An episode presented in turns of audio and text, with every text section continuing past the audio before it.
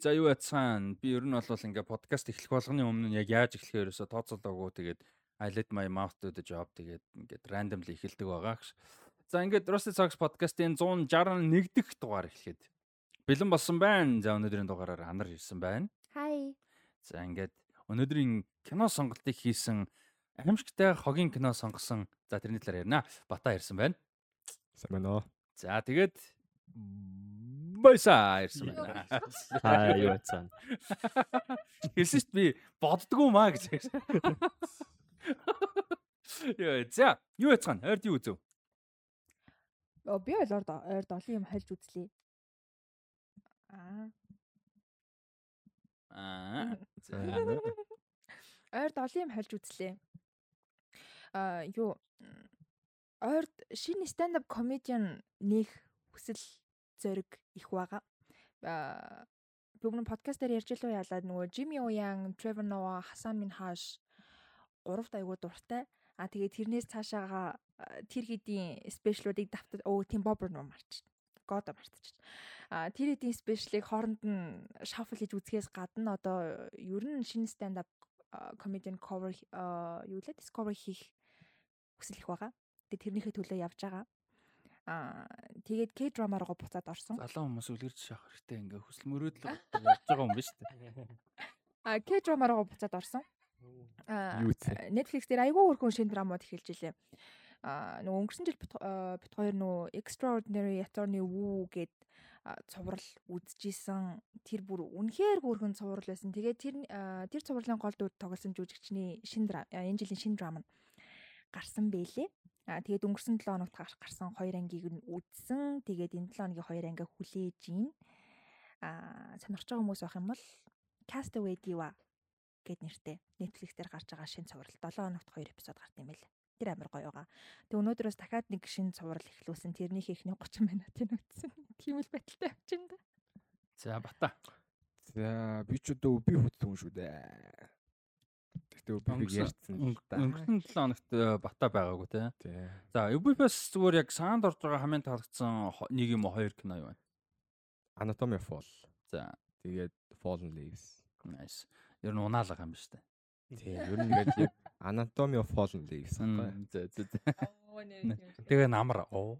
Тийм. Тэгээд баясах миний нөгөө Inside Yellow Cocoon Shell дээр унтсныг бол гоё детальтай гоё ярьж өгсөн байлаа баярлаа. Тэгсэн тэгсэн. Хүмүүсийн нүдэнд харагдсан баха. Нэр чи яалтч үл унтсан л да. За өөр юу зүгээр. За тэгээд явж байгаа ютубер Монгол дуу сонсож байгаа би чамд харт хоёрын болтын дууг сонсож байгаа тэгээд цаашаа шууд ютубер кино үзээ явцсан. Би чамд харт хоёр үзсэн байна. Үзсэн байж. Ютубер нэг 10 10 партаар хуваацсан. Оо. Алах юм байна. Тэгээ хүн цагаат талаар үзчихсэн юм байл. Мм. За энэ бол залуу хүний тууштай байдал. Тийм 10 баярлалаа. баасан кино үзсэн байна. Тэгээ 360 нөгөө юун дээр. Пи дээр 360 пигээр Гэрээ гэсэн юу? Чи ямар утсаар үзсэн? 2010 оны смартфоноор үзсэн юм уу? Гөөс тэр нөгөө хамгийн дээдлэр resolution дээр. Тий харин тэгэхдээ дээр тэрнээс чинь одоо 10 оны смартфоноос өөр илүү дээш ямарч амар хэцүү харагдах юм шиг. Харин тийм ер нь хитүү үзсэн л гэж байна. За, дараа нь э, нөгөө Disney 100 жилийн шорт үзсэн. Аа yeah, that was nice. That was Амар үзсэн гоё шүү дээ. Тэгсэн бонор үз. Бата дэрийг тавьсан шүү дээ. That was awesome. Тэр тэр мангар хөрх байсан. Мм. Тэгээд мэдгүй баахан ютубер баахан үзэж байгаад би нэрээ би Whiplash шорт үзэж байгаа юм нэр Whiplash шорт үзлээ.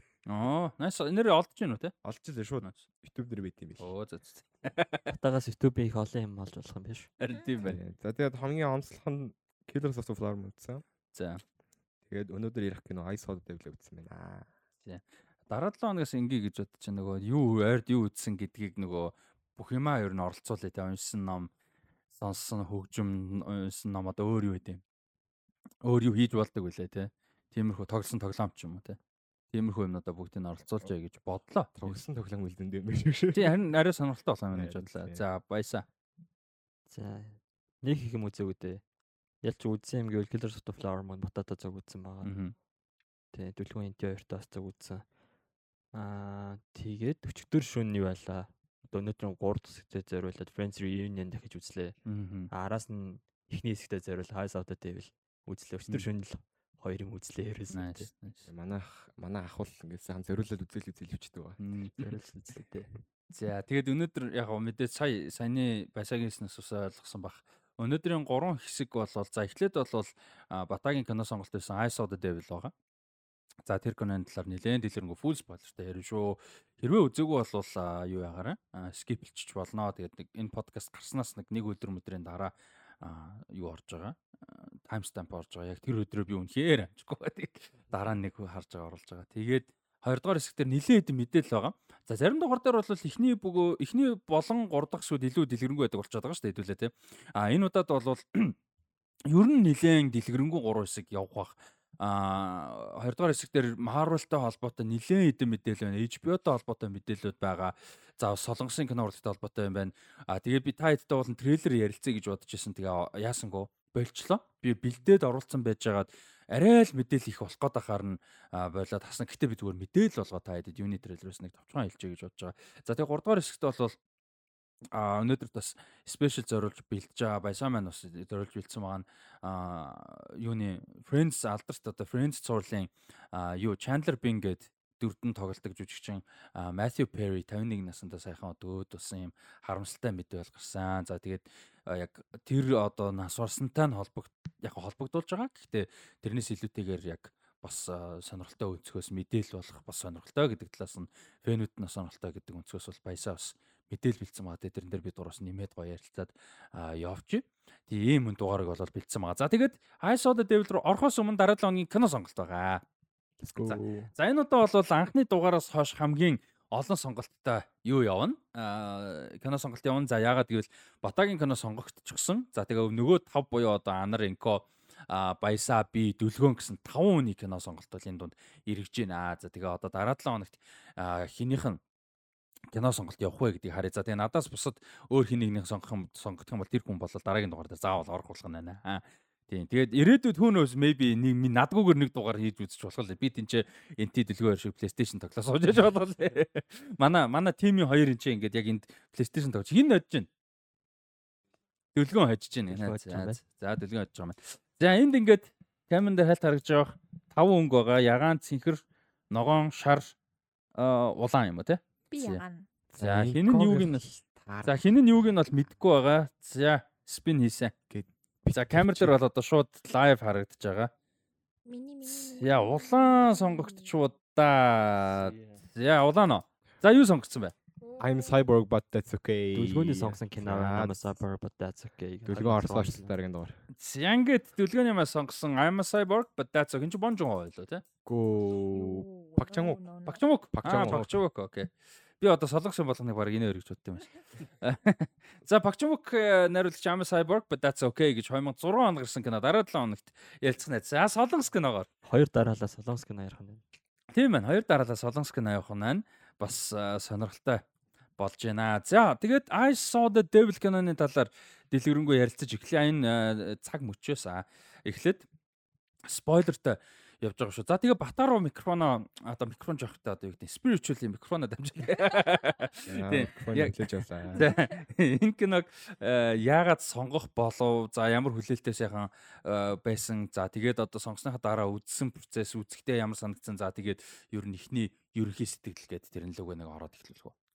За сонгосон шалтгаан бол яг нөгөө анх кино үзэж эхэлж байхдаа дандаа нөгөө тийм триллер кино дүрийн амар дагнж үздэг байсан. Seven, Fight Club, uh Gone Girl, Shutter Island гэл ер нь нэг тийм классикуудыг юм. Тэгээд ерөнхийдөө бол миний watch list-энд бол бас ер нь тэр цагаас хойш ер нь явж ирсэн киногаа. Угаасаа нэг нөгөө яг яг нөгөө заавал үзэхтэй трейлер кинонуудын нэгт ордог. Тэгээд яг хөө тэгээд нөгөө энэ подкастт орж байгаа нэг завшааныг ашиглаад ялтчихгүй тэгээд нөгөө үзэж чадахгүй байгаа кинонуудаа үзье гэж чадаад яг нөө зэрлэг гаргаад тэгээд оруулсан.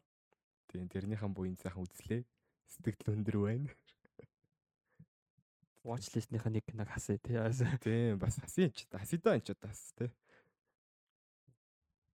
За тэгээд э, юунаас сонгосон яг сонгочоод хүлээлтнээс чинь ямар хуу ямар өөр бүтээлээс ямар ойлголт байсан киноныхаа талаар ер нь э, яг хуу контекстийн хувьд бол нэрсэр яг яг яг төгсгөлийн син минийг яг ингээ зүгээр ингээд амар яг ингээд зүр нөө сүулт нэг манай хин алхдаг шүү дээ. Инхаа. Инхаа л гэдэг шиг одоо.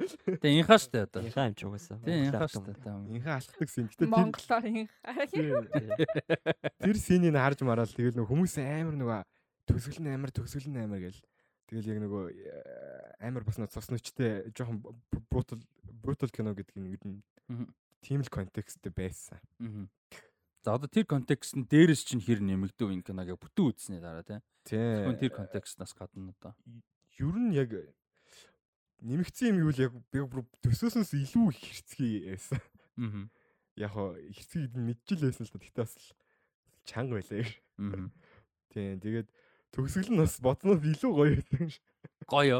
Тийм. Гоё гэдэг нь яг илүү нөгөө яг Илүү satisfying. илүү satisfying гэсэн. Мм. тийм. За баясаа. Айсод дэвлийг өмнө хизээ анх сонсч байв. Ер нь үзчихсэн үү? So өмнө нь бол баг үзчихсэн. Ямар сонирхолтой яасан хариулт вэ? Тэгээ хайсадад байвал ер нь зургт муртаар их гардаг. Ер нь хүмүүс сайн мэддэг кино штэ. Аа. Тэгээд би болохоор төгсгөлийн үзсэн дундаас нь хэд хэдэн сценийн энэ тэнд ингээд рандом таараа үзсэн байсан. Тэгээд яг зорж л үзэж байгаагүй. Тэгээд сая л яг ерөөдөө зорж үзлээ. Аа тэгээд сая яг зорж үзэхэд бол яг ингээд энэ тэнд үзчихснаас бодоо үзэхэд нийлүүлээд харахад бол бас их чанартай кино байсан юм байна. Тэгээд дээр нь бодсноос илүү тийм бузартай нүгэлтэй кино байсан юм байна гэдгийг Аа. ойлгож авлаа тий. Аа. Ерхий сэтгэл бол таалагдсан. Аа. Ий. Ий. Яа бар. Ойлголт бол ер нь байгаагүй дээ.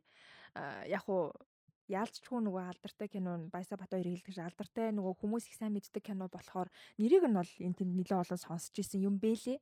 Асууд дэвлгэл анх сонгогдож хахад сонссон кино байна гэж бодож байгаа энэ фамилиар. А гэхдээ яалчгүй ямар ч контекст үүсэн л дээ. Яг mystery thriller гэдгийг Rust надад хэлсэн. Тэгэл mystery mystery биш crime thriller thriller лөө. тий. Тийм mystery ч арай биш баха. Тийм crime thriller гэдгийг Rust надад хэлжсэн. Тэгэл аа crime thriller үзэх гэж байгаа юм байна гэл ороод нөгөө мөрдлөг мөрдлөг үзэх юм байна гэл орж байгаа байхгүй. Тэгсэн чинь юу мөрдлөг. Мөрдлөгөөс босоод бүх юм нь үзсэн. Kinda мөртлөг юм байгаа шүү дээ. Тийм ээ. Аа надад болохоор айгүй олон жил бас сонссон кино. Тэгээд э, би ч яг өмнөд солонгосын яг бүрийн хэмжээний киноны ертөнц рүү одоо ерөөсө орж байгаа орж байгаагүй одоо ч биш л дээ зүгээр яг нэг анх кино сонирхдаг байх үед нэг тийх сонирхож орж байгаагүй. Тэгээ тэр үед олбой бол үзсэн. Амар тал одоо яг би нэг 8 9 10 хоног л ярьж байгаа байхгүй юу. Тэгээ тэр үед олбойг бол үзсэн уг нь. Тэгээ яагаад яг ингээ багч букик ч юм уу те бусдын ингээ сонирхыг гэж бодоагүй сайн мэдгүй. Тэгээ нэг тийм босоод өөр өм- өмнөд солонгосын бүтээл бол үзчихээ үзээгүй. Тэгээ уулын тэгсэн бол энэ яг тэр үед гсэн кино байхгүй. Яг тэр үед үзэх байсан хэрвээ тэгсэн бол тийм. Тэгээд тухайд үзээгүүд бас жоохон харамссан. Ерөн сайн үзээд. Айгу олон жил сонссон. Тэгээд аа надад бол тийм нэгдүгürt яг тэр reputation-тэй хүрсэн кино байсан тийм. Тэр нөгөө аллах хэдлах ч юм уу тэгээд ийм одоо нүд халтрам гэдэг ч юм уу тийм хүнд хардкор юмнууд нь бол одоо reputation төрсэн. А гэхдээ reputation төрнө гэхээр одоо юу гэдэг зүгээр л цуснууч цуснуучаар зодоод ахаар сайн гэсэн үг мэдээж биш те. Гол нь тэр чи яг яаж ашиглаж байгаа, юунд ашиглаж байгаа, ямар сценд, ямар зорилгоор гэдэг ч юм уу те. Одоо нүцгэн хүн хүртэл ч гарч байгаа. Гэтэ тэрний point нь юу яг яагаад гэж асуулж байгаа гэдэг ч юм. Тэгээ тэгэхээр одоо хүчрэл мөчөж амар хүнд үн юмнууд байгаа шүү дээ. Тэгэхээр тэрийг бол амар purposeтэй зорж хийсэн байгаа байхгүй. Одоо тэр нь надаа ерөөсөө за ганц нэг scene юмыг тооцвол хитрүүлсэн бол ерөөсөө санагдаагүй. Яг л кинонд зоригтой. Яагаад гэвэл одоо энэ манай уулна олбоогийн гол дүр шүү дээ тий. А, Энэ дээр бол эсрэг дүр Чомин шик гэж унших юм сик юм уу? Чамин шиг баха. Чомин шик бах тий. За Чомин шик жүжигчний тоглосон Кюнгчул гэдэг ба тий. За Кюнгчулын яг ямар амар depraved, ямар evil, ямар ингээд яг яг юу хийгээд хүмүүсийг яг яаж одоо алаад байгаа ч юм уу хохироогоод байгаа ямар бүр ингээд хүнийг destroy хийж байгаа байхгүй тий зүгээр нь хүн алах биш тий одоо хүн зүгээр нэг буудаа алдаг яг яаж утсан буруу юм л та. Гэтээ зүгээр нэг хүн буудаж алаад байдаг яваад байдаг нөхөр бол нэг өөр. Энэ ч бол ингээд хүн destroy хийж байгаа байхгүй тий Тэгэхээр тэр процессыг харуулахын тулд үзэгчдэд мэдрүүлэхийн тулд яг яагаад гэд ингээд тийм ухраас хийж байгаа? А гэхдээ сүүлдээ тэгш шаардлага болчихж байгаа гэдэг ч юм яг тэр талаас нь харах юм бол яг найруулга өрнөл талаасаа бол яг тэр нэг гол тэр одоо violence те тэр юмнуудаа бол айгүй баланстай хэрэгсэн санагцсан. Баланстай гэхээр жоохон гайхчихж магадгүй зарим нэг юм бол амар их. Гэхдээ энэ агуулгадаа бол айгүй баланстай хэрэгсэн санагцсан. А тэгээд надаа би бол энэ кинон дээр зөвхөн тэр гор ч юм уу тэр амар юм нүд халтрам хүнд юмнуудаасаа илүүтэйгээр техникл хийцэн би үнэхээр их ярмаар санагцсан. Аа супер. Бүр тэр зураг авалт ялангуяа бүр тэр нөгөө нэг таксины хоёр багитай явдаг хэсгийн зураг авалт супер. Тэр зүгээр ингээд Оскарын cinematography ингээд үзэх хэмжээний зураг авалттай одоо сцен байгаа байхгүй. Кино тэр чигээрээ юм. Гэхдээ тэр сцен дангаараа тий. Тэгээ тэрийг бол яаж хийсэн бэ гэмээр одоо бид нар нөгөө Рома дээр ч юм уу одоо 1917 юу гэдэг Dune тий. Blade Runner 2049 а 2049 2047 юу лээ. Яна. 49. Anyway тэгээд тийшээ. Тийм. Гихмит одоо ингээл мундаг зураг авалтай гэж ярьдаг кинонууд төр бид нар айгүй олон гайхдаг юмнууд одоо Mad Max те Fury Road яаж хийцэн бэ? Яаж авсан бэ гэмээр зураг авалт юмнууд үнэхээр байдаг штэ те. Энэ дээр бол хит хит байсан. А зүгээр нэг жишээ л тэр таксин дотор эргэлддэг. Тэр бол бүр яаж хийсэн юм бол яг тэр мэдээж VFX ч юм уу ямар нэг байдлаар ингээд зүгээр нэг машин дотор авах нь ойлгомжтой нэг бүтэн те. Гэхдээ л яаж хийсэн бэ гэмээр супер зураг авалтсан ганцхан жишээ хэд.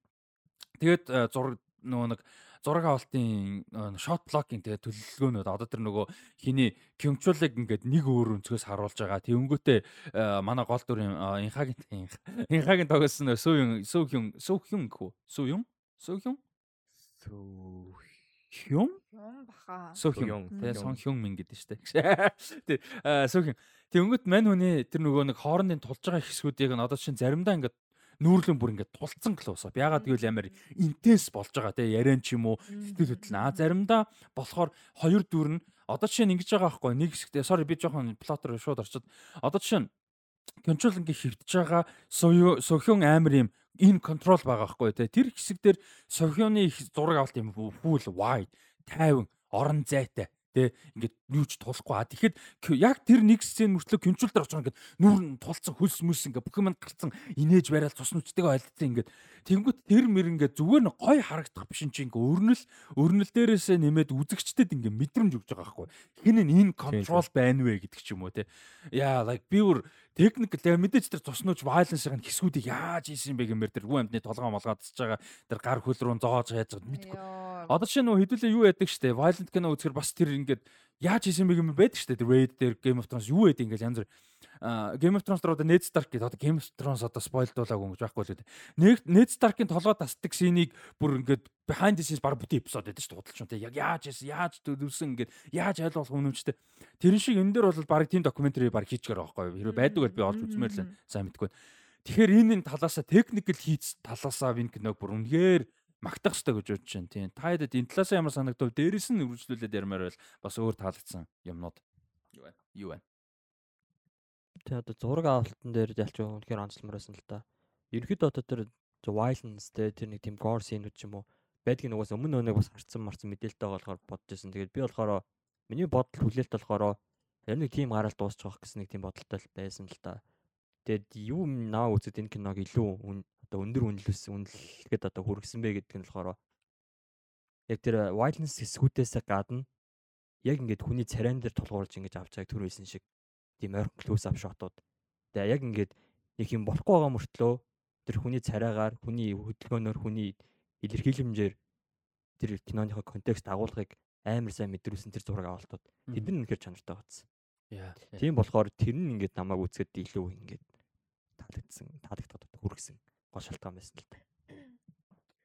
Скороос амар юм байсан. Яг нэг тийм emotional үедээ ингээл emotional болгоол. Тэг яг тэр нөгөө тулааны scene вин дээр бас ингээд ард нь явж байгаа юм. Тий. Тэгээд э, яалтчгүй бас хөлөг бас илүү гоё бичсэн юм санагдсан. Тий. Тэгээд мэдхгүй ингээд уг нь ингээл хамаглал байгаа байхгүй. За яг энэ ингэндээ тэр тэхэндээ гэл. Тэнгүүд тэгэл яалтчгүй ингээл нэг өөр замар хөтлөд байгаа байхгүй. Тэгэхээр тий тэрэн дээр бол яг зөвхөлчин юм дээр бол гоё хийсэн гэж бодож байна. Nice. Ам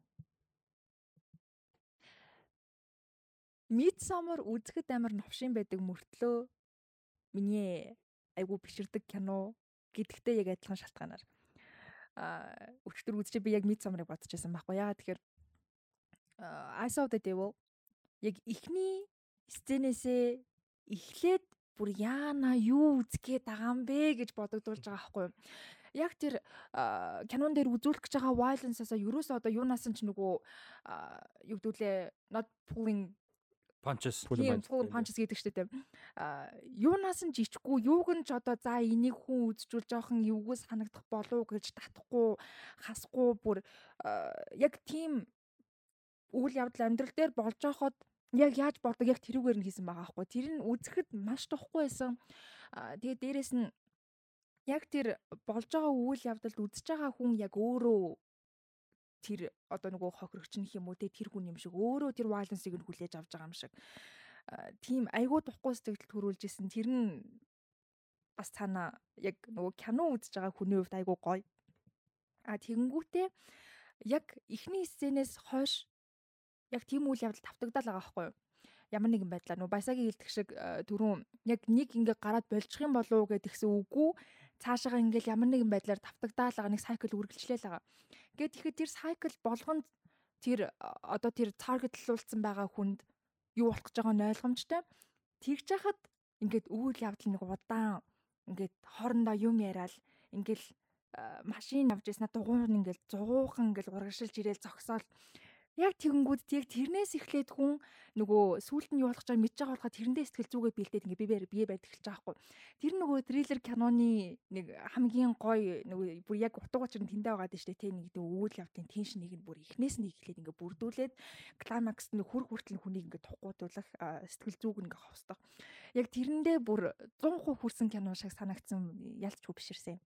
Тийм Гэтэ тийм. үзэг тавир тахгүй байсан би баг баруун нүднийг зарим хэсгийг баруун нүднийхээ 20%-аар зүүн нүднийхээ нэг 50%-аар Тэр ууг нь тийм нэ үдчихдэг байсан. Тэгээ ойрд ер нь нэг тийм гори яг тийм үзээгүй тэгээд жиргсэн шиг гинт гинт. тэг бүр хүүе юу болоод хүүе юу үзээд гэж дундуур нь бүр амар байсан. Ялангуяа тэр нэг плот руу орой.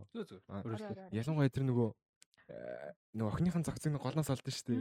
Яг тэр бүр ингээд би бүр ингээд амар хэцүү ингээд. тэг бүр аав нь харчлаа шүү дээ. Аав нь Яаж харчлаа. ч тэр нөгөө барьж байгаад унгаа хийчихдэг. Йоо, Би тэр- дээр бүр ингээд ингээд бүр тэг яаж ч тэр унах ч нөгөө манай хин харчдаг шүү дээ. Тийм тийм манай залуу бүр нь харж байгаа аав нь бас Тэрний харж бүр жүжиглэлт бүр ингээд эхлээд ингээд бүр ингээд шоконд ороод тэг ингээд бүр ингээд нэг хідэн секунд ингээд бүр ингээд бодож байгаа байхгүй бүр ингээд тэгснэ бүр гинт ингээд яаж явахгүй бүр ингээд шууд ингээд өөрт нь орж ирж байгаа байхгүй яна муу юм байна Тэгээ бүр бие барь чадахгүй байлаа тэгээ ёо тэрээс Эхлээд тэр шоко ингээд шокод орч яхаа мэдээ яхаа мэдгүй мэдчихсэн ингээд- чадахгүй тий. тийм бүр ингээд Тэгээ яаж зах зогцсон ч толгой нь. харин тийм. Яа тэгээ тэрэн дээр ингээд мундаг одоо writing найруулга байгаа. Одоо чинь тэр мөрдөгч яг мөрдөгч хүн ингээд нэг өөр байгаа байхгүй. Тэгээ тэнцээ нэг туслах залуу хөхт ингээд толгой олцоод тэрэндээ итгэж чадахгүй яахгүй. Тэгснэ ингээд энэ толгой гээд тэгснэ наатаа эргүүлдэ гээд амар юм тайв. Мэдээж тэр хүн дотроо ингээд окей байхгүй шүү дээ тий ямар л өлегтэй. Тэгтээ хажууд нь хамаагүй коллектед байгаа байхгүй тий. Тэгснэ ингээд эргүүлдэ нөөд нь ямраа явахт нь ингээд а фак гэсэн байдалтай байж байгаа байхгүй тий. Тэр тэр мэр хүртэл амар гоё. Гоё их жаашимдээ сайн хийцтэй тий. Тийм. би байсан бол нөгөө залуу шиг тэгэл бөөлж иж байгаа. Тийм. Яг тэр сцен бол бүр үнэхээр бодит байдал дээр тэр сцен дээр бид нар өөрсдөө хамт байгаа юм шиг байгаа байхгүй. Яг ингээд аав нь ирж байгаа гэдэг нь ойлгомжтой байгаа. Ингээд охиныхон зогцтынд олдох гэж байгаа нь ойлгомжтой гэд олж байгаа нь ойлгомжтой гэд. Тэгэхэд яана аав нь гараад ирлээ аав нь толгойг одоо харчин гэл өмнөөс нь сэтгэл завал. Тэнгүүд нь ингээд нөхөр нь буугаад ирж байгаа фианцын лээс юм байл л дээ. Гэт ихтэй буугаад ирж байгаа ингээд тэнгууд яана одоо энэ нь бас харж ингээд гэр бүлийнх нь өмнө санаа зовоод тра одоо орох гэж байгаа траумад нь санаа зовоод бүр яг ингээд тэр хүмүүс тэр дөрөв бүр бодит хүмүүс юм шиг бүр тэгж мэдрүүлсэн. Тэгээд тэд нар юутай тулгаж байгаа вэ гэдэг өмнөх сцен дээр нь тий. ингээд. Одоо тэр эмэгтэйг ингээ алах гэж байгаа хэсгүүд дээр нь угаасаа сурцтайгаар нь ойлгомжтой байгаа байхгүй хідэн ч удаа хийсэн хідэн ч удаа хүн тэгэж алсан ойлгомжтой те одоо юм олон удаа Тэнгүүд ингээ тэр юмхтэй эцсийн юугаа ялж байгаа штэ ингээ би жирэмс тэр нь үнэн ч юм бодлоо ч юм мэддэггүй яг тэр бол яг үнэн байх Гэтэ худлаач авах боломжтой тэр юмхтэй зүгээр л амьд үлдэхийн тулд ч юм уу байхан байх боломжтой байхаар. Гэтэ тэр point миний тэр яага хэлж байгаа гэхээр тэр нөхөрт ямар ч хамаарлаг байхгүй. Тэр жирэмсэн байна уу, үгүй байна уу, сонсно who cares. Тэгээд бат гэдэг шууд ёо тэр бүр нэг тийм ямар ч хувирлгүй тэ бүр. Тэнгүүд яг ингээ энэ кино за окей энэ киноны Одоо энэ дүр ямар амар unstoppable force нөхөр байна вэ гэдг нь яг харагдаж байгаа байхгүй. А гэхдээ тэрэн дээрээс би одоо та ядаас ингэж асуух гэдэг юм л да. Би өөрөө нэг юм тайлбарлачаад аа тайлбарлаж байгаа ярьчаад сул санагцсан биш мерсер юм байна л да. Мерсер. Тийм тий. Тэгээ нэг нь одоо жишээ нь амар unstoppable force баг гэдгийг харуулсан тийм үү ингээд ямар ч нүд завчхан завчихчгүйгээр тэнцээ ингээ хүн амтны гар гар долгоод тастаа явж штэ өвчрхийлэж а тэгснээр нөгөө нэг сүүлд нэг охин хүчиндгэж байгаа 10 жилийн охин хүчиндгэж жагаад нөгөө юу дуурчдээ штэ нөгөө ард нь хаалга дуурдээ штэ нэрийг хэлж байгаа сонсоод тэгээ зүгээр болоо босоо яваад өгдөг надад их гэвэр санагдаад байгаа байхгүй тэр нэг тэрэн шиг тийм хүүтэн тийм багийн бол тэр охины зүгээр ингээ орхиод явахгүй. Тийм амар нөгөө нэг юу гэдэг хадуур шиг байсан. Хадуур би миний бодлоор тэр өхний зүгээр алж толгоор нь зоочоод явах юм шиг санагдаад байгаа байхгүй. Хэрэг юм үлдээхгүйгээр те. Ялангуяа тэн чи өөр хүн ирээд өөртөө барих ч юм уу ямар нэг байдлаар тийм боломжтой юм байвал алдсан дээр үстэй гэрч үлдээхээ оронд те. Мэдгүй надад бол тийм гэрч за тийм биш юм аа гэхэд ямар ч байсан нэг тийм колд үйлдэл хийчихээ. Зүгээр нэг орхио явчихааргүй санагдаад байгаа байхгүй. А нэг нэг сул гэж бодсон юм аа тэгээд дараа нь болохоор нэг суланд ярьж байгаа дээр тэр тэгээ нөө Ханибал найз нь найз нь ч гэж те алуурчин байдаг шүү дээ тэр хоёрыг коридорт би алчлаа гэж бодсон байхгүй мэн үнийг Тэр Ханибал хурж бүр ингээд тархинаас нь бүр ингээд цус олгоод Тарантино левел цус олгоод бүр ингээд тэгэнгүүтээ дараа нь манай хүнийг эхлээ зүгээр нуруур зодж яснаа сүүлдээ бүр нөгөө төмөр модоо хугартал нь үддэн штэ. Тэгээ би бодсон байхгүй. За окей, кинон 2 цаг 20 минутын киноос тэрийг болон би хармааргүй байсан юм. Тэгтээ харцсан. Тэгээ за окей, болоогүй байгаа дуусгаач исэн. Тэгээ энэ хоёрыг алчлаа. За окей, сонирхолтой санагч. Тэгээ одоо алдсан юм чинь сүүл үлдсэн хугацаанд яг юу болох юм бол тэ яг юу цаашаа явна гэж бодоод хугацаа байгаа юм бол амар сонирхолтой санагдчих. Хуйлаа амьд Тэгээ тэр нь жоохон одоо жинхэнэ нөгөө нэг бидний ярьдаг панаалтаа болчихлоо. Тэр бол ялч хэтрүүлэгтэй санагдсан. Тэгээ тэр нь ялч суу санагдсан. Арай л хөвшгүй арай л тийм мутан чиглэн болоод байгаа байхгүй ялч. Тэгээ тэр яг панаалтыг гэсэн одоо тэр нөгөө гарын бас угалчж байгаа шүү дээ гიშгээд. Тэгчээд тэр таксинд бүр алдан шүү дээ. Тийм. Гэхдээ ер нь амар яг хэтрүүлэгтэй бол яг байсан байсан. Хитрхи амар зодоол байгаа. Тэр одоо ахиллсэн баг таслаач байгаа сте. Акелисийн бүтэн дасгал чинь тэр нь уулна яг тэр сцен дээр амар те хийцэн амар. Тэгээ нөлөөг нь бодоход амар ахгүй. Хүний Акелис тэгээ би ямар санда анаар тэр ингэ сууж би ярьсан. Бэ наа чи Акелис таслаа. Тэгээ спорттой ойрхон хүмүүстэй ямар амар юм бэлээ наа чи тэгсэн чинь тэгээд нэг юм болохгүй зүгээр доошоо яваад байдаг. Зүгээр л баг миний нэг шагаагаан хальт буруу гिसгснээс илүү бараг яваад байгаа байхгүй эсвэл тэр тим амар төвчээртэй юм уу. Гэтэ тийм байсан. Яг тэр бол яг жоохон мэдрэлтэй гарал байгаа юм л да. Тэгээ ер нь бол ингээд пен гэдэг зүйл яг тим Гэхдээ физикал боломжтой боломжгүй юм гэж бас байна шүү дээ. Сэтгэл зүй амар байсан үгүй нь хамаарлаггүйгээр. Тийм тийм. Тийм яг тийг санагдсан. Тэгээ тэр нэг охин гээд охиныг одоо үлдээсэн гэдэг байна шүү дээ. Тэн дээр яг надаа юу гэж ойлгогдсон бэ гэхээр одоо нөгөө нэг нэг фильмийг ничэл мичэл үзэнгүүт нөгөө нэг нэг тийм хэллэг байдаг шүү дээ. Нөгөө нэг Чековскан гэдэг Кинон дэр ингээд ямар нэг юм ингээд учир шалтгаантай байх хэрэгтэй. Ингээд ингэж үлдсэн бол дараа нь тэр нь ингээд ямар нэгэн point болж орж ирдэг. Тийм тийм. Тэнгүү тэр охин ингээд үлдээд тэр болж байгаа процесс ингээд цаанаас хараад зогсож байгаа ш. Хараад нуух нууцаар харж байгаа шүү дээ.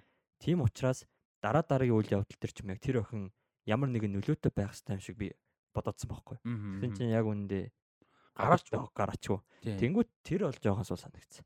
Тэрэн дээр нэмээд нөгөө анар хойл ярьж нөгөө нэг эмхтэй дүртэй. Буржуурстай юу? Тийм. Тийм. Яг ямар ч хэрэггүй, яг кинонд бол ямар ч хэрэггүй дүр байсан. Нөгөө Ханибалын юу н найз өхөн. Тийм ээ тийм. Тэр бол нэрээ байсан байгаагүй ямар ч ялгаагүй. Би бол бодохдоо тэр надаа бол ингэж бодогдсон заяо. Яг гоо тэгтээ кинонд дэр угаасаа өгөөгүй шүү. Киног нь магтахгүй. Гэтээ зүгээр яг найруулагч уран бүтээлч бодохдоо тэр найз өхөн болохоор амьдрал дээр нөгөө нэг одоо нөгөө хин ч юм уу те. Өө нөгөө нэг шорон амиа орсон хорлоогүй гэх нөгөө мим болдог ч юм бэлээ. Өө нэг аралтай private аралтай. Оо нөгөө Эпстин, yes, Jeffrey Epstein. Йоо, Jeffrey Epstein ч одоо жишээ нөгөө юутэй байсан шүү дээ, нэг эмэгтэй байсан шүү дээ. Яв Glenn Maxwell гэдэг нөгөө хамаг victim-уудыг нь зүгээр ингээд дуудаж яадаг та ингээ худлаа юу яад. Тэрэн шиг амьдрал дээр ингээд тийм сонин twisted ийм гимтэр юм зөндөө байдаг юм байл л дээ. Би нэг бүр мэдрэл мота бас нэг couple-ын тухай уншиж л байсан. Тэгсэн чинь Иймэрхүү юмнууд байдаг. Тэнгүүт энэ дээр юу гэж бодсон бэ гэхээр энэ эмэгтэй нь одоо ингээд харахаар object юу гэм can generally царилэг эмэгтэй байгаа байхгүй. Тэг ингээд хүн maybe итгэж болохоор ч юм уу, найдаж болохоор ч юм уу те. Тэгээд тэр халуур чинь ихэнхдээ эмэгтэй хөхт алж иддэм шиг байгаа. Ойлголт нь more or less те. Тэнгүүт тэр эмэгтэйгээр дамжуулж victim-уудаа те хохирогчтой барьж авдаг одоо юу юу гэдэг вүлээ аа Өгөөш. болгодог. тий. эсвэл тэр нь ингээл найзалж байгаа ч юм уу тань ингээл тэр чинь нэг тийм boarding house шиг уустай буудлын модал шиг тий. Тэнгүү тэр юм тиймэрхүү юм шиг байгаа. Миний ойлгосноор. Тэгвэл тэр нөхөр тийм ч хараад итгэхэр нөхөр биш байгаа. Тэгэхээр зүгээр контекст нь бол тэр а гэхдээ тэрэн дээрээс юусе explore хийж чадаагүй л гэж ойлгосон.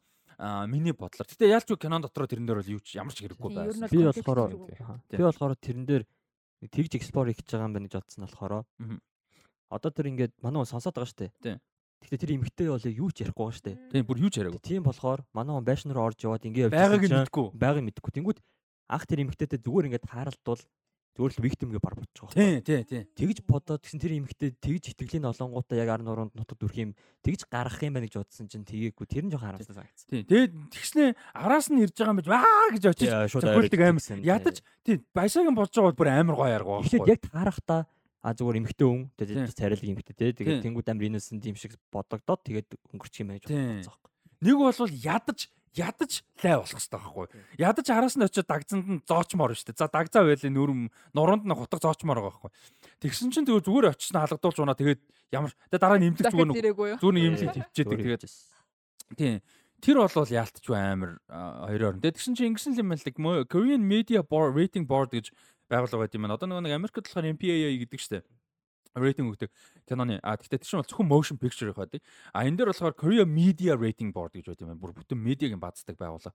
А энэ дээр болохоор найруулагч Ким? Ким кат хийсэн гэдэг. Тий.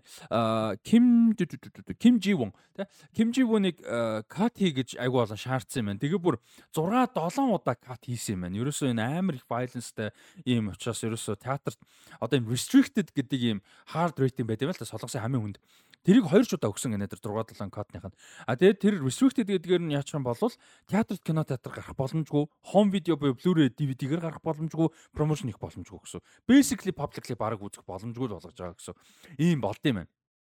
А тэгээд нилээд кат хийсний дараа одоо эцсийн хувилбар нь бол 80-аас 90 секундын одоо юугаа болвол э, хассан гинэ. Тэгэхээр бас гэж гайгүй. Бидний зарим нэг бодсноос бол гайгүй те 80-аас 90 секунд хассан. Тэгээ одоо бидний үдсэн хувилбар тэр файнал юу гэхээр бас гай бас амар штэ. Тэгэхээр тэрнээс илүү амар байх. Итээс гэсэн. Тийм. Уул нь тэр саяны хагаал үргэлжлүүлж ярих гэдэг нь л да. Тэр нөгөө тэр хоёрын яриаг нь сонсож явах тэр юмхтэй юуж дуурахгүй байгаад тэнд дахиж хүн байгаа гэдгийг мэдгүй байна гэдэг нь бол амар зөвүүн трейлер шийдэл واخгүй юу. Яг тийшээ очиж явахд эгөө шээд энд дахиад өөр хүн байгааг нь мэдгүй. Тэгээд тэгэнгүүт яалцчгүй л нэг лай болно. Яалцчгүй л тооцоолоогүй юм нь гарч ирээд энд явж байгаад ямар нэг юм өөрт нь болох байх гэж бодсон нэрнгээсээ юу ч бол. Тэгээд чинь яг өмнө өөр нэг эмэгтэй хохирогч байгааг хараад судлаад болж байгаа шүү дээ. Болохоор дахиад бас эмэгтэй тийм хохирогч байх боломжтой байхгүй нь Тийм тийм тийм тийм. Тэгээ тэр эмгтэйгээ тэгэж ухаантай дүр болго хөгжүүлсэн бол амар зөвүүн Тийм, баггүй. тэгсэн бол бүр илүү зөв юм байна. Тэгэх юм бол юу нэмэгдүү гэхээр манай гол дүрд чаленж орж ирж байгаа байхгүй. Тийм. Яг тэр мөө мөчүүртэл ямар ч чаленж байгаагүй шүү дээ. Манай хүн тэнцээ зүгээр л супер бэтмен багийг зүгээр ингээд тэр багийг л турч ирээ яваад байгаа байхгүй. Ямар ч чаленж болохгүй те. Тэнгүүт тэр эмэгтэй ингээд нэгдүгээр victim, хоёрдугаарт ингээд царайлаг эмэгтэй ч юм уу. За ингээд өөр юу вэ?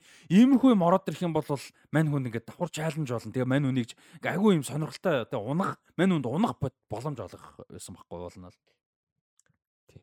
Тэний нач хилтэлж амар гоё. Тий, тэр бол яалч бас бол э, тал байсан байсан. Тийм. За тэгээд аа энэ дэр бас таалагдсан юм руугаа буцаад ороход айгүй гоё юм нь юу гэхээр тэр нөгөө нэг одоо маньхүү ингээд манай хүн юу байгаа штэ.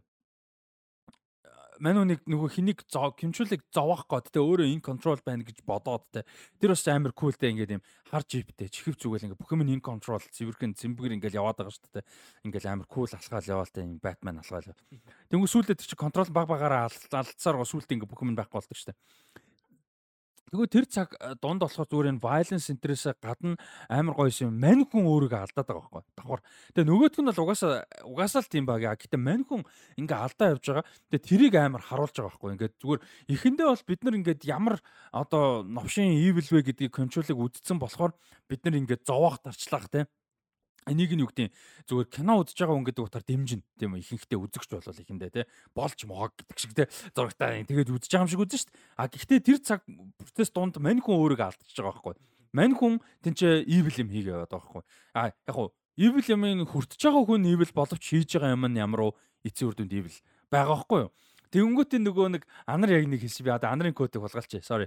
I saw the devil гэдэг яг аль аль дүрд нь apply хийж байгаа байхгүй. Маньхүү өөрөө бас яг тэр Тийм чи яг тэгж бодож байсан нөө би бинийг яг нөгөө devil трээр харж байгаа байхгүй. Тийм. тэг тэрэн дээр нөгөө нэг аа яг одоогийн цагдаагийн дарга байгаа штэ. Тэр нэг одоо нөгөө нэг хадам автан гэх юм уу ярьж ярьцаа суудаг гэсэн байгаа штэ. Тийм. Тэн дээр угаасаа яг тэр поинтыг хэлж байгаа штэ. Яг ингээд монстрыг шийдэж гин ингээд өөрөө монстр болоод таж болохгүй. Чи хэлэх хэрэгтэй гээд. Тэр яг л яг түрүүн яг саний хэлсэн юмны гол поинтыг тэнд хэлсэн л юм л та. Тэгээд хадам аавн дээр хуучин цагдаагийн дарга байсан. 30 30 жил одоо тэр бараг саяулын цагдаагийн дээр нэлээд том гар байсан юм шүү.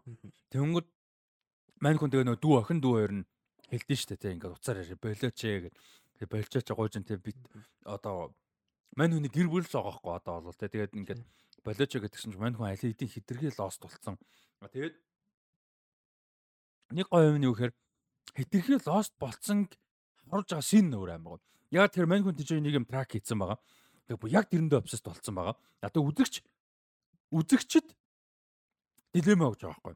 Ер нь бол үзэгч бас тэрийг шийдэж байгаа. Давхар. Тэр мөчөд тэр нөгөө нэг одоо сүд бүсгийнхаа аав дүү хоёрыг дагах уу те гэр бүлээ basically дагах уу? Эсвэл өшөө авах байгаа юм а дагах уу? Тэ өшөө авах байгаа юм нь ингээ нэг юм урд нь ингээд загас бариад байгаа юм шиг те өгөөшөх гээд ингээ бариад байгаа юм шиг нэг юм болох гээд байгаа юм шиг санагдуулсан сцен байсан байхгүй. Би яг яг юу болжсэн марчаад байна. Яг урд нь сонсоо сонсож байгаа юм донд. Гэтэ яг нэг юм прогресс яваад байгаа байхгүй. Тэр нэг ингээд нөгөө кимшүүлийг зовоох гээд байгаа юм битэрчлээ гээд байгаа те. Тэр нэг юм үр дүнд хүрчих юм шиг санагдуулсан одоо протесттэй явж исэн. Дунд тэр кол ярьж байгаа байхгүй. Тэр чинь нөгөө юу өстэй контрол чинь нөгөө найзынхан найзах дээр очичоод нөгөө ярилцдаг хэсэг тэр Тийм өөрийг нь аа, юг аа, өөрийг нь монстер эдэргээ яриад идэг шүү дээ. Аа тий тий тий Тэр хэсэг гэж Нэг байна. type гээд Тий. Тэгээд тэр чинь яг өөр дээр нь ингээд дилемма өгж байгаа байхгүй юу те. Айгу тэр бол л юм байсан. Аа тий. Тэгээд э, спортын дөрүүд ямар санагдав? Ямар нэг э, хөр хийх хэцүү victim үүдсэн ч юм уу одоо тэгээд энэ нөгөө балер Hannibal friend нь те. Тэрний тэр нэг заваан тамшаалж иддэг нь ямар балер новшин юм бэ те. Гэр нэг заавал Hannibal дүрхээр нэг тэгэх албатай ч юм шиг улаан мах идээд байгаа юм аа би ядаж би би яг би бас тэгж бодсон. Яаж болоход ичүүлдэг юм. ядаж Юу ч ин тэгдэг үстэй. Ханибал Лектер ч. мэдгүй Hannibal Lecter ч одоо баг fine dining хийд юм шүү. тэр бүр яг бүр яг хоолыг бүр яг рестораны төвшний хоол хийж. Тий. Бүр нэг хогийн улаан мах идээд авах. Харин тийм. Тэгснэ яаж зах нөгөө нэг найз охин нь болохоор зүгээр будаа идээ суугаад идэв шүү дээ тий. Тэг ер нь тэр хүүхэн юу ч хийж. Тэрийг explore хийх хэрэгтэй байсан баха. Яг тэр тэгээд нэг юу гэдэг яг boyfriend material мөн үгүй twisted хүнч байсан үгүй ч байсан. Тэр эмэгтэй яг тэнчнээс юу гаргаж авч байгаа юм like what is тэг what does she get? Ямар ч царилэг найзлуулаа гаргаж авахгүй байгаа нь ойлгомжтой тий. Тэнгүүт мөнгө аваад байгаа мó эсвэл одоо ямар ашигтай байгаа гэдэг юм нь бас байх хэрэгтэй байхгүй тэр эмэгтэй тэнд байгааг нь тий. Тэр бас жоохон султал. Тийм тийм. Аа тийм тэгээд бас нөгөө за за би явж хоолой бэлтлээ гэснээр нэг эмэгтэй гарч гаргаж ирсэн шүү дээ. Тий. Тэгснээр тэр эмэгтэй дээр нэг хуучны бифт юм шиг байгаа. Яг Аа, нөгөө уучлаарай эдэр гисэн чинь та нар дандаа ингээд аль хэдийн өнгөрсөн хойно бүр хойно нь ингэж уучлаарай муучлаарай гэдэг тэр үедээ хэлэхгүй яасан юм аас ингээд гисэн. Аа Тэр бас юу болсон? А биш тэр чин дандаа нь нөгөө нэг тэр дандаа гэдэг чинь угаасаа нөгөө victim-үүдээ бүгдийг хэлж байгаа байхгүй. Эмэгтэй хүмүүс дандаа нөгөө алдаг. Тэгээ нөгөө хүмүүс тэр чинь эхлээд нэг юм одоо эхлэл байгаа шүү дээ тэр victim болгохоо өмнө тэнгүүт Үгүй тэгснээр тэгчээд төгсгөлд нь тэр хүмүүс чинь нөгөө нэг алах гад янз бүр болонгууд нь уучлал мочлол гоож байгаа шүү дээ. Тэрийн дандаа сүлд нь тэгдэг гэж байхгүй. А хоёр тустай юм явж байгаа тэр сэдв дунд нь. Нэг нь тэр заяо. А нөгөөх нь болохоор тэр эмэгтэй ихчтэйгээ ч юм уу дүүтэйгээ ч юм уу явж яхад нь а гэрт нь орё гэсэн юм шиг байна. Тэгээ одоо туслаач яж гэсэн юм уу something те. Тэгээ мөнгө тэгэнгүүт мань нөгөө нэг хараал өгүүлэх гэсэн юм шиг байна. Тэнгүүт нь гэрлүү нэвдэж ороод барьцалцсан л болж таарж байгаа байхгүй тэр хоёр эмэгтэй. аа би болохоор бүр хуучин таньдаг тэгээд. Нөгөө тусалж маслаагүй хүн юм байна гэж бодсон байхгүй юу? Одоо манай эсрэг дүрч тэр одоо манай тэр канибалс тэр тэр хоёр ингээд угаасаа ингээд obviously эмгтэж эмгтэж тэр очихоор угаасаа юу ядаггүй ч юм уу те тусламж авахгүй. ч юм уу жоох жирэгдэг ч юм уу тиймэрхэн угаасаа амар байг болдог зүйл байгаа байхгүй Тийм. тэгэнгүүт нь тэрэн дээр нь тэгж ханддаг Тэндээс нь Тийм, та нар дандаа та нар дандаа ингэдэг гэсэн байдлаар хэлж байгаа байхгүй. Тийм. Ингэчиж болох байсан шүү дээ. Та би байрч үсээгүй мөнгө үсээгүй ингэчиж болох байсан шүү дээ. Та нар дандаа ингэдэг гэсэн утгатай юм ярьж байгаа байхгүй. Оо. Тэгэхээр тэр өрч угаасаа ингээд яаж зах тэр одоо баг нөгөө э, юун дээр амар юм хэсэг байдаг шүү дээ. Sandman дээр нөгөө Америкийн ингээд хөлсний халуурчод бүх цугладаг конвеншн болдог байхгүй бүр навшин за Тий. тэр бүр амар зүм. Гэтэ сайн нэг кино цуврал дээр тэр яг нэг яг нэг нэг юм таксисэн бас байж чадаагүй санагдсан. Тэр бүр амар новшин ID байхгүй юу? Ингээд буудал түрээслээд бүр организашн за тэг ингээ Америкт үүдэг бүкс ингээд юм serial killer-ууд бүгд цугалтдаг. Тэг ингээ бүгдээрээ бие биенийхээ ингээ яаж алдаг, малдаг, яад бүгдийг experience хуваалцаж маа. Нэг нэгээ шүтэж мүтдэг. Тэг шүтэж мүтэн. Тэгснэ ингээ нөгөө mysterious гаруудаа тэр нь хин бол тэрний өста алдаг юм юу эмо гэдэг штэ тэ. Тэр мөрн өста мундаг ийм бараг л хаарт бэлэр новшин юм заваан бохгүй. Тэрэн шиг энэ дэр нэг тийм байд юм шүү. Тэгээ энэ хоёр залуудаа ч юм уу хэдэн жилийн өмнө уулзчихсэн. Тэгээ нэг юм би би нэмэд энийг explore хийх бас айгүй гоё потенциал байсан санагдаад байгаа байхгүй. Заваан л юм л да гэхдээ. Тий. Тэгээд нэг э, одоо тэр нэг таксины хоёр баг юм шүү дээ. Бас бүтгүй хоёр байхгүй. Тэр хоёр харин юу болж таарж байгаа юм шиг байгаа юм те. Бас л нэг Бас л нэг тийм гар. гэдэг хоёр Тэгээ багаж нь хүн алдсан явж байгаа шүү дээ. тий. Тэгээд тэрэндээ нэг бодсон өрөвцөн юм тэр багаж нь явжсэн баг алууцсан явж хинд ч алуусан. Тэгээ одоо бүр олд боломжгүй болж байгаа хгүй. Өөр нь алдсан байсан хоёр хүн нь өөр алуучанд алуулаад ингээ хаягдсан. Тэнгүүт за окей тэд нар нь алуучд байсан юм байж. Мань хүү яасан ба бүр ингээ мэдэх амар боломжгүй хэцүү болчихж байгаа санагдаад амар өрөвдөлтэй. Би тэр ихэндээ гайхаад мань үжи эхлээд нөгөө эхний юун дээрээ нөгөө хүлэмжинд харчаад тэгээд мөнгө үлдэг явчихсан шүү дээ. Тэгшээд араас нь дахиад нэг хоёр бачк явж алуулах гэж байгаа болоо молоо гэж бодоод. Чин зүгээр л Байлэр таарж байгаа хөө. Угаас нөгөө жолоочн дараа нөгөө хэлдэж шүү дээ. Энэ хаваар угаасаа нөгөө ингээд ян бүрийн болоод байгааг сонсогдсон хүмүүс ч таарахгүй өнөөдөр хоёр хүнтэй явчлаа даа мавчлаа. Тий, тий. Би ч адтай байна гэсэн ч өөдөөсөн. Би хардтай ч болт бодохгүй байна гэж юу тэр бүр. Тэгээ артлын багийг хараад мэдчихдэг байхгүй. Урдлын ер нь бол хоёулаа яг эсрэг байхгүй. Нэг нь ингээд nervous болохоор хитрхи их юм яриад байгаа. Нөгөөх нь угаасаа л зүгээр л газ алах руугаа л орох гээд ингээд байгаа хоёр болохоор. Тэгээ манай хүн балер ивлэлтэй гэхдээ үнэхээр амар сайн character read хүндэг хийдэг юм байгаа байхгүй. Тэгээ хэнийг манай нөгөө гол төрсөн хинэг ч гэсэн бүр хацсаар хурдан уншдаг шүү дээ. Ерөөсө баг ингээд ганц хоёр encounter-аар уншиж байгаа байхгүй. Яг хин тусалдаг л да нөгөө fucking Hannibal найзан тусалж байгаа. Гэхдээ л те амар мундаг character read хийдэг балер гарга байхгүй навшин. Тэгээ тэр нь өөрт нь угаасаа тусалж исэн ойлгомжтой. Аа гимтэр хийхт нь.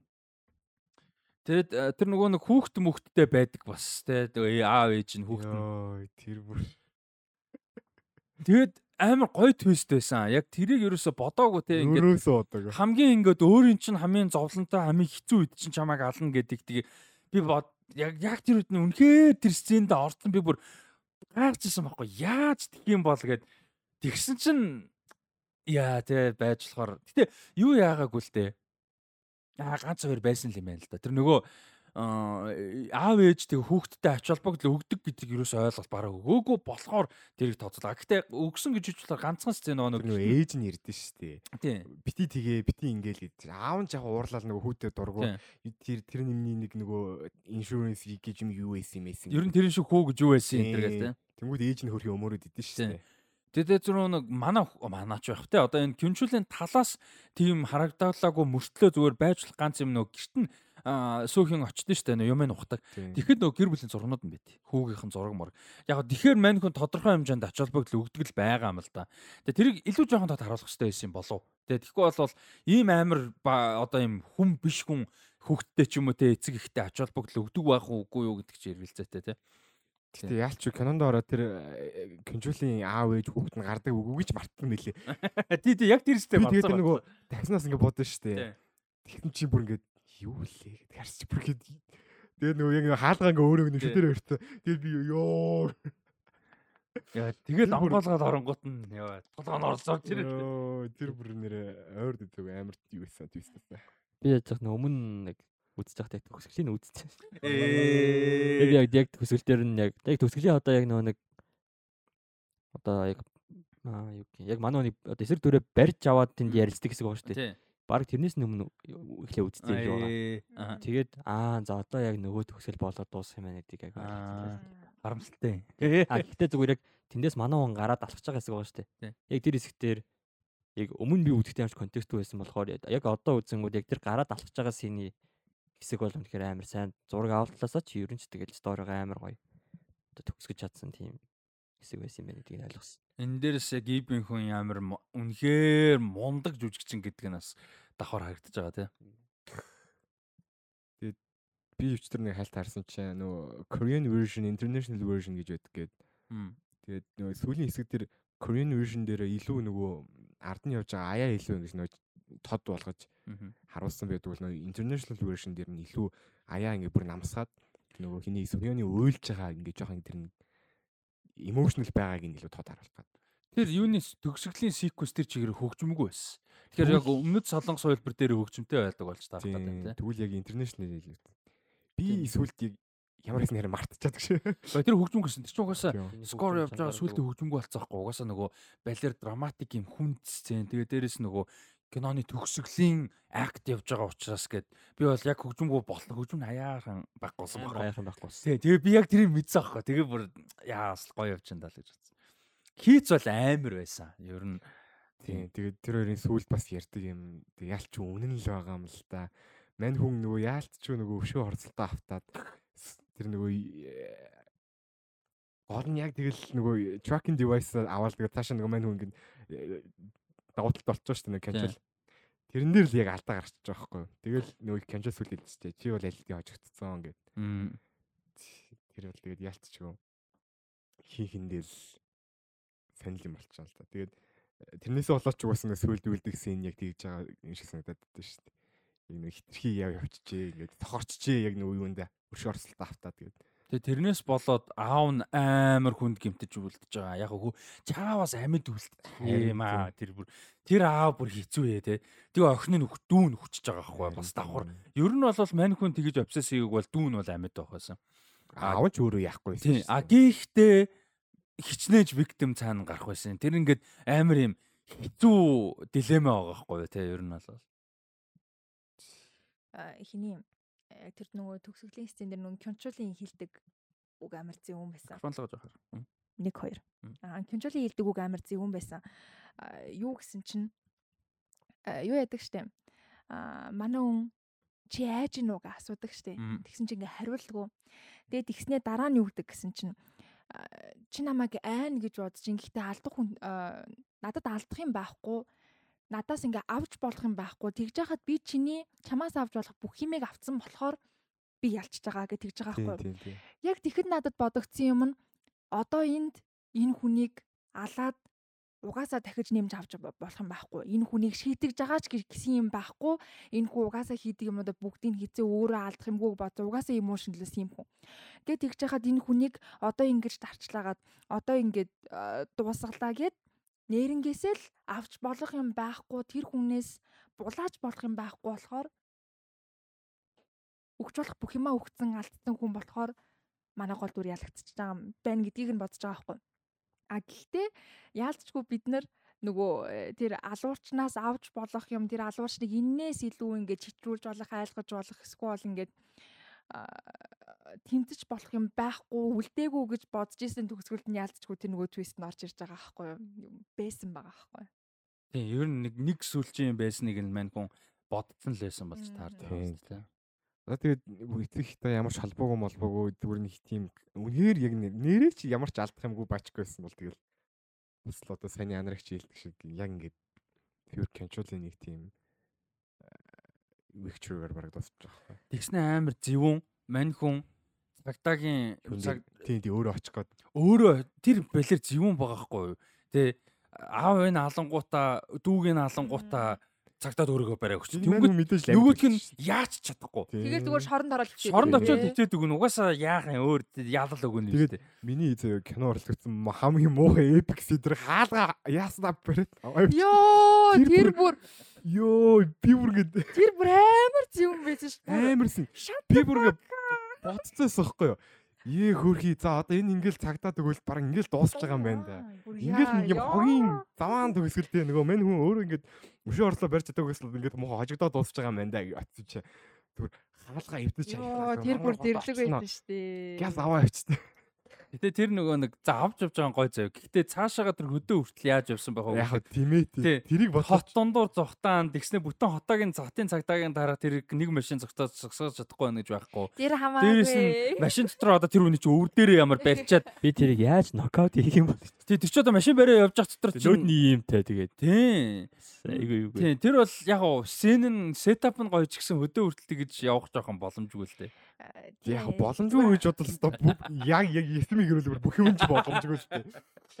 Киноны эхлэлээс болоод нэг сонин сонин юмнууд тийм яг- тэрнээс хамаагүйгээр яг тэр сцен бүр акшн киноны бүр амар төгс сценээс махгүй бүр shit бүр амар гоёс. Мань хүнийг ибийн хөнг аа үгүй ер нь мань хүнийг ч эхэлтгүү. Холливуд Азуудыг ойлгохгүй байхгүй.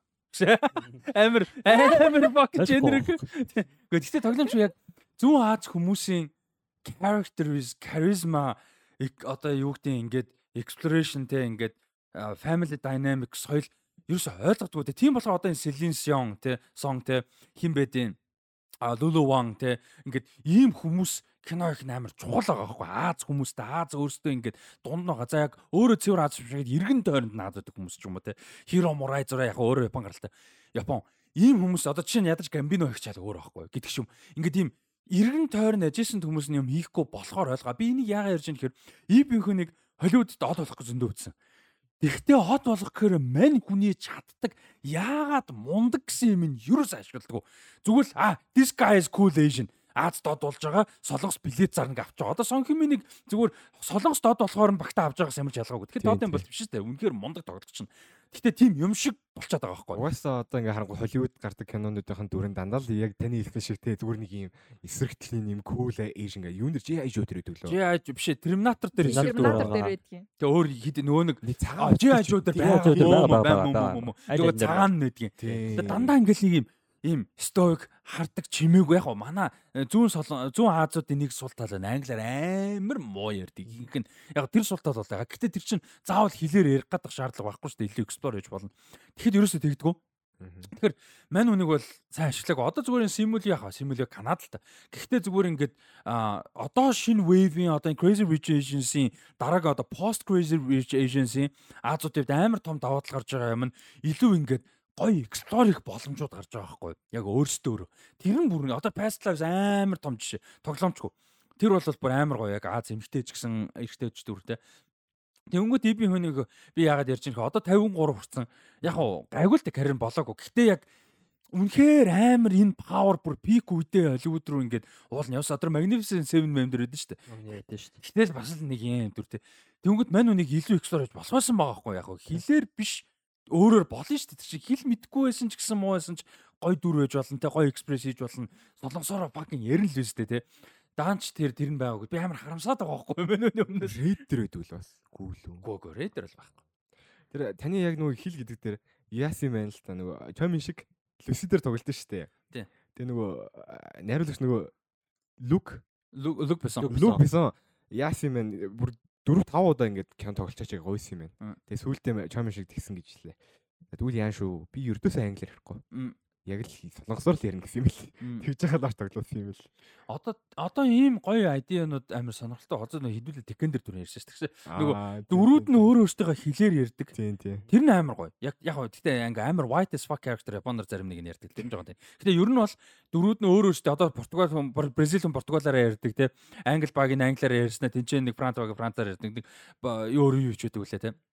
Тэрэн шиг а ер нь бол нэг тийм ертөнцийн make sense болвол тийм байх нь гоё. Яг make sense авталтаа. Одоо чинь Ghost in the Shell дээр яг амар таалагдсан юм нь би ер нь Ghost in the Shell-ийн Scarlett Johansson тогсон remake э, live action хэлбэр бүр амар дуртай ер нь. Тэрэн дээр айгүй гоё үлдээсэн юм юу гэсэн гэхээр одоо чинь Ghost in the Shell аним чи өөрөө юу байгаа. Японоор тийм үү тэр чигээрээ. Манга нь мэдээж японоор. Бүр дөрүүд нь бүгд японоор хоорондоо харилцаж байгаа. Тэнгүүд Ghost in the Shell мэдээж англиар явах шаардлага гарна гол дүр тий. Гол нь одоо Ма- Макото Матоко Матоко Матоко Кусанага хоёр англиар ярьж таарна. А тэгтээ Chief нь японоор ч байхгүй. Зүгээр ингээд ямар ч тийм контекст юу шаардлагагүй зүгээр чип нь ингээд зүгээр л японоор харилцдаг. Япон ингээд бусад дөрүүд нь японоор л ярина. Яг манай хоёр нөгөө үзэгчдэд зориулаад англиар юм ярьж байгаа тийм. Тэнгүүтээ тэрийг make sense болох юм нөхцөлтэй ягаад гэвэл Мотоко угаасаа одоо бараг л full robot шүү дээ Android те. Android cyborg өөр орчлуулж очсон гэж. Cyborg тийм тэрийг орчуул бүрэн бүрэн тэр чинь амар super sci-fi world учраас тэр орчуулгын юм байх ямар нэг асуудал байхгүй гэдэг ч юм. Тэрэн шиг нөхцөлтэй тааруулсан үед дөрүүд ер нь их хэлээр хамгийн гоё. Тэрний нэг жишээ одоо Паченко шүү дээ. Йоо Англиар ярихдаа зүгээр англиар ярина. Японоор ярихдаа японоор ярина, солонгосоор ярихдаа солонгосоор ярина. Нэг өөр өөрөөсөө яг чадах чадхаараа. yes. Яг тийм яг тэгж ашиглах хэрэгтэй. Баченко бүр үнэхээр гоё жишээ. Тийм. Тэгээд тэр нь амар natural ахгүй. Тэгээ natural яг. Тэгээ story-ндоо маш чухал. Бүр амар чухал. Яг дөрүүд нь яг тэр хилээрээ ярих нь бүр story-ндоо бүр. Одоо чинь тэр нөгөө нэг Японд амьдардаг солонгосууд юу гэдэг лээ? Хилдэг байсан шүү дээ. Тийм солонгосууд. Тэр хүмүүс нь одоо солонгосоор яриад эхлэнгүүт ач холбогдол нь илүү өндөр болж байгаа байхгүй. Японоор сурцсан хүмүүс японоор чадна. Гэхдээ солонгос эднэкли тэгээ солонгосоор ярина гэдэг амар юм ач холбогдолтой ч юм уу те. Яа тэр бол амар оосон. Үнэхээр гоё. Ер нь Бачинког ингээд э, сүүлийн хідэн янз бүрийн подкастнуудаар гуруулаа ингээд энэ тэндээс таслаад Бачинко ярьсныг катлаад нийлүүлчихвэл ер нь баг Баг review гаргаад. баг ревю гарсан юм шүү. Цаа чи өмнөхдөр ч нэг баясаа хэдэ бичинг ярих юм бэ. Өдөр баг нухаар осгоод дээр цуг нь яригдж байгаа зүйл. Тий. Тийм тэгээ ибийнхэн дээр бол бийж байгаа харамсалтай байгаа. Ипинх манай яха. Тийм манай инхаа штэ инхаа инхаа. Гайхамшигтай жүжигч юм байсан байлээ. Оолын бол Үзэж үнэхээр яг хүмүүсийн боддог шиг тийм сурал шүү. Амар цуврал шүү. Амар амар амар. амар. Оолын амар. Тэгээд сүлд хин амар ус. Би амар рандомли нөгөө үзүрийн дараа шоу хийж байхдаа үзсэн байхгүй. Аа хиний ибийнхэн тэгтээ цуслах төр тоглолтын Ashfall гэх кино. Аа тийм Тэр сүүл гарчлаа. Тэгээ 19 санагс. Тийм. Тэр сайн кино байсан. Ер нь бол би яг э, үзүрийн дараагийн хүрээнд л үзээгүй бол түүнээс үзгэргүй байсан мэдгүй шүү дээ. Тэгтээ үзсэн тэр амар нэгдүгээр агуу сайн кино. Тэрэн дээр ибийнхэн амар сайн байд. Тэр бас гоё киноос. Тэр одоо энэ бас нэг химжи юу найруулагчтай бас хамтарч хэлжсэн тэр нөгөө Very Sweet Life гэдэг кино. Тэрэн дээр бас ивийн хөний юу бас хүмүүс юмэр яриад юм лээ. Гол дүр нь байсан Тийм тийм. гол дүр нь тий. Nice. Одоо ч нэг солонгос нэг солонгосоос нэг блокбастер кино гараад байгаа шүү дээ. Би нэрийг марч нэг тийм дистопиан гэдэг. Оо за. Тэгээ тэрэн дээр Ипинх юм багсожун хин хин бэлээ бас солонгос амар амар сайн касттай байгаа юм бэлээ. А шинээр гарч байгаа юм уу? Энэ онд гарцсан бах баг. Энэ онд гар кинонууд нэг байсан. Тэгээ тэр нь ерөнхийдөө нэг тийм дистопиан юм болж байгаа. Одоо сүрэл мөрөл болж байгаа нэг тийм юм. Би яг нэрээ санахгүй байна. Nice. Тэр баг Монгол театраар гар гарна гэлөө Korean dystopian film recently. тийм юу байсан шүү. Аа юу юм бэ? Concrete Utopia. Concrete Utopia. Гэдэг. Нилээ яригадаад байгаа юм шүү лээ. Тийм ээ. Энэ 8 сар 9-нд нээлттэйсэн Паксожон, Ибинхэн, Пакбо Юн гэд гурван хүн гол дүрдэн тоглосон юм байна. А тэгээд энэ гурван хо- хоёр өөр цаг үед үйл явдал мовдол болд юм шүү дээ. А тэгээд 23 оны юу юм бэ? Солонгосоос Оскарт явуулж байгаа кино. Би яг тэгж харж байсан нэрээ. Түрүү. Тийм. Бас гэтээ сонирхолтой тийм sci-fi э, disaster thriller кино явуулна гэдэг бас сонирхолтой тийм. Ихэнхдээ драмагаа явуулдаг ч гэсэн солонгос ч тийм. Тийм. Бас өөр төвшөнд хүч үзэгч шүү дээ. Тийм байна, тийм. Оо тэгээ production юу н э, юу яатсан? Sequel-ийнх нь production багыг эхэлсэн юм биш үү? Тийм биш. Production эхлээд баг дууссан юм байна. Sequel нь үү те. Гэтэ өөр жүжигчтэй байна. Тэгэхээр э, Ямар тач нэлээд сайн каст бол харагдсан. байна. Одоо нэг Return of Return of Soul. To Soul тийм. Тэр- тий, тэрний нөгөө нэг of Soul-ийн одоо нөгөө юу нэдэг штэ. Аавынх нь их чинь илүү англиар ярьж оролддог. Тийм. Тэр их ч мэгч тоглолт байсан. Оо, nice. Ер нь бас дажгүй жүжигчтэй байгаа харагдсан шүү болгосон. Nice. Оо тэгээ Forbes дээр юу яасан юм биш нөгөө нэг Торонтогоор гарсан юм биш үү энэ кино. Тэгээ Торонтогоор одоо 2023 оны Торонто аа 23 оны sorry 23 оны Торонтогийн кино наадмын хамгийн их хүлээж байгаа most anticipated одоо кино гэсэн лист топ 10 кино гэсэн листэнд Forbes оруулсан юм байна. Энэ киног. А тэгээд Huffington Post яхаа Huffington Post ч жоохон. э. Гэхдээ Торонтогийн бас хамгийн одоо сайн 9 кино гэсэн листэнд оруулсан юм байна. Тэгэхээр бас interesting. Ярдаас нэлээд яригж байгаа кино. Хөөе тэгээд Rotten дээр 100 байна. Тий. Damn. Амар л байгаа юм байна. Тэгээ Rotten дээр 100 байгаа юм байна шүү. Анх яг трейлер нь гарсан юм аа. Тэр үед нь би нэг үзчихээд бас сонирхолтой кино юм байна. шүү. science fiction. За watchlist руу орсон миний хөш. Энэ. Ибинхэн жүжигчний тоглосон Mr Sunshine гэж бас драм байдаг байхгүй юу? Олон ингэ цуврал. Тэрийг тэгээд нөгөө К-драма үздэг хүмүүс би биэндээ айгууг санал болгодог. Айгуу мундаг цуврал гэж ярьдаг. Тэгэхээр би зүгээр э, сонирхгүй тоохгүй яваадсан байхгүй. Тэгсэн чи яалчгүй өчтөрөөрөө үзээд жүжигчнийх нь жүжиглэлтийг нь биширсэн. Энийг үзнэ. Тэгсэн чинь руу орсон дээр. Мгм. nice. Тэгэр. Олсон дээр. Тэгсэн чинь concrete Utopia айлдын миний watch list-энд байна. Э, Red 2 дээр байт юм шүү. А тийм Red тийш Red 2 дээр байдаг шүү. Red нэг уул нь концепт нь амар сонирхолтой зүгээр хөгшин насан явцсан жүжигчдийг акшн кинон тоглуулад why not гэд. Тэгсэн чинь тэгээ хоёр нь амар тэнэг болцсон. Нэг нь Bruce Willis, Helen Henry Helen Mirren, John Malkovich өөр хин хийж байдаг лээ. Ингээ нэлээд хөгшөрцөн гарууд э, бүгд зүгээр юм spy маяуд байдаг ч лээ. Зүгээр it's kind of fun ахгүй уул 10 онд өргөө мөрөөд гарч ил байсан. Гэтэ хоёр нь бүр зүгээр л нэг амар тэнэг кино. Анар чинь Iris-гээ үзчихсэн үү та? Үгүй. Энэ Монгол байсан. алдаг гэсэн тий. Тийм. Топ моп тоглолдог шүү дээ. Энэ чинь энэ энэ алдаг байсан юм аа. Гэтэ би ялч өдөр жоохон байстай. Nice. За тэгээд I saw the devil дээр эцсийн юунуудаа сэтгэлдлүүдээ базаад ерөнхий киногоо базаад. За ерөнхийдөө бол а, ер нь солонгосын кино урлаг тэр дундаа солонгосын триллер кино гэдэг бол шал өөр төвшөнд байдаг. Тэрний яг одоо ингээд өмнөх одоо хоёр жишээ болох би ч одоо Memories of Murder, Old Boy гэдэг тэгээ энэ I saw the devil ба энэ гурван нэг юм юм яг Trilogy. триллер триложи солонгостэй Мгм. тийм санагдаад байгаа. Тийм тэгээд үтэндээ бол маш их хэрэгтэй. Nice. Уусаа яг нөгөө бараг солонгосын урдаа өрд 3 том нэрлэгч нэг үстэй бараг. За өстой тэр Яг тэр 3 хүүхэд бас хэцүү баха. тийм бас олон хэцүүлтэй. өөр хэд хэдэн Кидок хүмүүс. ороод ирнэ биш бас. Аа тийм шүү дээ тий. За. Оо, Би шүн өөрийгөө зүүдлэх байх гэж бодсон. Хэцүүлээ бас. э, Зүүдлэх үлдээ. Аа, Өөрийгөө зүүдлэх байх гэж бодсон. Үгүй эгүй өөрийгөө энэ киног шүн зүүдлэх байх гэж бодохгүй да хар дарах байх гэж бодсон. Гэтэ зүүдлээгүй. Бата шиг үдсэндээ баяртай байна гэх юм жаашин. Гэтэ аа, яалцчихвол нөгөө миний Midsummer гэдэг шиг нэг амар новшин кино гэхдээ миний хувьд 5 одтэй киноны листэнд ингээд нэг кино нэмэгдэж байгаа байхгүй юу? Түрүүн хідүүлээ султатыг нь ярьсан. Гэхдээ зүгээр тэдрийг нь зүгээр хаяад энэ кино зүгээр ингээл бүхлээрээ над бол бүр 5 од шижгийн кино байсан байхгүй юу? Амар гоёс. Миний хувьд болохоор анх бодсноос арай илүү сайн кино байж чадсан. Тэгээ мэдээж үзэхэд угаасаа огт уудахааргүй. Маш сонирхолтой, он сонирхолтой.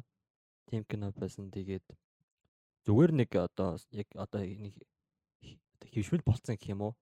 Солонгос одоо триллер кинод байдаг шүү дээ. Тэднэрээс илүү одоо ингээд илүү артистик хийж чадсан, илүү сайн гүйцэтгэлтэй, илүү техник хийцтэй маш сайн анхаарсан. Тэгээд сторинийхоо бүтцтэй амар сайн анхаарч чадсан кино байна гэж дүгнсэн. Мгм. Nice. Аа би зүгээр үзэж байхдаа ингэж бодсон. Би түрүүн Batman гээ яриадсан шүү дээ. Энэ яг The Dark Knight-ийн нэг тийм жоохон өөр хувилбар байгаа байхгүй? Тэгээ би бодсон зүгээр The Dark Knight R-rated кино байсан бол зүгээр imagine the shit Joker бүдөө те ингээд бүр за Batman бол нэг тэгж цуснууж яагаад байхгүй те манай үсрээл нэг гар хөл хугална окей fine.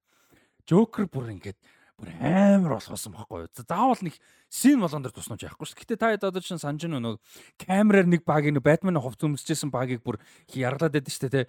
Хүү гэх нэг новшин бичлэг мичлэг хийсэн. Dark Knight руу. Тэ бүр нэг баг тэр хэсэг R-rated ингээ зөвөр бодож заяа. Эсвэл нөгөө gamble-ыг алдаг ч юм уу те.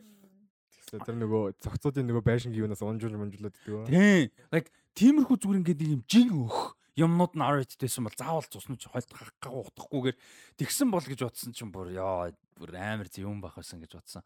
Тэгэх юм бол Batman-д яг нөгөө The Dark Knight-эр Bruce Wayne Batman-д ирж байгаа тэр нөгөө жиндээ илүү ингээ pressure юм бүр илүү хүнд хотод нь ирж байгаа politically ирж байгаа юмнууд нь илүү жинтэй санагдав. Илүү horrible санагдах байсан болов гэж бодсон. Одоо чинь би сая л бон анзаарлаа л да Dark Knight тэр эсрэг дүр эсрэг дүрийн одоо энэ нийгэмдэх тв- одоо айдастэй нийгэмд ингээ хүргэж байгаа айдас одоо Bruce Wayne-с гадна тэр яг Heath Ledger-ээр л дамжиж байгаа байхгүй. Ledger үнэхээр амар жүжиглж байгаа дүрийн сайн бичсэн. А гэхдээ яг ингээд бусд нь ингээд нэг тийм хүмүүст хүрээд байгаа юм нэг амар бас ингэж нэг тийм татдаггүй. Ер нь бол нийгэмд байгаа айдас яг одоо тэр нөгөө нэг хоёр усан онгоц яадаг шүү дээ. Тэрнээс өөрөөр бол нийгэмд гэсэн юм нэг хүрдгүү байхгүй.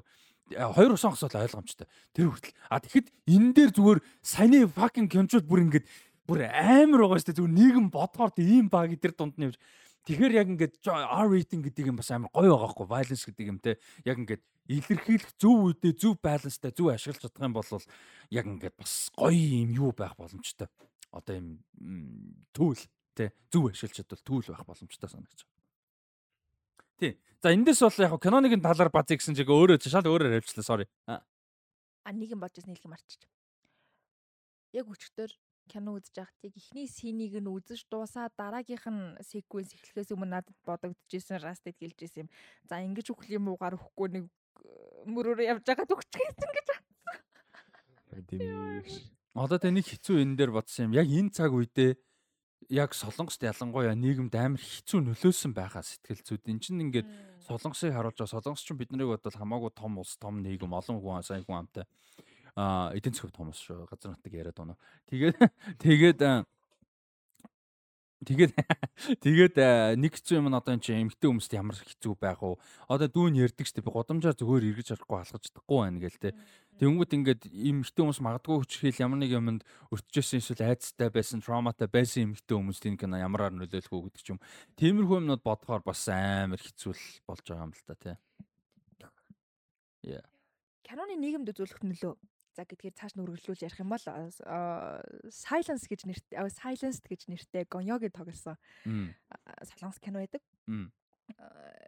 Тэ нөгөө киноны нийгэмд үзүүлэх нөлөө гэдээ ирсэн болохоор зүгээр толгой толгойд ороод зүгээр хальт ирчээ. А юу яасан байдаг?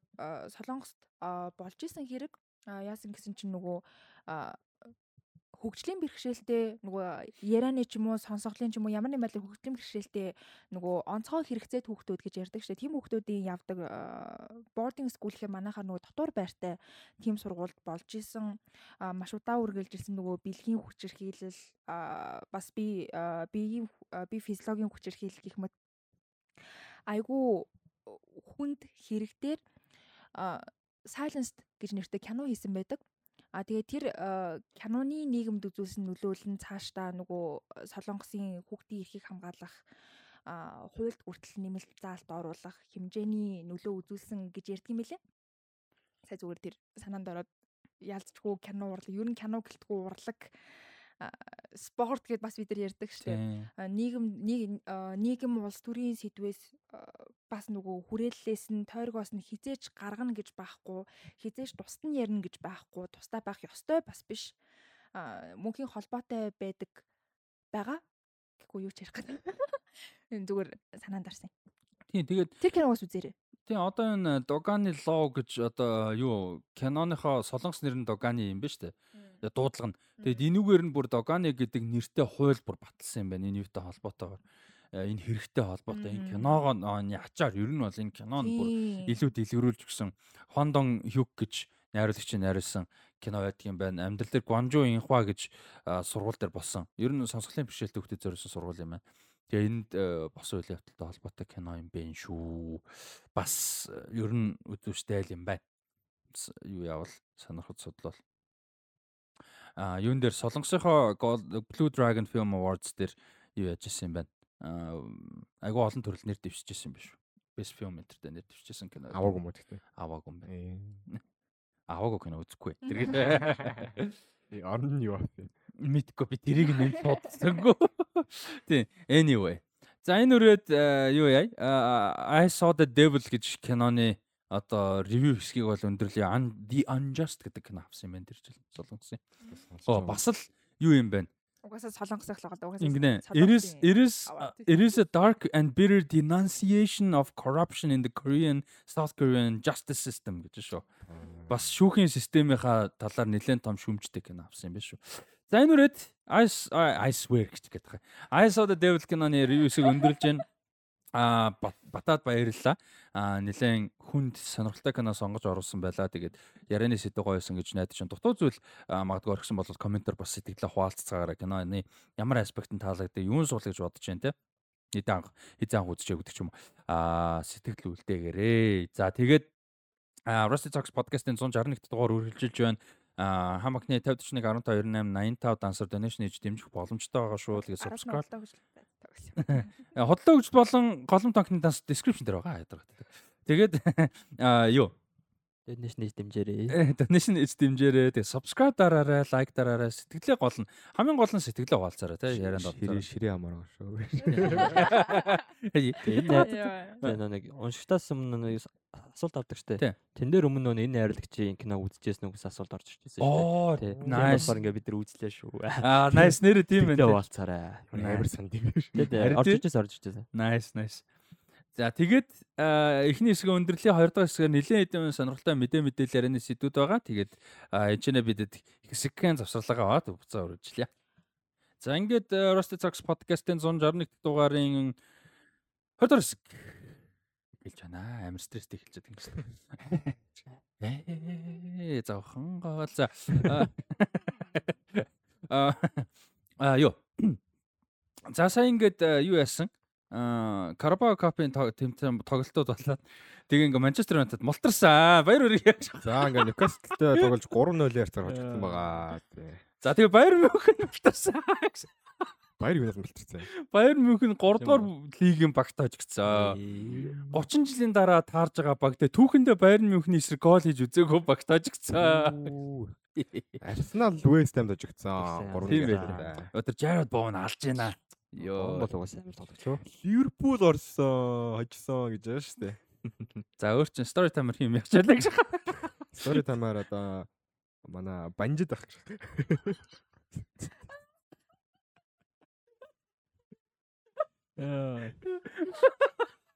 Тэгэхээр чи чи хий гэж. Баяа юм? Баяа юм? Баяа. Баяа юм уу? Жого бонитог 5 богоос эхэлж байдаг шүү. Тэр раста бол өөр хിവэрэл юм байна шүү. Яа. Яа. За. Бүтээгдэхүүний нэг нь яг чанартай. Jesus. Э. Та нэг шил олдгүй нуугаа гэж. Аа тэгээ да. Тэгээ сагсаа ургуул. Яа. Jesus. За. Мохо рандом эхэлдэг. Жого үздэг хүмүүс нөө Ямар шоугагийн контекст хүмүүс сайн амар тэнэг байсан баг. юу хөлбөмбөг ирэж шүү. QX. Яа. За. Actual юм руу гараа. За Disney нэлээд хэдэн release date-үүд өөрчлөгдөжээ. За тийм. Саг автра юу? Аа за ер нь бол тийм SAG автортай нэлээд холбоотой тийм SAG ч гадна бас нэлээд юмнууд байгаа байх гэсэн юмнууд байна. Тэрийг харин та хэд тэр талаар яриарай. Аа за ийм юм юмнууд өөрчлөгдсөн байна. За ямар нэг юу Untitled гэдэг нөгөө нэг юу байсан тодорхой зарлаг байсан гэсэн үг шүү дээ тийм. Untitled Disney movie гэж байгаа. 24 оны 2 сарын 14-өөс 23 оны 4 сарын 5-нд хойшсон ба. А тэгээд нөгөө Elio байсан шүү дээ, анимашн байсан шүү дээ. Teaser нь гартай байсан шүү дээ. А тэрийг Disney анимашны тэр 24 оны Уучлаарай. 24 оны 3 сарын 1-нд байсан бол 25 оны 6 сарын 13-нд бүр жил 3 сараар Elio Elio хойшлцсан байна. А тэгээд Snow White-ыг бүтэн жилээр дахиад хойшлуулсан байна. Snow White 24 оны 3 сарын 22-нд байсан. 25 оны 3 сарын 21-нд болгосон байна. Саяхан ихний teaser зураг татсан. А тэрэн дээр нөө Rachel Zegler тогсон тэгээд тэр нэг CGI dwarf-уудтай тэр ямар байсан? Сайн ингээл. Харин тийм амар мяар гэсэн. Манай уг нь Disney enjoy юм бааштай. Үгүй live action би байгаа юм. Live action кинонуудаас нь The Little Mermaid үзсэн. Өөр ямар ч киног үзег байхгүй юу? Jungle Book үзэж байгаа шүү дээ. Jungle Book байл. Амар хөр. Аа. Jungle Book Lion King бас дайжгүй гэж яриад үлгүүл. Lion King бол дайжгүй ш. No. No. Бүр бүгдийг нь хийж дуусгах юм байна. Дамбо мамбог хийлүү. Дамбо хийсэн, Хийсэн. Аладдин Aladdin хийсэн, хийсэн. Cinderella хийсэн. Ер нь бүгдийг нь хийсэн юм биш үү? Тэр нөгөө нэг спагетти иддэг нохотой ч байлаа. Тэрийг хийсэн. Оо ч юм. Тэр хийсэн. Of Jump хийсэн юм уу? Тий, Тэр чинь юун дээр гарсан шүү. Disney Plus дээр гарсан. Pinocchio ийцэн. Pinocchio. Pinocchio. Ой, тэр Яа, Pino- тэр Pinocchio-г чинь Pinocchio чимээг өхөн мартуулсан дээ. Ер нь л чимээг өхөн мартуулсан. За. Тий. Том Hanks тогсон шүү дээ тэр. Роберт Земекис нараас. Дээ, Jesus. Том Hanks, Robert Zemeckis хоёр easy money money. Амар мяа байх юм шиг. Тэгээд энэ Snow White дээр нэг ийм асуудал байгаа. Би тэгтээ энэтэй холбоотойг сайн мэдэхгүй байна. Сага автор холбоотой л байх страйк. Гэхдээ нэг юм яригдчихэж байгаа юм нь одоо энэ нөгөө нэг political асуудал, нийгмийн асуудал юмд яригдахаар амар хэцүү экстрим болцсон шүү дээ, тэ. Тэгэнгүүт тэрнтэй бас тодорхой хэмжээний холбоотой юм Rachel Zegler одоо ингэж байгаа байхгүй. Миний нэг зарим нэг pop culture-тай холбоотой тэгээ political ч юм уу social холбоотой юм ярьдаг. Зарим нэг сур хитрхи жоохон хитрхи нэгдлэр рүү жоохон явах гад байгаа. Тэгээ би үзэх нь жоохон багасах гад байгаа байхгүй юу? А гэхдээ тэр хүмүүс дээр зарим нэг юм pointтай байгаад байгаа юм. Нэг нь Rachel Zegler. Бүр хитрхи бүр ингээд нэг юм дом woke shit болоо яваад байгаа байхгүй бүр ингээл. Юм болгоныг тэгээл ингээл юм болгоныг gender issue юм болгоныг race issue юм болгон ингээл ингээл. Тэгснэ Snow White-тай амар тэнэг кино. Би хүүхэд байхдаа үзээд айдаг байсан яасан яасан ч гэнэ ингээд одоо тэгээ Snow White ингээл баг өөрийнхөө амьдралыг контролтой болгоо баг лидер мидер болоо баг revolution эхлүүлэх юм баг тэнийг юм яар like it's not about that. Тэгээ Snow White анханасаа тэгээ тэг ингээд амар тэнийг юм яриа яваад байгаа байхгүй юу? Ер нь бол. Тэг ингээл амар дургу мургу гэл ингээл мэдгүй зүгээр ингээ амар анти Disney ингээ PR хийгээ яваа. Яаж ажиллах гад яах гэдэг юм бирээс ойлгохгүй. Ямар ч ингээл тэгсэн ингээл амар смог зэ ингээл нэг юм характер характер ингээл юмны дээгүртэй нэг юм уулын чи карьер амар өсч яваж үжсэн тэгээд дөнгөж эхэлж байгаа өстэй бүр. Тийм штэ карьер нь Тийм тэр нөгөө нэг юун дээр нөгөө нэг Side Story дээр гарч ирсэн. Тэрнээс өмнө ер нь нэг юм байгаагүй шүү дээ. Яг сүүлд нөгөө нэг юун дээр байсан л та. Shazam Shazam тийм. Тэгээ одоо ингээд тэгээд байгаа байхгүй. Тэгээ ингээд ерөөсөө зүгээр ингээд амар юм мэдгүй. Тэгээ тэрнээс нь болоод угаасаа нөгөө far right хүмүүс нь ч гэсэн Disney Disney гээд ингээд нэг walk яадаг идэг гэх юм галанч гал дээр нь ч тос нэмээд өөрөө ч гэсэн одоо нөгөө би Brie Larson-ыг амар жишээ болгож ярьдаг. Гэхдээ ингээд ийм зөв юм байх хэвээр юмыг дими ингэж худлаа болгож fan flames хийж ингэж яваад амар хэрэгтэй хэрэггүй юм яриад тэнийг экстрим юм яриад тэнгтэй яваад. Тэгээ тэрнтэй ер нь нэлээд холбоотой юмнууд яваад байгаа. Disney-тэй энэ нөгөө нэг яг одоо SAG After Strike эхэлсэн болохоор нөгөө ярих нь болцсон байгаа. Гэхдээ өмнөх юмнууд нь бүр стандарт юм асуудалтай. Тэгээд тэрнтэй холбоотой хаа дээрээс нь Strike-тэй холбоотой байна. Snow White тавьчихсан нь бол тийм яриа яваад байгаа одоо студиуд нь продюсерууд нь ингээд амар асуудалтай байсан. Тэрэн дээр одоо яаж хандл хийж байгаа юм бол бас сонирхолтой. Асуудал байж л байгаа.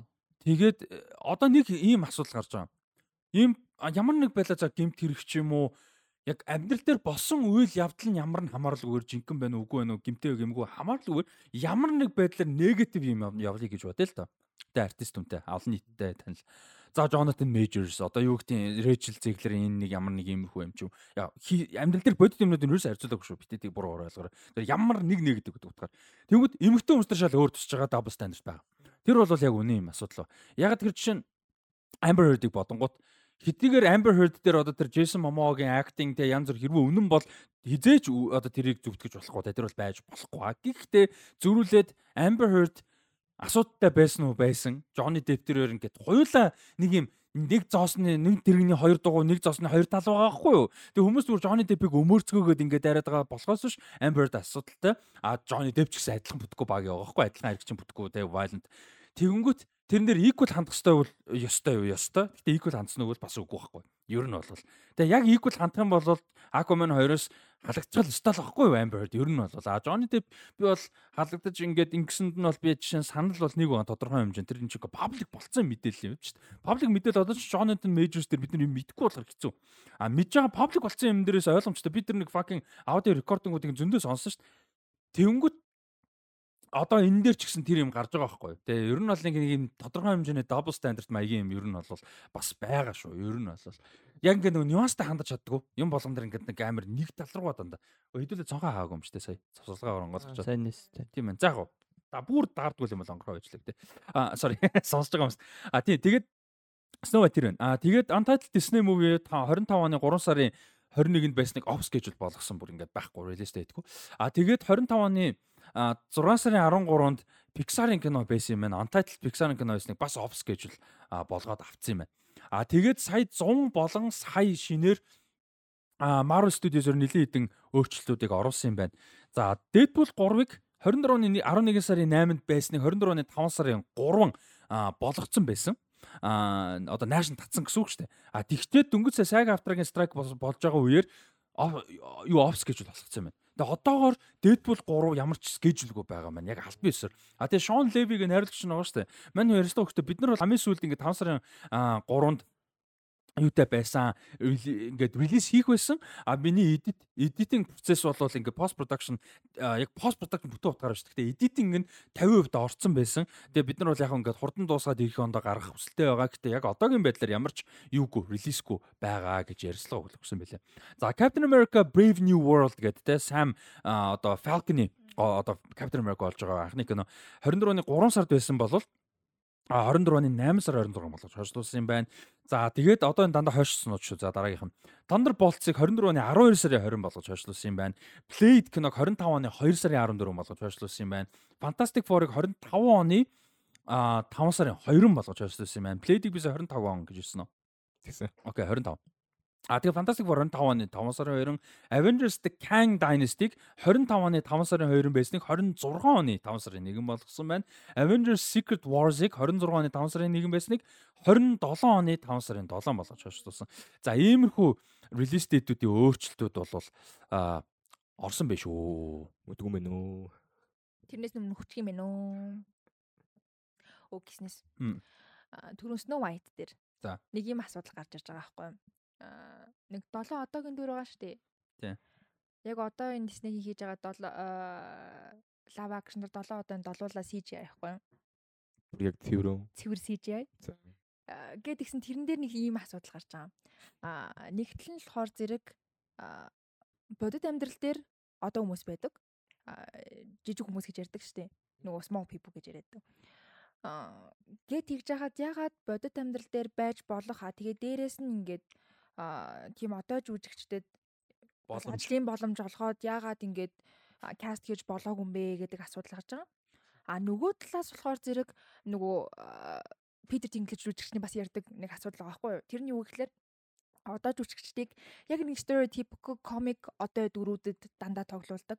А ингээ комплекс яг зүгээр жирийн хүн, жирийн хүний амьдралаар амьдарч байгаа гэдэг life love slice team дөрүүдэд ерөөсө тоглолтгүй. Жирийн хүний emotionтэй жирийн хүний туулдыг дуулдаг гэдэг team дүрд ерөөсө cast хийдэггүй гэдэг талаас нь одоо жүжигчд өөрсдөө энэ дүр бас тоглох. Хүсэлгүй бас байж болохоор. Гэ тэнгууд нэг хоёр талын асуудал гараад ирж байгаа хгүй надад болохоор зэ CGI хийсэн нь яг үнэндээ таалагдахгүй байгаа. Бодит байж болох бүр байдаг хүмүүс штэ Тий. Ингээд тэгж яхад одоо жишээ нь зүгээр аа хаанаас ч хамаагүй ингээд зүгээр татаж ирээд даун синдромтой аа, дүр байлаа гэж бодоход даун синдромтой жүжигчин бас байж болох байсан юмн дээр CGI хийчих юм бол тэр бас ямар ах вэ гэдэг ч юм уу.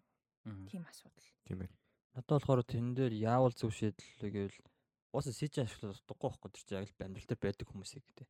А тэрэн тэгхтээ стереотип хийхгүйгээр тэр 7 одооных дөрүүдийг илүү сайн writing хэрэгтэй. Илүү Илүү хүн хөгжүүлээ. гэдэг илүү хүн гэдэг талаас нь илүү сайн хөгжүүл хэрэгтэй. Илүү character болох хэрэгтэй тий.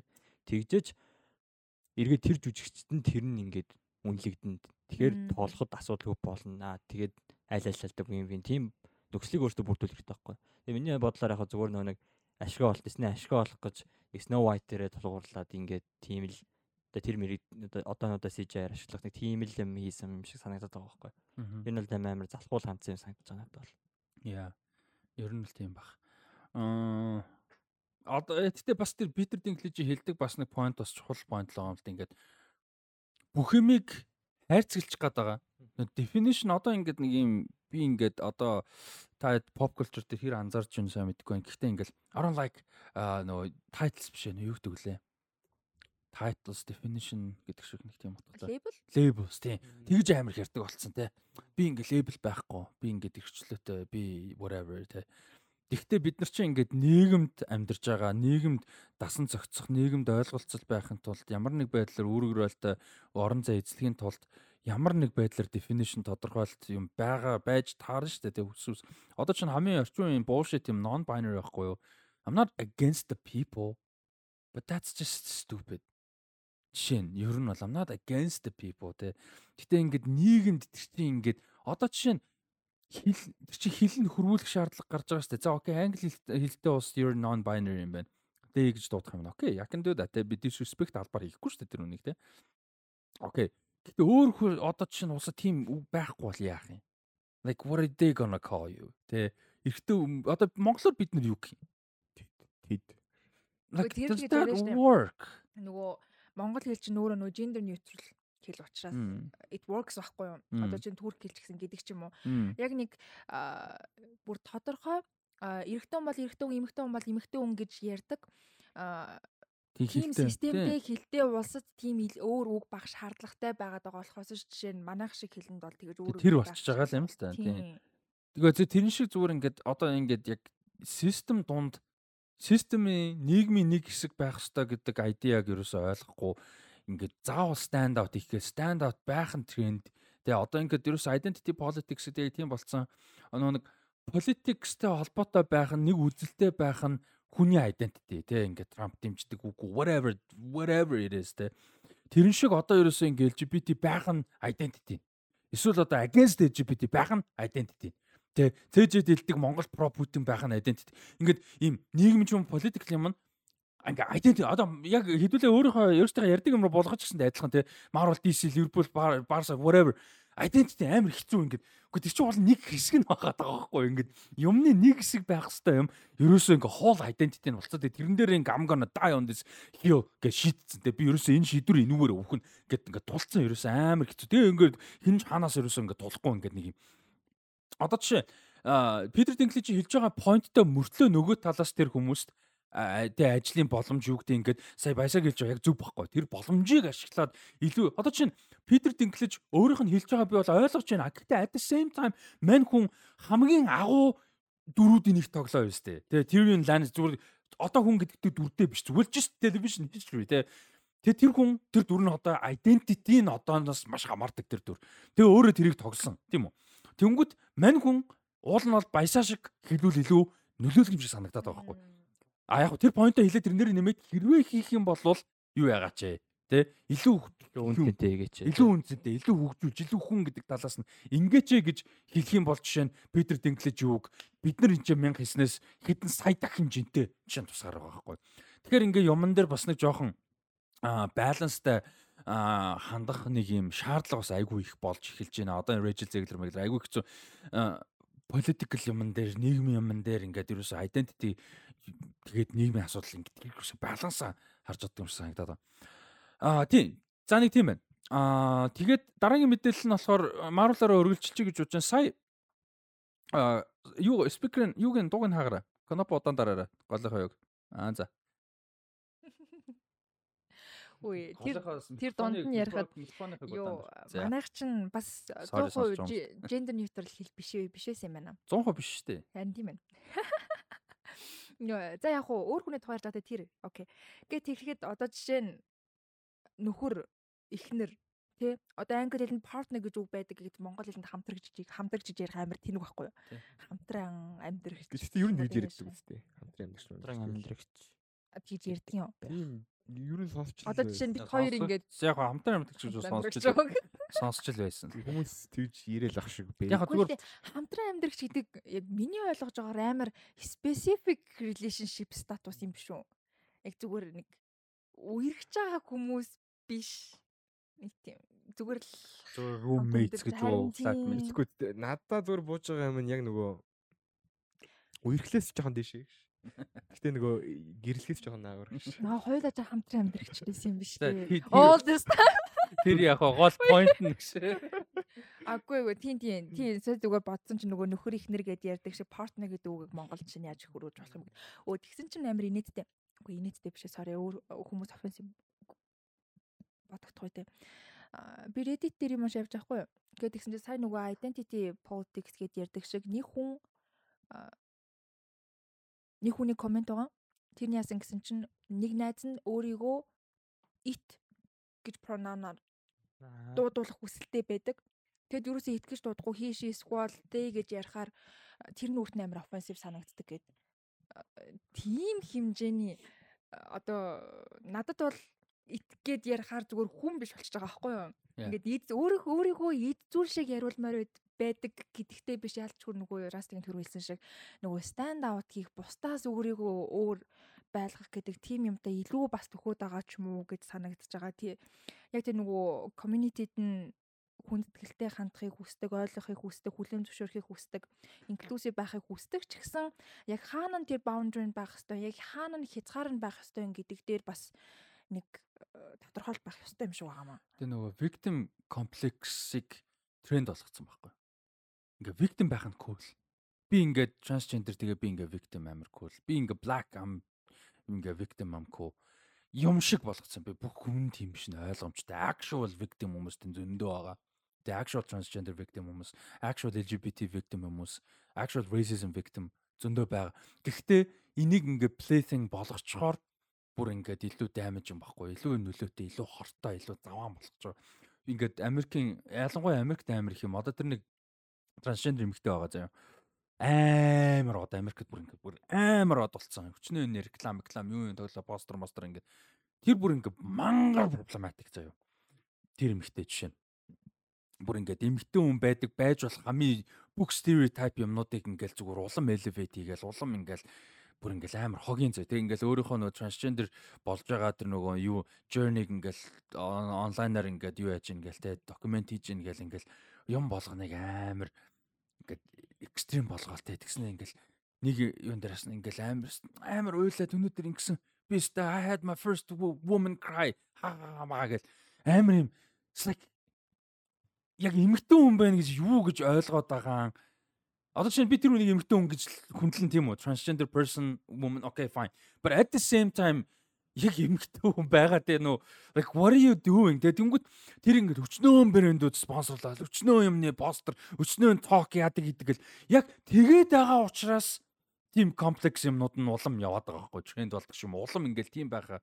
Яг тэр чинь бас давхар нөгөө талдаа амар проблематик яг ингээ actual victim actual support хэрэгтэй actual анхаарал татах хэрэгтэй байгаа хүмүүст тэр анхаарлыг нь ч юм уу мөнгийг нь ч юм уу дэмжлэгийг нь ч юм уу хүргэж чадахгүй ойлголтыг нь хүргэж чадахгүй амар заван Одоо энэ YouTube-ийн YouTube, Google юу гэдэг сошиал медиа ерөөсөө интернетийн алгоритм амар асуудалтай. Бид нар ингээ байнга conscious байхгүй болол одоо ингээ миний YouTube ч гэсэн ингээл жоохон тэр нөгөө нэг Rachel Zegler мэглэр яадаг юм ингээд үзээд би ч яг хаа мэдээж амар хичээж өөрийнхөө левелд хичээж үзэж байгаа шүү дээ. За окей, юуг нь нэвтрүүлж яриад байна. Юуг нь суургүй ярьж байна. За юуг нь поинттэй ярьж байна. За юуг нь би мэдгүй нэмж судлах хэрэгтэй байна гэдэг ч юм хичээж байгаа. А гэхдээ байнга тэгж чадахгүй. А гэхдээ тэрнийг 2 3 тийм видео үзэл ирэнгүүт тэр лүү ингээл экстрим тэр лүү ингээл эхэлж байгаа байхгүй. Тэнгүүт нь би ингээд нөгөө home screen-ээ жоохон цэвэрлж эхэлж байгаа байхгүй баг бага. Тэгтээ хүн ингээд дандаа тэгж анзаарахгүй шүү дээ. Жоохон ингээл явчиход ингээл нэг тал руу явчих гээд байгаа байхгүй амар хэцүү. Тэгэхээр бид нар ерөөсөө интернетээр юу яаж байгаа?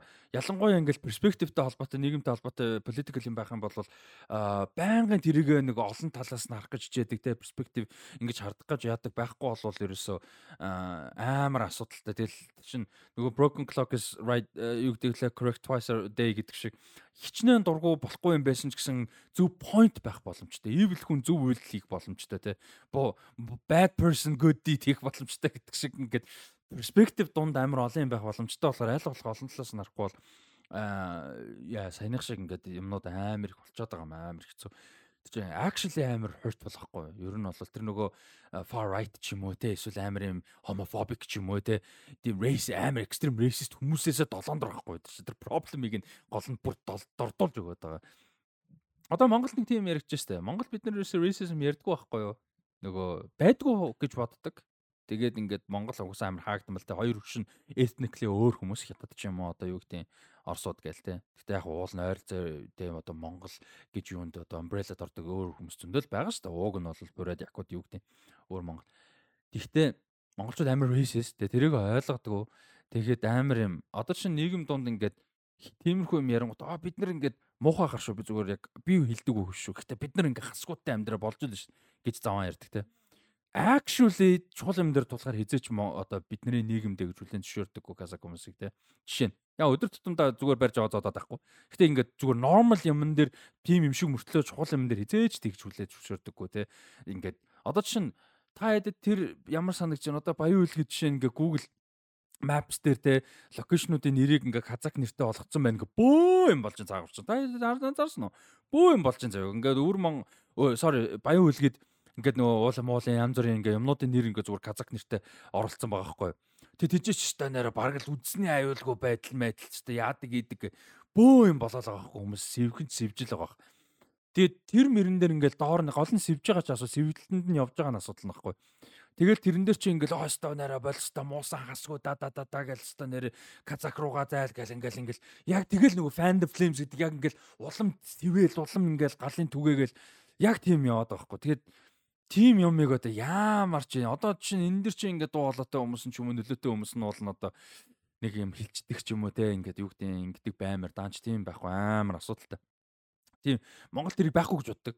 Гэтэ байдаг хамгийн амар нэ тэр хүмүүстэй бид нар нэг өдөр нэг ингээд нэг нэг хотод те юу гэдэг ингээд лифтэн чигцэлтэй давцаалан чигцэлтэй явж байгаа гэж бодохоор л ганг байд шүү. Тэгээд уун зөөрэй хүмүүс өөрсдөө түүх мөхөө судлаа үзвэл Монголд их Монгол улсын үүчтэр тэрнээс өмнө тэр олон ястан үндэстэн олон улсын хүмүүс их Монгол улсынд орж ирэнгээд байсан. Хар оромж байсан, юан гүрэнд байсан. Өөрөөр хилтэй, өөрөөр шашинтай хүмүүс нэгэн дор оршиж болж исэн зүйл утчаа болоогүй зүйл биш. Уул боли. Зүгээр ингээд 21 оноос хойш социализмын ирүү үед ч гэсэн Монголд Оросууд зөндөө байсан, Хятад зөндөө байсан. Энэ ингээд нийгмийн юун нэг зүгээр хэвийн зүйл байхгүй. Өөр ихтэй өөр хүмүүс ингээд нэг юмд орших А тэгт- одоогийн тэрийг ингээл "Үгүй, энэ чинь ингээ монголчууд биш. Эдгээр монголоор ярихгүй нэг тийм утгагүй одоо санаа. Тийм утгагүй зүйл гаргах угаасаа ямар ч хэрэггүй л дээ. Тэгээ бид нар дээр бас нэг нөгөө жоохон хаагдмал улсын бас юу гарч байгаа хөө problems. Ягаад тэгэхээр ингээд нөгөө улсаараа identity айгу муутай. Яг байхгүй гэж бас яг би ярьдаг л байсан. Гэтэ яхаа байхгүй гэхээр бас арай л болохгүй байх л та. Гэтэ ер нь бол муутай те яг. За ялангуяа орчин үед бол бид нар identity байхгүй. 23 дугаар зууны шин зууны одоо юу гэдэг шин мянганы 21-р зууны те шинэ мянганы шинэ зууны ингээд юу гэдэг ингээд нэг юм өөрсдийн тогтсон identity бол байхгүй шүү дээ. Тэгээ тэрний асуудал гарч байгаа. Тэнгүү тэрэн дээр нөгөө нэг гадна дотн хүмүүс этник ишүү нийгмийн тэ ялгал тэр юмнууд дээр яаж хандхаа мэдэхгүй байхгүй тэр боловсролын хинч өгөөгүй. Тэрэн дээр нь одоо мундаг философер ч юм уу мундаг нийгмийн нөлөөтэй ч юм уу хүмүүс нэгч байхгүй. Нөлөөтэй байж болох байсан хүмүүс нь бүгдээрээ яг цэвэр өөрсдийн за бүгдээрээ гэж болохгүй л гэхдээ ихэнх нь цэвэр өөрсдийн ашиг сонирхол ч юм уу за ашиг сонирхлоо болиг гэхэд амьдралаа бодоо явцсан. Одоо би түр ингээл ярьж би өөрийгөө нөлөөтэй өнгөж байгаа юм биш шүү. Зүгээр зүгээр цэвэр би гэдэг нэг хүн дээр тулж байгаа дилеммаг нь л ярьж байгаа юм шүү. Тэгээ явцгаацсан гэдэг дээр өнцөг. Одоо жишээ нь би бодож байгаа хгүй. За 34 дэлхийн аврагс авраад хараад болно. Наан Азийн аврагт да. За ингээ дараагийн 11 жилд Сауди Араб хөлбөм бөхт одоо зөвхөн хөлбөм бөхтгөө те медиа спорт одоо юугаар бол улсынхаа нэрийг цэвэрлэхийн тулд За бас эдийн засаг одоо өргөжүүлнэ гэж байна. Гэтэ ер нь улсын нэрээ зөвлөж байгаа те бас давхар. Тэхийн тулд ингээд спорт бол хичнээн тэр бомбаар нь хайхад бэлэнтэй хайж байна. Тэгээ би зөв тоглоом болго ярьжсан. Яа тодорхой хэмжээгээр тоглоом бас биш л.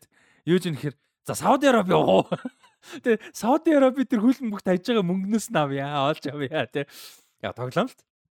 Ихэнх байна. Гэхдээ зүгээр одоо чинь тэрэн дээр би яг moral ethic левлээ яг юун дээр нь зураас татна. Тэ. За зүгээр бодъё л та. Би зүгээр ингээ ямар нэг байдлаар хөлн бөхтэй медиа те холбоотой карьер өгөх боломж байлаа гэж бодъё. Somewhere. За Америкт, Австрали юу зөвл үлгэрийн жишээ шүү. Би мундагдаа биш. Тэглээ гэж бодъё. За тэнгүү Сауди Араб дээр жишээ гарлаа. За тэр нь илүү их цалинтай байлаа гэж бодъё. За дэлхийн аврах хүртэл 10 жилийн амьдрал нь ингээ залуу насны амьдрал баг ингээ тодорхойлогдохоор боллоо гэж бодъё. Тэгвэл би 10 жилийн амьдрал болон тэрнээс цаашлах амьдралынхаа ирээдүг суурийг тавихын тулд мөнгийг бодох уу эсвэл этиктэй moral юмаа бодоод одоо Сауди Араби асуудал юмнуудыг ярихад бэлэн байхын тулд дэрийг орхих уу гэдэг нэг юм асуудал гарч байгаа байхгүй. Тэгээ Монгол шиг эдийн засаг хэцүү амьдрал хэцүү улсад амьдарч байгаа үед тэр бол амар serious асуудал болж ирэлж байгаа байхгүй. Тэгэхээр одоо юу гэдэг юм Монгол ингээд арчил гараад явж исэн үед яг pop culture-аар те дуу хоолойгоор уран бүтээлэр ч юм уу нөлөөгөөр хүмүүст яг чухал нөлөөлөх байсан хүмүүс нь нөлөөлж чадаагүй зарим нэгийг нь ойлгож болохоор байхгүй яг зарим нэгийг нь те а зарим нь бол учраа олоогүй явж исэн үе байгаа. А юу гэдэг хипхоп бас тодорхой хэмжээ нөгөө хипхоп чинь бас ингээд нэг нийгмийн проблемоос гарч ирсэн жанрын болохоор зарим нэгэн дэрийг мэддэг байсан юм шиг байна те нэг хичээж исэн бас нэг нэг одоо юу мөгөн чинь хоёр хүү мөгөн чинь бас нэг хөөрхөн политикал дуумаа байдэн штэ бас 90-ад он маань те а стаб люминантер бол байхгүй хайрын дунаш Гэхдээ ер нь бол Мерсер байдаг. За ялангуяа татар матар бол бас хөөхөн жинлүү ороод ирж байгаа. Оппозит оппозитор ороод иргээр орч өөрөө. Тэнгөт байхгүй гэж хэлж болохгүй ч гэсэн яг одоо юу гэдэг юм. За ideal хэмжээнд хүрэхэд хэцүүлэх. Гэхдээ ядаж mid level те дундаж хэмжээнд ингээд нэг ядаж нэг иймэрхүү хэмжээнд байсан даа гэж хэлж хэцүү а байгаа юм л та. Амар дутагдчихсан байгаа хгүй. Яг интеллектуал амар дутагдчихсан Монголд а гэж бодогддог надаа. А магадгүй миний судлаагүй, миний сайн мэдгүй хүмүүс байгаа л хэл та. Гэхдээ ер нь бол одоо pop culture бидний яг ярьдаг подкаст нар одоо амар их түгээмэл бид нар дээр гаргадаг одоо том юм чинь нөлөө өгдөг шүү дээ. Хэдүүлээ ингээл ямар нэг мэдээ, ямар нэг сэдв, ямар нэг юм ярихад нөлөө гэдэг зүйл айгүй их яригддаг. Тэгэнгүүт айгүй олон юм хүмүүсийн нөлөө өгдөг шүү дээ. Одоо ямар нэг үйллүүд ч юм уу, ямар нэг карьерийн сонголтууд ч юм уу, ямар нэг хэлж байгаа үе үг ч юм уу те ямар нэг юмныхаа төлөө зогсож байгаа. Одоо Мухаммад Али, Мухаммад Али, Мухаммад Алиг the greatest, the greatest, the greatest гэдэг те бүх цагийн хамгийн агуус тамирчин спортын зүгээр л тамирчин хүмүүсийн нэг гэж ярьдаг. Яагаад тэгэж ярьдیں۔ Зөвхөн боксто мундаг байсан болохоор үгүй л байхгүй. Зүгээр боксто дам мундаг байсан болохоор Мухаммад Алиг хамгийн агуу тамирчин гэж ярьдаггүй байхгүй. Мань хүн карьерийнх нь хамгийн бие физиолог ухааны хамгийн эд 5 жилд нь хорсон шүү дээ. Вьетнам хүчээр явуулах гэдэг. Мэн хүн үгүй гэсэн те драфтад Вьетнам руу би дан явахгүй би дан дэмжихгүй шаардлагагүй дан дэмжихгүй хүн алахгүй те. Гэт албаар ингээд тэгээд тэгээд тамирчныхаа карьерийг хаяад 5 жил тэнцэн байжгаад эргэж ирээд тэнцэнээсээ карьераа босгоод буцаад дахиж тайтлаа That's why is the greatest ахгүй юу те. Жишээ нь тэнгуүтэйгээ хүмүүс ерөөсөө юмыг тэрнтэй ингээд яг одоо юу гэдэг нөлөө гэдэг яг яг юу байд юм бэ гэдэг бас ялгаж салгахгүй байгаа юм шиг. Одоо жишээ нь хүмүүс Роналдо Мессигийн легасиг question хийдэг хүмүүс бас байна. Зөв яг талаас нь. Сауди Арабын мөнгөнд ингээд бойлоо явж байна тийм үү. За Роналдо бол Сауди Арабд одоо фул цалинтай ингээд явж байна. Рекламд явж байгаа. Месси ч нэг клин биш. Сауди Арабын туризм бордын гэрээтэй те реклам хийдэг яг тэр мэрийг question хийх нь зөв байхгүй юу? Яг тэр яг ямар нөлөө үзүүлж байгаа, ямар хүмүүст жишээ үлгэр жишээ болж байгаа вэ гэдэг. Jordan Henderson дээр одоо Liverpool-ийн фэнүүд битүү гомдсон шүү дээ, тэ.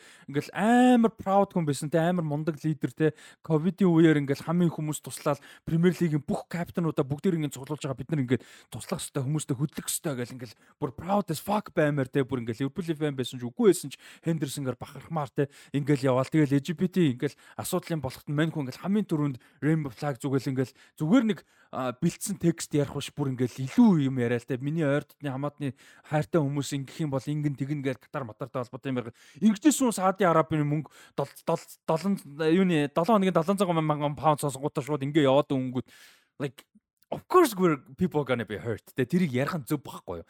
Тэгэхгүй ингээ оо наа чин ингэж племшүү анхандаа яах гэж анханаас яах гэж зүгээр хөлбөмбөг тоглодог хүнд тийм нийгмийн юмд итгэсэн. No, тэ тэр хүн чинь actively өөрөө оролцож тэгж явж байгаа ингэсэн асуудал байгаа гэдэг ч юм уу. So яг хүмүүсийн нийгмийн юмд оролцож байгаа. Одоо шинэ Хендерсон тэрэн дээр зүгээр fuck it no тэ тэр сая доллар гэдэг хийж байсан ч үгүй зүгээр no гэсэн бол ямар амар үйлдэл байх байсан бэ те. Тин ч бусдад нь бол юм хэлэхгүй дээ. Бензема бензема бусдын явж байхад нэг юм тоогоогүй дээ. Гэхдээ Хендерсон дээр яагаад ач холбогдол өгсөн бэ гэвэл өөрөө тэрэн дээр итгэдэг байсан учраас тэгж байгаа. Гэдэг шиг байхгүй. Тэгэхээр хийж байгаа үйлдэл оролдож ярьж байгаа юмнууд нь амар нөлөөтэй гэдгийг а тэр нь forever ялангуяа интернеттэй ээжэд тэр нь forever гэдгийг ерөөсөө анзаарахгүй байх шиг байна хүмүүстэй тэр нь Аа тийм тэр нь нөлөөтэй гэдгийг анзаарахгүй шүү. Тэрнээс хүмүүс Монголд болохоор тэр нь эсрэгээр нэг проблемтай. Яг тэгэхээр нөгөө хин түрүүн бид нар брейктэй байх байсаас нэг өөр проблем ярьжлээсэн. Нөгөө загас шиг санамжтай гэдээ мартчихдаг. Өчтөр нэг юм боллоо өнөөдөр осорч англиа да да да гэж мартсан тий. За ингээ маргааш нэг нийгмийн проблем гарлаа лам яадаг гэдэг ингээл за хүүхэд өчрхсэн юм яриг боллоо. Оо маргааш ийм хоёр юмны драма ийм Twitter YouTuber энэ ихнэрээс салаад ийм явсан байна гэж усаар тийм уянга тийм хин ч гэнэ. Yeah, okay, it can be fun, it can be pop culture, okay, whatever, тэ celebrity culture яаж ус байгаа. Гэтэ бид нар хитрхи centralized бус усыг бодох юм бол тэр нь амар аа Тэгээ тийм болохоор ингээд нөлөө ярахад Монголд бид нар ингээд тааруулах хэрэгтэй юм шиг санагдаад байт. Монголд хуургаж тэгэхгүй бол хитрхи өөр улсын нөхцөлд болохоор өөр байдаг. Яг глобал нөлөө байгаа л да салбартаа ч юм уу. Гэхдээ Монголд ингээд нэг юм нөлөө ч юм уу, нэг юм сэдв болохоор улс даяараа нэг өдөрт нэг юм гэ болчтой. Тэр нь амар хортой. Яг амархан хүмүүс тийм бүргэж болно. Амархан юм тэр дотлогч болно. Улс даяар нь А гэхдээ нөгөө талаас чухал юм дээр ерөөсөө дуулаа болоо байлгаж болтгоо. Амархан гардаг, амархан харагдах боломжтой болчтой. Дөрөв тэгжсэн шүү дээ. Ингээд нөгөө silence center гэдэг шиг юм чухал сэдвэр яага монголчууд кино хийдэг юм бол гээл те. Тэр чинь хөндөөлөхгүй байхгүй юу? Ер нь бол дорн дарчин, дорн ингээд явуул чинь яга амар хойд солонгос бол биш л дээ. Гэхдээ нэгдүгürt мөнгө олохгүй, хоёрдугürt хүмүүс нь хийх хүсгүй хийсэн ч тэр нь ингээд амар сэдв болгох чадахгүй нэг үйт нь амар хурдан дарчдаг ч юм уу те амар хурдан мартагддаг ч юм уу тийх боломжтой сая ингээл жихнээсээ тийм лам лам нартай холбоотой юм болоход тэгэл мартчихж байгаа шүү дээ. Өнөөдрийн асуулт байгаа болчихж байгаа шүү дээ. Тэрэн дээр хинч оролцох одоо тэгэл тэрэн дээр нь дуурсан ч юм уу ямар нэг байдлаар тэмцсэн хүн хохироол одоо тэгэл өшгний ард нь тэр хүмүүс нь хохироод үргэлжлэл явж байгаа байлгүй дээ. Тэ. Тиймэрхүү байдалтай болж байгаа байхгүй. So yeah. Very problematic. Одоо нюанстай байх амар хэцүү болсон. Өмнө нь гоё байж дээ гэж бодож байгаа бол буруу. Зүгээр одоо нөгөө сошиал медиагаас болоод илүү мэдээлэлд хардаг болсон. Илүү олон хүмүүст хүмүүс нь юм юм нь хүрдэг болсон болохоор асуудал их байгаа юм шиг санагдаад байгаа. Яг юм дээр илүү л асуудалтай байсан байсан өмнө хизээд нийгэм бол а гэхдээ тий илүү л хүмүүс дүрдэг болчиход байгаа. Батагаагүй. Гайгүй. Гайгүй. За. А асуудал үргэлжлүүлнэ хэдүүлээ. За Marvel заяа. Тий. Одоо орой жоохон өөр левлийн асуудал үргэлжлүүлнэ. Аа За Variety дээр нэлээд том нийтлэл гарсан Marvel-тай холбоотой. Уул нийтлэлээс Marvel-аар үзлээ. Аа за энэ нийтлэл дээр бол ингээд ер нь Marvel Татьяна Сигл гэж сэтгүүлчийн юу вэ? Нийтлэл байна. Crisis at Marvel гэдэг нийтлэл байгаа. За Jonathan Majors-ийн одоо нөөцний төлөвлөгөөнүүд одоо Marvel-ийн дахин зураг авалтууд оригинал Avengers-уудыг сэргээх болон нэмэлт асуудлуудыг одоо ингээ илрүүлж байна, ил болгосон гэсэн юм утгатай юм одоо тайлтай. За энэ дээр би зүгээр товчхон товчхон яриад явчих. За 9 сард сая юу яажээ? Сая 9 сард Marvel Studios-ийн Marvel компани том креативуд, том захирлууд за ялан одоо Kevin Feige-г оролцуулаад те бүгд хур одоо жил болгон нэг юм юу яд юм Palm Springs одоо манайхаар амралтанд явд юм уу та. Одоо манайхаар бол те. Нэг жилдээ нэг тэрэлж байна. тий жилдээ нэг тэрэлж ордог юм байна. Marvel-ийнхан. Одоо нөгөө балжины мах шиг тэ талаач балчин юм шиг монголчуулж ярьдаг те. За ингээд жилдээ нэг тийм Marvel-ийнхан тэрэлж явд юм байна. Захиралтайгаа. За тэгээд ер нь бол 2009 онд Disney хөдөлж авснаас хойш бол амжилт угаасаа мундаг байсаар ирсэн. Ялангуяа 19 онд тэр базаа дуустдаг жил бол үнэхээр супер байсан те. За тэгээ ер нь бол жил болгоны Palm Springs-ийн уур амьсгал бол амар юм өөртөө ихтгэлтэй те юм тухтай За ер нь бол одоо коки гэж хэлдэг жоохон өнгөрсөн, жоохон дээш хаарсан, амар скөгцсөн те.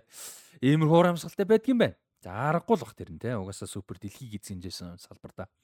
За энэ удаад бол нэлээд хэцүү уур амьсгалтай болжээ. Энэ удаа энэ аргагүй аргагүй. нэлээд бухимдалтай, хэцүүхэн уур амьсгалтай, нэлээд тэнцэнтэй ийм. За тэгээ энэ олон асуудал айгүй олон юмнууд дундын хамгийн том цэг ярих одоо сэдвүүдийн нэг бол Jonathan Majors байсан байна. За Jonathan Majors-ийн хувьд бол гэр бүлийн хүчирхийллийн хэрэгээр бол аюу яаж байгаа. 11 сарын сүүх одоо энэ сарын сүүлээр бол шүүх хурлан болох юм байна. Аа тэгээд яг хуулийн өмгөөлөгчийн талаас бол тэр нөгөө хэргийг нь үгүйсгэх юм хүсэлт бол гаргасан тэрийг нь шүүгч нь бол зөвшөөрөөг юм байна. Тэгэхээр одоо шүүх хурал болох нь бол тодорхой болсон гэсэн. А тэгээд сүүлд нэг апдейт гарсан нь өөр бас өмнө нь одоо ямар нэг байдлаар байсан. А яг ерөөсөө хуулийн нөгөө шүүхийн процесс явж байгаа болохоор яг мэдээл байхгүй гэхдээ зүгээр нэмэлт боломж одоо аллежид хохирогчд бас нэмэгдсэн юм байна. Тэгэхээр одоо өмнө нь одоо бас магадгүй одоо хүчрэл дөрчсэн хүн бас байх магадaltaй болж байгаа. Тийм. Гэхдээ аллежид те. Гэхдээ тийм. Аа тийм юм бол бас байгаа юм байл шүү. За тэгээ одоо 11 сард бол шүүх хурлан болно. За тэгээ энэтэй холбоотой бол их том асуудлууд бол яригдсан. За тэгээд энэ дээрээс бол юу гэж яригдсан бэ гэхээр за ер нь одоо энэ Phase 5-ын том Phase 5-ын том дайсан бол Kang байсан те Loki дээрч гарна Ant-Man дээрч гарна одоо Kang Dynasty те энэ тэр а комик дээр ч угаасаа юм одоо маш супер том дүр байдаг. За ингээ ярьжсэн бол за нөхдүүд ер нь одоо өөрчлөх боломжийг хүртэл одоо ярилцаж эхэлсэн юм байна. За Kang-ыг хай те боли. Хэрвээ болох юм бол одоо юу байж болох? Яаж өөрчилж болох вэ? За тэгээ яригдсан нэрнүүдийн нэг бол одоо чинь доктор Дүүмийг оруулж ирэх. Одоо хамгийн том нь тэр л байна да. Тий, одоо Дүүмийг оруулж ирээд дистрибьютор болох уу гэдэг ч юм уу тий. Ийм их үзүүл. А тэгээ зөвхөн нэг Jonathan Majors-ийн асуудлаас гадна Ant-Man and Wasp Quantumania кино өөрөө а юу яс. Box office-аас маш бага орлого олсон. Тэгээ тэр нь бас тодорхой хэмжээний бас а нөлөөтэй. А тэгвэл өөрсдийнх нь одоо төлөвлөгөө хийцэн юмны нэг одоо асуудал нь юу вэ гэвэл аа Kang бол яалтчууд season одоо season гинэ. За Marvel season юм да тий. Phase 5-ын том эсрэг дүрээр угаасаа суурийг тавигдсан. Одоо өөрчлөхөд ингээд юм компликэрэ те. За нэгдүгürt Quantum Mania, хоёрдугаарт одоо энэ Loki цуврал гарч байгаа 11 сарын 9-нд эсрэг эсрэг гэнэ сүүлчийн эпизод гарна. А сүүлчийн эпизод дээр бол энэ спойлер угаасаа биш угаасаа ингэж өөрсдөө одоо рекламж байгаа ч юм те мэдээлэл өгж байгаа юм. Угаасаа ерөөсөө Кангийн амар том суурь тавигдана гэдэг байгаа байхгүй. Локигийн season finale дээр одоо Кан л зүгээр баг утгыг алдуулах юм шиг байна. Тэгээд амар том одоо cliffhanger ч юм уу суурь тавьж байгаа ч юм уу юм л болох юм шиг байна. Одоо Infinity War танаас дуустдаг шиг юм болох юм байна шиг мэддэг. Тэгээ тэгж байгаа гэж байгаа байхгүй. Нөгөө нэг хойшлогц хэдүүлээсээ ярьсан шүү дээ. 25 оноос 26 он болцсон Kang Dynasty-г л суурийг тавьж байгаа гэж. За одоо энэ дээр Локигийн сүүлчийн одоо эпизодыг түр ангины мэдгүй 8 6 хаа 6 гэсэн үү 11 сар 9 6 6 өнөөдөр 5 нарж байгаа баг. Тийм өнөөдөр 5 гарсан тийм. Аа тэгсэн чинь одоо энэ нөгөө Локигийн сүүлчийн эпизодыг үзсэн нэг юм одоо deal maker гэж байгаа байхгүй энэ бас салбарт ажилладаг нэг хүн ярьж байгаа. Мань хүн жишээ болоо ясан чинь Marvel is truly fucked with the whole Kang angle гэж байгаа.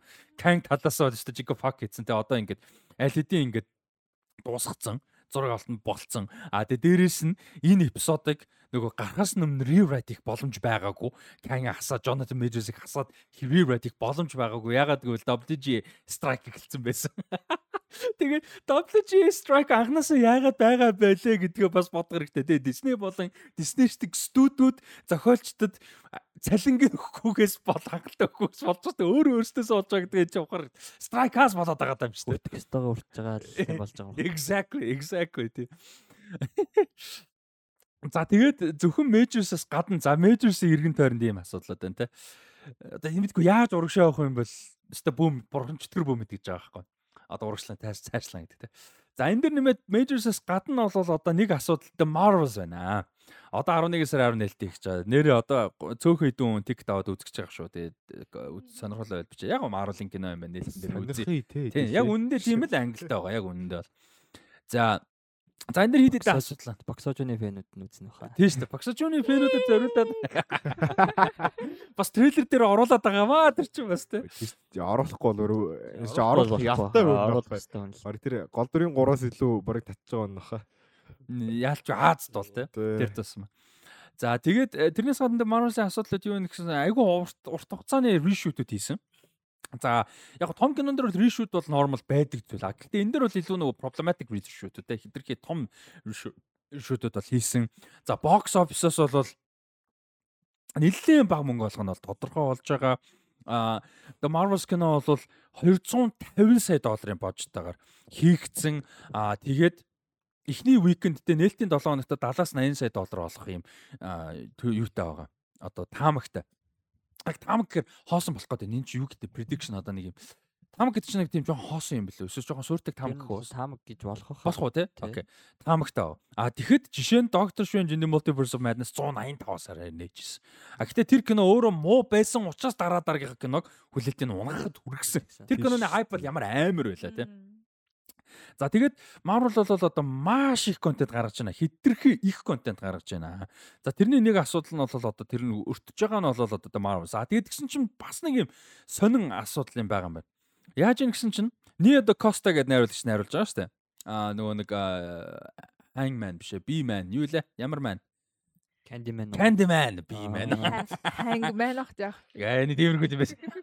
Бас төгөө мөнгөөр ойртой. Hang hang гэж бодохоор. Тий.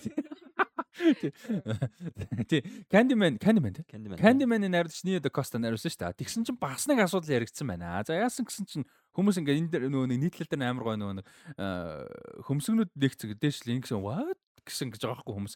Яасан бэ гэдгсэн чинь The Marvels кино post production байхад нь одоо найруулагч чинь post production байхад нь Nia Da Costa Лондон руу яваад гэсэн гинэ кинон пост продакшн байх. Тэгээ яасан гэсэн чинь Нед Костагийн дараа нь одоо дараа жил юу яаж байгаа нээлттэй хийх Оскар төсөлдөх одоо амбицтай байгаа инди драма кино байгаа гинэ Теса Томсон тогсон. Тэр киноны зураг авалтыг бэлтгэхэд яваад гсэн. Киноных The Marvel's киноных пост продакшн дундаа явж байхад найруулагч донд л өөр киноныхоо юм руу хийх гэж яваад гсэн. Тэгээд хүмүүс нөгөө салбарын хүмүүс тэгээд чи 250 сая долларын кино найруулж байгаа бол киноны чи production хэдхэн сар үлдсэн байхад орхиж явна гэж байх уу. Тийм нэгэн басан ба. Тэгээд бүр эн чи амар гахаа. Тэгээд дээрэс нь Marvel киног Quantumania-та хоёр ч удаа release date-ийн switch хийсэн. Анх оригиналаараа бол Marvel эхэлж гараа Quantumania дараа нь гарах хэрэгтэй байсан. А тэгээд сольсон шалтгаан нь болохоор The Marvels дээр илүү хугацаа хэрэгтэй production entertain юм хэрэгтэй гэж тэгсэн мөртлөө зөрүүлээд Quantumania дээр а ерөөсөө production VFX ялангуяа VFX дээр ерөөсөө цагийг нөгөөгүй. Маш яаралтай хурдан гаргуулах юм шаардлагууд гаргасан. Цаг нь тулсан өөрчлөлтүүд хийсэн а ийм асуудал гарсан гэж. За одоо Marvel дээр болохоор ер нь бол юу яадаг? Marvel бол одоо Marvel Studios болвол том кино ер нь кинонуудынхаа скрининг одоо бүр ингээд нээлттэй хийхээс өмнөх скрининг бол том захирлууд болон маш ойрын хамаатаас одоо гэр бүлийнхэнтэйгээ л гадаг гаргадаг тест тест скрининг байсан ч гэсэн. А тэгсэн чинь The Marvels дээр ер нь ихтгэл нэлээд муу байсан юм байна. Ер нь бол өөрөөсөө анханасаа. А тэгээ тийм ч учраас сая Аа хэдэн сард ч 6 сард юм байна. 6 сард Техаст тест скрин хийсэн ба паблик хүмүүст яг гэхдээ тэр үзсэн хүмүүс нь бол мэдээж нөгөө гэрээ зурж байгаа шүү дээ тийм нууцлын гэрээ. Гэхдээ public screening 6 сард хийсэн. Аа тэгээд тэр үзүрийн reaction бол маш negative байсан гэж байна. Ер нь бол. Аа тэгээд тэрнээс хойш дахиад 4 7 хоногийн юу ас reshooting зураг авалт бол явсан. Аа тэгээд э, ер нь бол ийм асуудлууд бол айгу их гарч байгаа гэж болвол ярьсан маа. Гэхдээ энэ дээр бол яг хүмүүсийн энийг бол саяныг ер нь энэ нийтлэлийг баг хүртэл бол хүмүүс нормал гэж үзчихсэн. Яагаад гэвэл Kevin Feige-гийн хамгийн одоо жинхэнэ супер павер бол пост production тий.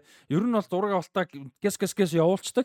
А тэгэнгүүтээ пост production дээр хамаг киногоо одоо босгодог, киногоо жинхэнэ босгодог тий. А тэгэнгүүтээ ерөөсөө л хамгийн сүүлчийн одоо юу мөрч хүртэл кинон post production явдаг. Угаасаа л Marvel тэгдэг те.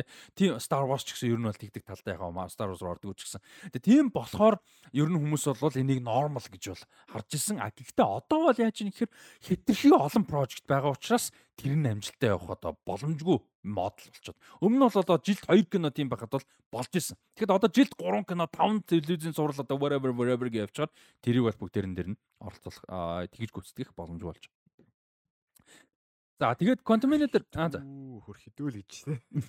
За одоо чинь Contaminator screening ингээ хийсэн байна л да тий World Premiere хийсэн. За World Premiere дээр нь үзсэн нэг хүн бол нүдэндээ итгэж чадаагүй гэж ярьслаа гэсэн ба. Яасан гэсэн чинь дил одоо World Premiere хийж байгаа кино out of focus дор хаяж 10 visual effect байсан 10 scene тий бүр ингээ фокусгүй visual effectтэй. Энэ бол би бүр ингээ итгэж чадаагүй те. Дэлхийн нээлттэй James Tom кино одоо Kevin Feige-гийн удирдлагаар гарч байгаа ингэх бол би энэ дэр нүдэндээ итгээгүй. Тэгэхээр тэр үзүртээр байсан одоо юунууд бол хүмүүс бүгд ярьж ирсэн те. Тэр бол одоо юу гэдэг юм амархан хүн хараал шууд ойлгочоор юм байсан. Тэгээд том боссуудын захирлуудын хүүхдүүд тэнцээ байсан. Бүгд тэд нар хүртэл тинейжрүүд нь хоорондоо яриад инээж шоолж исэн гэж бол ярьж дэлхийн нээлтэнд.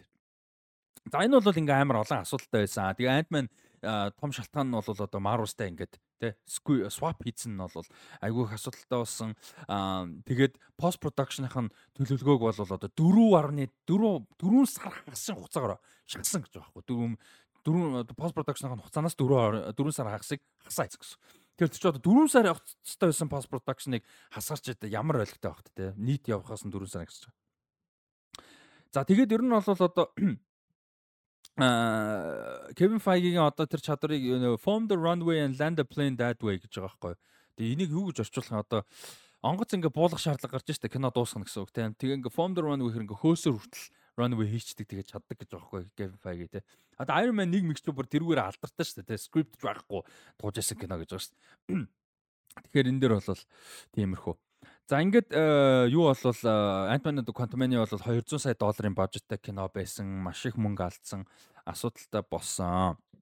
За тэгээ Marvels бол одоо энэ асуудлыг араас ерөөхдөө орох гэж байна. За тэгээд Marvel-ийн асуудлууд төр нэмээд өнгөрсөн жил а биш энэ жил юуг хаасан. Victoria Alonso гэж маш том нөлөөтэй продюсеруудынхаа том захирлуудынхаа нэгийг бол халсан.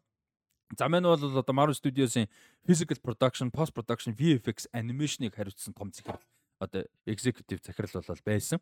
Мань үнийг халсан. За албан ёсоор халсан шалтгааныг бол Disney-ийн захирал Bob Iger хэлэхдээ бол мань хүн Disney компани зөвшөөрөлгүйгээр Оскар төвшөлдсөн Аргентина 1985 гэж кинонд бол одоо продюсераар ажилласан гэсэн юм одоо шалтгааныг бол хэлсэн. Инаритигийн кино лөө. А? Арайч үгүй дээ биш биш. Энэ нөгөө нэг өнгөрсөн жил лөө орчин жил Оскар төсөлсөн нийт дэвсэн шүү дээ. Тэгээ энэ кинон дээр Виктория Алонсо бол юу байсан? Продюсер ажилласан. За мань хүн дээр бол яг тухайн цаг үед халагдахад нь юу юу ярьжсэн бэхээр яг Виктория Алонсо юу юм бэлээ? А ижил хүстэй эмэгтэй юм бэлээ. А тэгээ тэрнээс нь болж бас ингээд юун дотор бол Диснейн удирдлага систем дотор бол бас тийм ялгуурл малгуурл гарсан гэдэг румерч явсан. За энэ Аргентина 1985 гэх кинотой холбоотой гэж ярьжсэн. А тэгээд одоо бол бас нэг энэ нийтлэл дээр оруулж байгаа юм юу вэ гэхээр хитрхи олон юм шахацсан. Тэгээ VFX угаасаа боломжгүй байсан тэрийг гүйцэтгэх. Тэгээ Виктория Алонсогийн одоо буруу гэхэд маш хэцүү байсан. А тэгтээ code буюу буруутан хэрэгтэй байсан учраас одоо мань хүн тохоод явуулцсан гэсэн юм а одоо өнцөг болвол гарч иж байгаа баталгаатай мэдээж биш ээ тий. А яа одоо энэ дээр бол жишээ нь юу яасан. Яг тэр прожект явж байгаа цаг үед нь бол юу She Hulk басаас яригдчихсэн. За She Hulk бол одоо юу visual талаас маш муу усныг бол хүмүүс ерөнхийдөө мэдж чад. Таалагддаг хүмүүс нь ч тийм сайн VFX-тэй гэж бол хэлэхгүй байна. За энэ дэр болол нэлээд асуудлууд гарсан. Одоо жишээ нь энэ дэр ингэж юм л та Татана Масланы жүжигчний одоо Hulk дүрлүүгээ одоо ингээд хувирдаг юм флашбак шин байд юм байна анхны. Би одоо үзсэн мөртлөөж мартчих. Тэгээ энэ шин нь эпизод 8 дээр одоо дуусаасаа нэг эпизод юм гэсэн үг. 9 эпизод шүү дээ шоу. 8 дугаар эпизод дээр гарах хэрэгтэй байсан. Энэ ингээд юм одоо импакттай л байх хэрэгтэй байсан юм л анхны хувирж байгаа юм. Тэгсэн чинь executive үн гарахаас баг хэдгөө өдрийн өмнө шахуу тэрийг өөрчлөөд нэг ихний эпизодоор оруулахыг шаардаж өөрчилсөн гэж байна. Тэгээ энэ нь бол одоо илүү нөлөөтэй те ингээ хүмүүст ерөөсөө үзэхэд арай амар ойлгоход амар болно. Тэгээ backstroke-ыг илүү үзүүлнэ гэдэг шалтгаан гарсан. А тэгээд ерөөсөө post production явж хахад тэрийг одоо маш хурдан тэгж одоо бүр скрипт өөрчилж байгаа гэсэн үг шүү дээ чинь те бүтэн шоу нэ те. Тэрийг бол өөрчлөх шаардлага гарсан. Тэгээд энийг хүмүүсийг э, одоо энэ VFX тал дээр найзсны хүн ярьж байгаа хгүй. Энэ бол ингээд дутуу хийцэн скриптэн дээр маш муу VFX гарсан. Энэ асуудал бол Викториагийн буруу биш ээ. Энэ бол Кевин Айдаг зөвхөн Кевин ч биш Кевингээс Кевинээс дээгүүр асуудлаа энэ бол тэг бүр ингээд Disney компани левлийн том асуудлаа. Энийг бол одоо pre-production дээр зэгцэлсэн байх хэвээр юм. Post production дээр VFX артистууд нь жин нэрж. А тэгээд сүүлд нь хин Виктория Алонсо те тэр захирал нь халагдаж байгаа. Ийм юм бол гарсан гэсэн асуудал гарч. Одоо жишээ нь нэг энэ бүр итгэхэд амар хэцүү заяа. She Hawking нэг эпизод 25 сая доллар хийгдчихсэн бүтсэн гэж байгаа хгүй нэг эпизод нь. Тэгэхэд Game of Thrones-ийн за тэр нөгөө нэг зохиол мохол нүгүүн хамаарлаг үр зүр production-ыг нь Game of Thrones-ийн сүүлчийн season нэг эпизод нь 20 орчим саяар хийгдчихсэн. Тэгэхэд ямар амар production-тэй байлаа те тэр зохиол нь хамаарлаггүйгээр. Тэгэхэд энэ ч She Hulk 25 саяар хийгдсэн гэж байгаа хгүй. Тэгээ яг хөө мэдээж нөө инфляшн энэ дээр байгаа. Гэхдээ come on За ийм нэг тийм хайр бод зарахаар юм байсан юм уу? Би одоо үзег болохоор мэдгүй л байна л да. Гэхдээ би үзсэн би бас гайхаж байна харин. Тэгэхээр ерөөсө тийм одоо асуудалтай юм болж. Тэгээ яаж байгаа ингээд одоо тэр сүүлийн анги дээр хуврах хэрэгтэй байж байгаа. Тэгээд эхний анги руу ятан гэрч одоо ер нь бол ши алктер ингээд хуврахгүй байж байж байгаа л тэгээ сүулт нь л хуврах хэрэгтэй байсан юм шиг байна тий. Аа үгүй үгүй. Тэр хувирж байгаа шин backstory байхгүй юу? Нөгөө нэг flashback байхгүй юу? Нөгөө явж байгаа flashback-аар нөгөө анх удаага хувирж байгаа сценийг flashback-аар харуулсан. Аа. Тэгэхээр яг хуу ер нь бол 8 дээр хэр илүү импакттай л оруулж ирэх байсан. Тэгвэл шууд ихэнд нь төрүүлээ тэрийг л харуулчихж байгаа. Аа тэгээ тэрийг нь янзлах гэж нэг хэдэн өдрөтл яасан юм бэ? Тийм, ерөөсө шууд тэрийг нь шаардж байгаа. Тэгээд чинь Disney Plus одоо та бас контекстыг бодох хэрэгтэй. Disney Plus-ын та одоо контекстыг бас бодох хэрэгтэй. Энэ Disney Plus-ын зурлаач week to week гарч байгаа шүү дээ. Тэгэхээр editing одоо боломжтой байхгүй. Жишээ нь эпизод 8 дээр орох байсан юмыг edit хийх 2 сарын хугацаа байна гэсэн үг байхгүй. Тэгээ эпизод 1 1 гарч байхад эпизод 8 ч сар агасын дараа ядаж байгаа. Бас тийм ээ. Тийм. Тэгэхээр чи өөр байгааз тэгээ сар агасын дараа байгаа хийн гэжсэн VFX-ийг маргааш эпизод дээр болгочгоор тэр чи шат өөр юм болж байгааз. Тэгэхээр тэр бас нэг тийм асуудал байна гэсэн. А тэгсэн чинь Wanda Vision дээр бид нар мдээгүй л юм байна. Wanda Vision дээр а She Hulk дээр тэгээд өөр юу гэнэ энэ цуурлууд дээр Disney Plus-д орсных нь дараа VFX-ийн бүр нэмж апдейт хийж хүртэл апплод хийжсэн гэж байгаа байхгүй. Тэгэхээр бид нар тэрийг мдээгүй өнгөрцөн гэсэн үг. Тэгэхээр одоо юу гэсэн? Дутуу VFX-тэй оруулалт татчихсан гэсэн үг. Тоо үед нь дутуу ингэж гарцсан байсан хүмүүс үзээд Тэгээ анзааргүй юм шиг л байл да. Тухайн үед янз бүрийн яриаг бодвол эсвэл анзаарсан нь цөөхөн ч юм уу. За бас тийм. Тэгэнгүүт нь гяс шууд араас нь гээд янзлаа болчих. Аа бас яа. Тийм хийжсэн гэж юм тийм тэр хоёр дээр. Өө нэр халуун бандаг нотох юм. Арай л мэрэгжлийн бас хандлага нэ. За цуврал ингээд season to одоо week to week явж боолно. Би хэрэг уран бүтээлж байгаа цуврал хийсэн бол бүх юма яг жинтон болгож л уг нь дуусгаж өгмөр байгаа. Тэгээд дунд нь тэгж юм солигдчихтэй юу гэсэн үг бас. Амар байгаа. Тэг бүр ингээд бүр 8 эпизодын дунд том плот point сэлдэг те. Хүмүүс үзүүлчихэд араас нь сэлнэгдчихтэй юу. Одоо энэ нийтлийн тийм тэрнэр нь апдейт хийж оруулж морлоо. Одоо энэ гейм патч хийж байгаа юм шиг угаас те. Тэг шууд шууд ингээд апдейтаг яс явуулаа ш. Тийм аргуу тоглоом лонч хийгэнгүүтээ тэрэн дээр патч хийгээд сайбер баг шиг юм биш үү. Тийм патч хийсэн байгаа байхгүй гараад Канигийн Life of Pablo юм ааши те Донда Монда те гаргасан хідэн жуулбар байгаа те байн байн инженер хийгээд байдаг. Уул нь тэгж болохгүй байхгүй. За энэ ингээ үргэлжлэн энэ хитл амар ирэн та хэд уншаарай гэж. За тэгээ үргэлжлэж чинь. За дараагийн асуудлууд. Kevin Feige одоо ингээ нөгөө олон шүүмжинд өртөж байна аа марвал те. Саяны ярьсан юмнуудаас гадна нэмээд. За тэгэд ингээ болж байгаа болж байгаа болохгүй янз бүрийн юм харж байгаад айгүй олон прожектуудыг болиулж гин, өөрчилж гин, канселд гин, хувиргаж гин те ийм зүйлүүд болчих. За нэг нь Blade Кэнселсэн. Үгүй яг одоо ингээ янз бүрийн болж байгаа гэдэг. За юу бол Blade анх зарлаад явж байхад бол одоо 2023 он нээлттэй хийх юм хуваартай. Тэгээ ер нь дажгүйфтер харагдчихсан. Ер нь хамгийн хүлээлт үүсчихсэн прожект нэг байсан.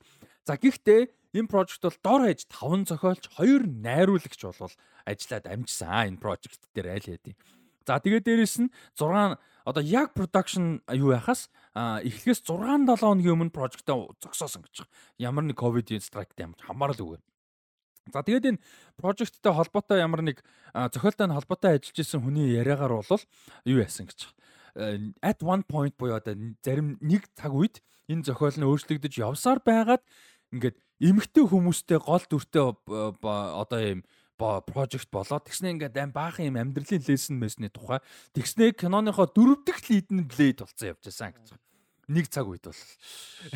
Аа Blade-ийн project дээр Blade өөрөө дөрөв дэх дүр нь болох юм аа. Тэгснэ хоёр удаагийн Оскар winner Мухаммад Махаршла Али Харшли хаалли тийм амар legendary жүжигчин тоглоосноо тэрийгээ тэгээ дөрөв дэх гол дүр нь болох.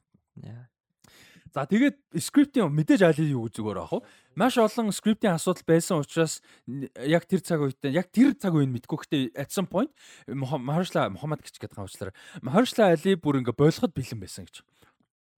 За тэгээ бойлоход бэлэн байсантай нь бас тодорхой хэмжээтэй холбоотойгоор Kevin Feige за бүр project-ыг шинээр тэ ер нь бол эхлэе гэж хойшлуулад а тэгээд Michael Green гэж зохиолч өгөл авчирсан. Бүр шинээр бичүүлэхэд за Ма- Michael Green-ийн хувьд бол одоо Logan киноны зохиолыг бичиж Оскар нэр дэвснээр алдартай. Ялангуяа комиктэй холбоотой гэдэг утгаар бас найдар байгаа. анхны нөгөө comic book баг screenplay бичсэн билүү? Screenplay nomination аа логон чинь бараг тийм баг шүү те бараг анхных бах. Тийм.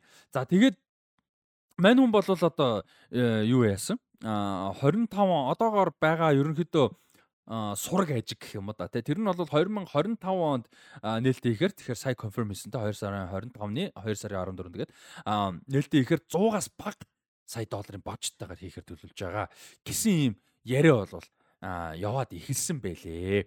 За ер нь бол Marvel-ийн кино зүйлдэ утга алчаад байгаа. Тэ одоо 250 300 сая хүрдэг болчиход байгаа. За энэ бол нэлээд өөр.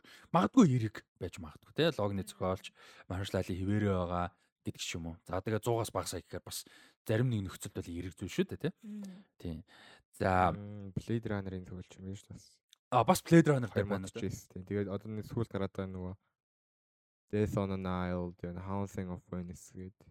А тэр дээр бас Тийм эднэрийн хал юм байна. Green Lantern дууж байна. Nice, nice. Бас ба- асуудалтай юмтай л юм байна. Michael Green Blade Runner дээр 2009 дээр байсан юм уу те? Blade Runner дээр ч юм хоёр яг writing оролцоотой байж магадгүй л ахыг. Тийм. Л. яг main screen Main чинь screen хин 3 writer байдаг биш үү? үсттэй те. Crew-г хараатгаа. Нилээн том 3 гар л байт юм байна. Дэний билэн нөгөө хоёр нь юм байж байдаг үлээ. За за anyway. Hampton Fancher, Michael Green гинэ яг энэ хоёр л юутай юм байна. Тэгээ original writer нь Philip K. Dick гэдэг. Тийм тийм. Тэний би- хэл нь баг өөрөө writer дээр нь оролцдог юм шүү. Тийм байдаг үлээ. Ямар сони те. За за anyway. Би тэгвэл дүүнтэй хандсан гэж магадгүй. Аа за. За жоо. За, Окей. Тэгээ манай Тийм байна. Marvel-ч тэгээ сайхан унжин да. Яг октоп юм болчихлоо. За тэгээд э, юу юу яасан? Аа Bob Iger сая Marvel TV бол одоо асуудалтай байна. Хитрхи одоо анхаарлаа одоо dilator focus буюу нийгэм дээр фокуслохгүй хитрхи олон юм руу ингээ те үсэрхий үсэрсэн гэх юм да.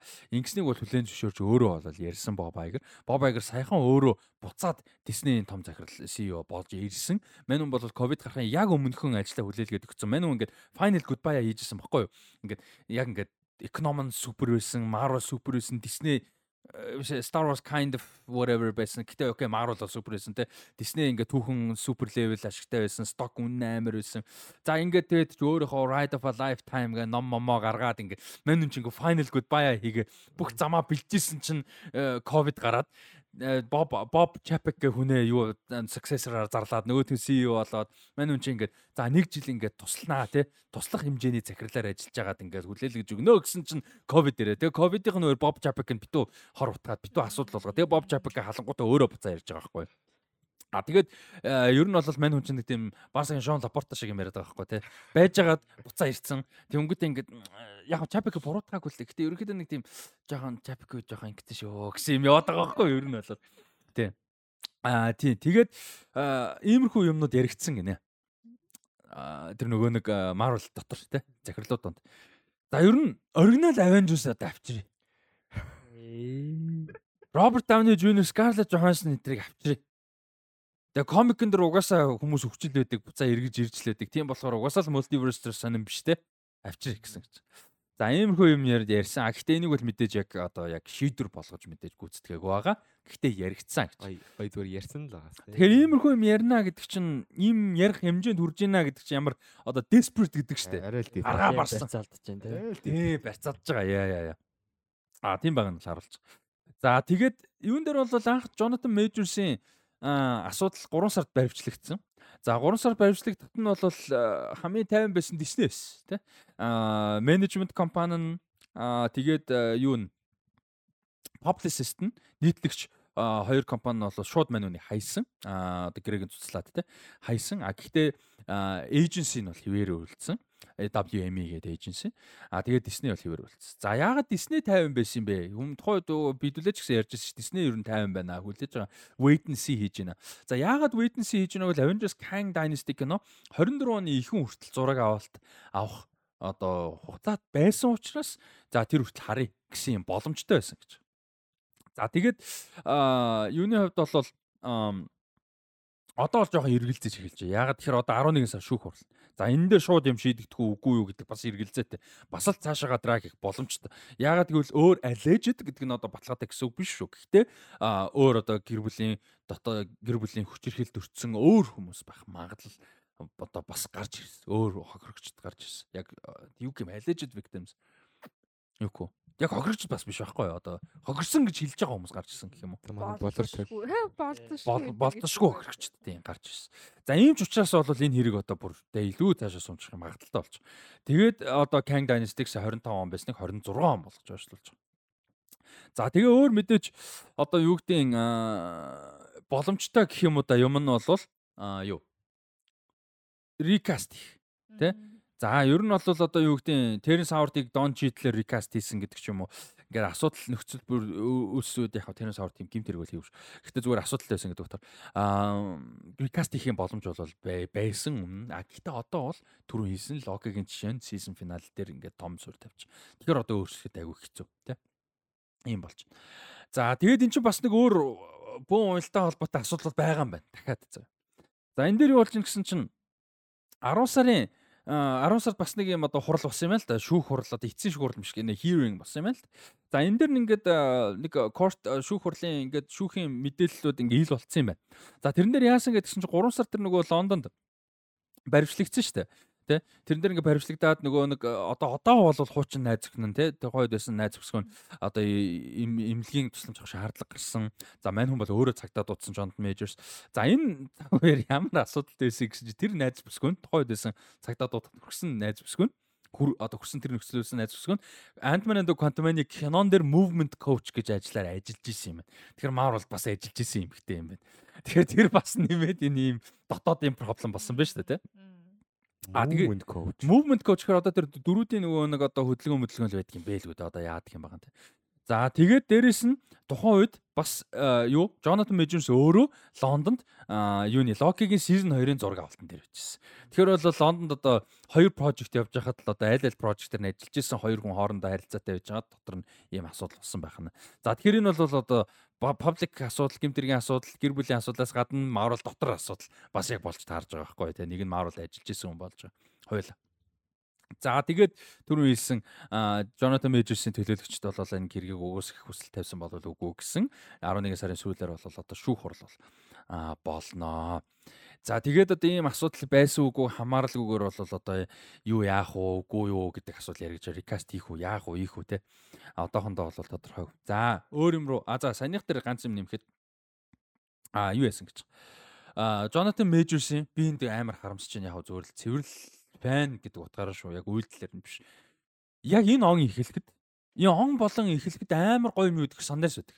Тэ яг шин кинонууд эхэлдэг юм Sundance байдаг. За энэ жилийн Sundance-аар бүр үнэхээр шуугуулж исэн Super Magazine Dreams гэж кино байсан. За энэ киноны гол дүрд бол Jonathan Majors тоглосон. 23-аас 4 оны Oscar season-ы хамгийн яригдах favorite-үүдийн нэг гэж хамгийн түрүүнд яригдж гисэн Magazine Dreams-ийн Jonathan Majors байсан. Тухайн үед Sundance дээр үтсэн хүн болгон Jonathan Majors-ийг шүтчихсэн. Jonathan Majors-ийн карьер угаасаа супер явж исэн. За тэгээ Imagine Dreams нэг сард Sundance болоод гараад удаагүй байхад Quantum Mania гарсан. За Quantum Mania бол ийм муу кино болно гэж хүн болгон мэдээж хүлээгээгүй. А тэгээ мань хүн анх удаага Kang тоглоно. Яг өмнө нь Loki дээр kind of гарсан байсан тий. Тэгээ Big Bad болно. Тэгээд ингээд Avengers-ийн эсрэг дүргээ зарлагдсан байсан. За ингээд Jonathan Majors бол одоо ингээд одоо цагийн хамгийн супер дэж үжиж гэж ярьжсэн бол одоо Magazine Dreams кино бол Searchlight Pictures-ийн кино байсан. Distribution эрхийг авсан байсан. Аа Sundance-аас. Тэгээ Searchlight Pictures бол Disney эзэмшдэг кино компани. За тэгээд Magazine Dreams киног бол release date-с арчсан байхгүй. Одоо бол release date дээр байхгүй. Уул нь 12 сард нээлтэх хуваартай байсан. Оскар season зориулсан аа, төлөвлөлтөй байсан. Тэгэхээр одоо тэр ч гэсэн бас байхгүй болж байна гэсэн. А тэгэхээр мэдээ чинь юу гэдэг энэ кино бол зөвхөн Jonathan Majors мэдээж тоглоог байгаа. Тэгээ өөр жүжигчд, найруулагч, зохиолч, production тэр хүмүүсийн бас айгүй олон одоо хүсэл мөрөөдөл олон юм бас байхгүй болж байгаа л гэсэн. За нэг юм асуудал бол байна. За тэгээ олон прожектуудыг бол янз бүрээр өөрчилж байгаа recasting-аас гадна за Armor Wars байна. За Armor Wars-ыг бол одоо цуврал гэж зарласан бол одоо кино болгож хөгжүүлж байгаа. Armor Wars-ыг бүрийн хэмжээний кино болгож хөгжүүлж байгаа. Don Cheadle тоглож байгаа. За мэд гинийхийн хүлээхийн бүү мэд. Echo энэ хоёрыг бол одоо би Don Cheadle амар хайртай байхгүй үчиж чинь. Гэтэ би Don Cheadle-ыг одоо Marvel-аас салаасаа гэж найдаж чинь. Яг үнний хэлэх. Зүр ингээд нэг юм уйдгартай нэг сони юм игээл яваад байдаг болчих. Тийм ямар ч сан Armor Wars кино болгож хөгжүүлж байгаа. Тэр Эко, Агата эдрээ болоо. Үгүй харин тийм ээ. Өөрсдөө бодоод болчихдог. Тийм нөхцөл зүгээр жүжигчдийн л өмнөөс баярлах юм. Зүгээр нэг ганц юм те. Тэгээ жүжигч нь бол гоё дээ. Яг мэдээж том project те. Тэд нэр зүгээр босдон дээр нь бол зүгээр нэр болмоор санагдаж байгаа байхгүй. Гэхдээ одоо тэгээд яг том project гэж бодож байгаажсэн тэгээд одоо ингээ харангуутыг ердөөсөө нэг тийм сайн боломж харагдахгүй байхгүй юу? Ядаж сайн боломж харагдахгүй. За тэгээд Marvel-ийн энэ оны ганц зэрэг юм байна. За Guardians of the Galaxy 3. тий. Гисэн чинь тэрийг нь хийсэн хүн нь гол өрсөлдөгчийнх нь босс болжээ. Гол өрсөлдөгчийнх нь захирал болсон. DC Энэ асуулыг кино болох юм биш үү? Нилийн драм өрнж. За нэг юм асуул. Тийм. Тэгээ Guardians 3-ыг бол одоо аймаа амжилттай кино болсон. А гэхдээ харамсалтай нь бол одоо үржлэх боломжгүй. Тэгээ хийсэн хүн нь өөрөө DC рүү явцсан дээ DC-ಗೆ захирал болсон. Ийм. За одоо харин Marvel-ийн өөрсдөө ихтгэл найдвар тавьж байгаа нэг project байна. Одоо project жаахаа хоёр project. За тэр бол мэдээж X-Men болон Fantastic Four. Өөрсдөө бол энэ дээр маш том найдлага тавьж байгаа. Тэр л юм да гэж бодохоор тэр хитүүч юм да. За та хэд яг сэтгэлээр зөв энийг нэрээд За, байна. за. Эрхийн авсны хүрээнд бол а, 2019 он 21st Century Fox компаниг бодлож авсан. За энэ хүрээнд бол X-Men бол Fantastic Four-ын эрхүүд бол дэлгэцийн уран бүтээлийн эрхүүд бол буцаад Marvel Studios одоо доор ирлээ ирсэн. За Пэнүүдийн одоо одоогийн байдлаар бол яг мэдээж шилээ хүлээлттэй байгаа прожекттой Deadpool 3 байгаа. Гэхдээ харамсалтай нь Strike-тай холбоотойгоор бол юу яатсан байгаа. А Apple нэр release date-гүй болсон байж чинь 25 онд бол а, 24 онд бол ямар ч байсан гарах бах. За Fantastic Four-ыг бол нэлээд хүлээлт байгаа. За харин а X-Men дээр бол Kevin Feige нэлээд ач холбогдол өгж ажиллах болов гэсэн хүлээлттэй байгаа. За яагаад гэвэл Kevin Feige яг одоо залуу executive байх та. Тийм executive гэдэгтээ яг яг захирал биш байхгүй юу монголоор айгүй хэцээд юу гүйцэтгэх стил нэл. тий яг утга нь гүйцэтгэх хэлтэй үгнийх нь. Гэтэ яг нөө corporate юун дотор executive гэдэг чинь ингээд амар юм. Одоо манайхаар одоо баг дарга гэж хайшаа чинь дарга захирал Тэг гүйцэтгэх нь зөв юм шүү. зүгээр гүйцэтгэх. Гэтэ монголчин гүйцэтгэх юу гэдэг. Захирал гүйцэтгэх гэдэг захирал гэдэг. Гүйцэтгэх захирал чинь CEO байхгүй монголоор executive executive. Director гэж бас байдаг байхгүй монголоор бас. Гүйцэтгэх продюсер л үстэй. Тийм л дээ. ер нь л тий. Тийм. Гэхдээ гэтэ одоо чинь зүгээр executive гэж хүмүүсийг тодорхойлдог байхгүй Аа. англиар. Corporate юм дотор зүгээр л executive-үүд гэж байдаг. Тэг яа хаа юу л ахгүй. Одоо нөө таасаа хэлсэн штэ. COO нь арай том гэд тэгсэн штэ. CEO тийм. Тэр чинь нөгөө шеф гэж байгаа нь арай том томлог авчих юм шүү. Тэгээд яг нөгөө тэр Chief чинь тэн чиф тийм. Тэнгүүт яг одоо нөгөө дангаараа байгаа нь зүгээр нөгөө гүцэтгэх. Арай нөгөө доод талаар тийм ээ. За тэгвэл зүгээр гүйцэтгэл гэж чинь ерөөсөө л угаасаа үгээр нь. За яг point нь юу гэхээр а мань хүн нилээн залуудаа анх яг комиктэй холбоотой ажил хийсэн нь бол Лорен Шүлер Донор гэж супер мундаг продюсер эмэгтэй байдаг. За мань хүний production компани дээр бол ажиллаж эхэлсэн. За тэр компани дээр ажиллаж байхдаа бол одоо бидний хайртай мэддэг 2000 онд эхэлсэн X-Men franchise-ыг эхлэхэд Лорен Шүлер Донор бол продюсер ажилласан. Мань хүн тус одоо залуу туслах гүйцэтгэх одоо байсан. Лорен Шүлер Донорын туслахаар ажиллаж исэн, залууч байсан, тэг executive ажиллаж исэн. За тийм учраас одоо мань хүнд бол бас юм юутай. Одоо ач холбогдолтой. Тэг Kevin Feige бол X-Men project-ыг хийх нь. карьер нь ихсэн газараа л тэгэл бутал ирж байгаа юм биш. Тийм, ер нь бол тийм. Ихсэн газар буцаа эхэлж байгаа тэр юм нь дахиж шинээр эхлэл одоо эхлэлийн суурь тавих боломжтой гэж. За тэгээд энэ ч бол USC School of Cinematic Arts гэж одоо том сургуулийн том одоо факультетийн профессор Jason Squire гэж хүн. The Movie Business Podcast гэж байт юм байна. Би нэг а, анх удаа сонссон амар сонирхолтой санагдсан. Тэжгүй подкаст болоо сонсоё гэж бодож байгаа. А энэ дээр ярьсан юм байна. Мань хүн Kevin Feige is the Babe Ruth of movie executives гэсэн юм байна. А тэгээ Kevin Feige одоо Marvel ам, кино урлагийн түүхэнд хамгийн баталгаатай хамгийн их орлоготой би одоо франчайз энэ бол ямар нэг эргэлзээ байхгүй. Тийм учраас Marvel-ыг бол одоо унцаан сүрцэн үгцэн гэж ярих нь бол буруу гэж бол хэлсэн юм байна. А тэгээ Babe Ruth гэдэг нь нөгөө нэг юу? А бейсболчин тий? Бейсбол биш ээ. Мөн шүү дээ бейсбол тий. Тий бейсбол ихгүй Америк бейсболын нөгөө нэг хамгийн агуу тамирчдын нэг гэж ярьдаг. Америкуудаас одоо нэг гудамжинд явж байгаа бүх цаг үеийн хамгийн агуу тамирчин юм бэ гэхээр нөгөө Babe Ruth али юм али. Янкисийн тамирчин мэт тий. Тийм баха Янкис бах тийм. Тэгдэг байхгүй дээ. Тийм одоо продюсеруудын түүхэнд бол одоо хамгийн агуу юм гэж. Либро. Яа адаргаа. За нэг юм нийтлэл байна. Тий. Амар нийтлэл байна. Тэгээ би эн чинь мэдээж нэг аль болох товчлох гээд бас деталь мэдээж нарийн ширийн деталь бол Юу вэ? Товчлон юм уу? Тий, ерөнхийдөө bullet point-ууд нь. Яа. Бурхан минь ээ. Чи яа. Ер нь бол Jonathan Majors дээр үнэхээр одоо хэрэв мөрөнд шийдэгдэг болохоор одоо одоо юу ч ярих. Мм. Яг сайн мэдэхгүй байна. Тэгээ шүүхийн эцсийн шийдвэр ямар нэг байхгүй болохоор тий. За тэгээ Marvel-ын тэр найруулагч одоо нэг пост production дундаас нь гараа явсан гэж байна шүү дээ. Тий. Тэн дээр би бас бодж лаа л дуусаа бас нэг хариуцлахгүй юм бас байгаа. Гэтэ тэнд ингээд нэг тийм амар том зөрчил байсан л байгаа байхгүй алччихсан. Аа. Тэгэхээр одоо тэр бүтээл болон тэрнээс бусад ингээ Marvel-ын бүтээлүүд тухайн найруулагчийн бүтээлхээсээ илүү Marvel-ын бүтээл болчиход байгаа байхгүй. Тийм ч учраас тэр найруулагч тэнд тэгж хайж явах хэмжээнд очсон байгаа байхгүй. Тийм байна, тийм байна. тэгж бодог. Тэр чи угаасаа Eternals дээр амар яриадсан мэт дээ. Тийм тийм. Тэгсэн. Их заавал close аав авчираад дээ. Бараг өөр хинчээсэн бараг. Тий. Паги бараг өөрөө хамгийн маш ичдэг юм шиг нэг юм яриаддаг байсан. Нөгөө яана найруулагч юм ихтэй хэм бэлээ нөө Breaking Bad энэ төр найруулж исэн. Бас нэг э, мундаг юм ихтэй байд юм а найруулагч юм ихтэй. Тэгээ мань хүний чинь Thor юун дээр байсан. Нөгөө нэг хоёр нь Dark World. Dark World. Тийм тэрийг найруулах байсан. Мм. Тэгээ тэгсэн чинь мань хүнийг нөгөө гэрээ хэлцэл ярьж хахад тэгсэн гэж байхгүй. Очи зүгээр драма юм акшнууд нь хайч чадчих надад ч уусаа студис ингэ явуулсан. Тэгээ мань хүн fuck what the fuck юу кино найруулах чиг бол юу гэж тэгчихэд ингээд дургуцаад хайсан гээд. Тэгээд Натали Портман ч бүр амар дургу байсан. Ягаад гэхээр Натали Портман тэр найруулагчтай нөгөө хамтарч ажиллах нь амар point нь байгаад Dark World дээр үргэлжлүүлсэн уулна. Тэг гэрээ хийцэн. Тэгсэн чинь нөгөө найруулагч. Тэгсэн чинь нөгөө найруулагч нь болоод орон нь нөгөө Game of Thrones-ын Alan Taylor-ыг оруулж ирсэн. Тийм бас жишээ нь тийм ярьж лээсэн. Marvel дээр альва тийм асуудал байгаад байгаа л ч.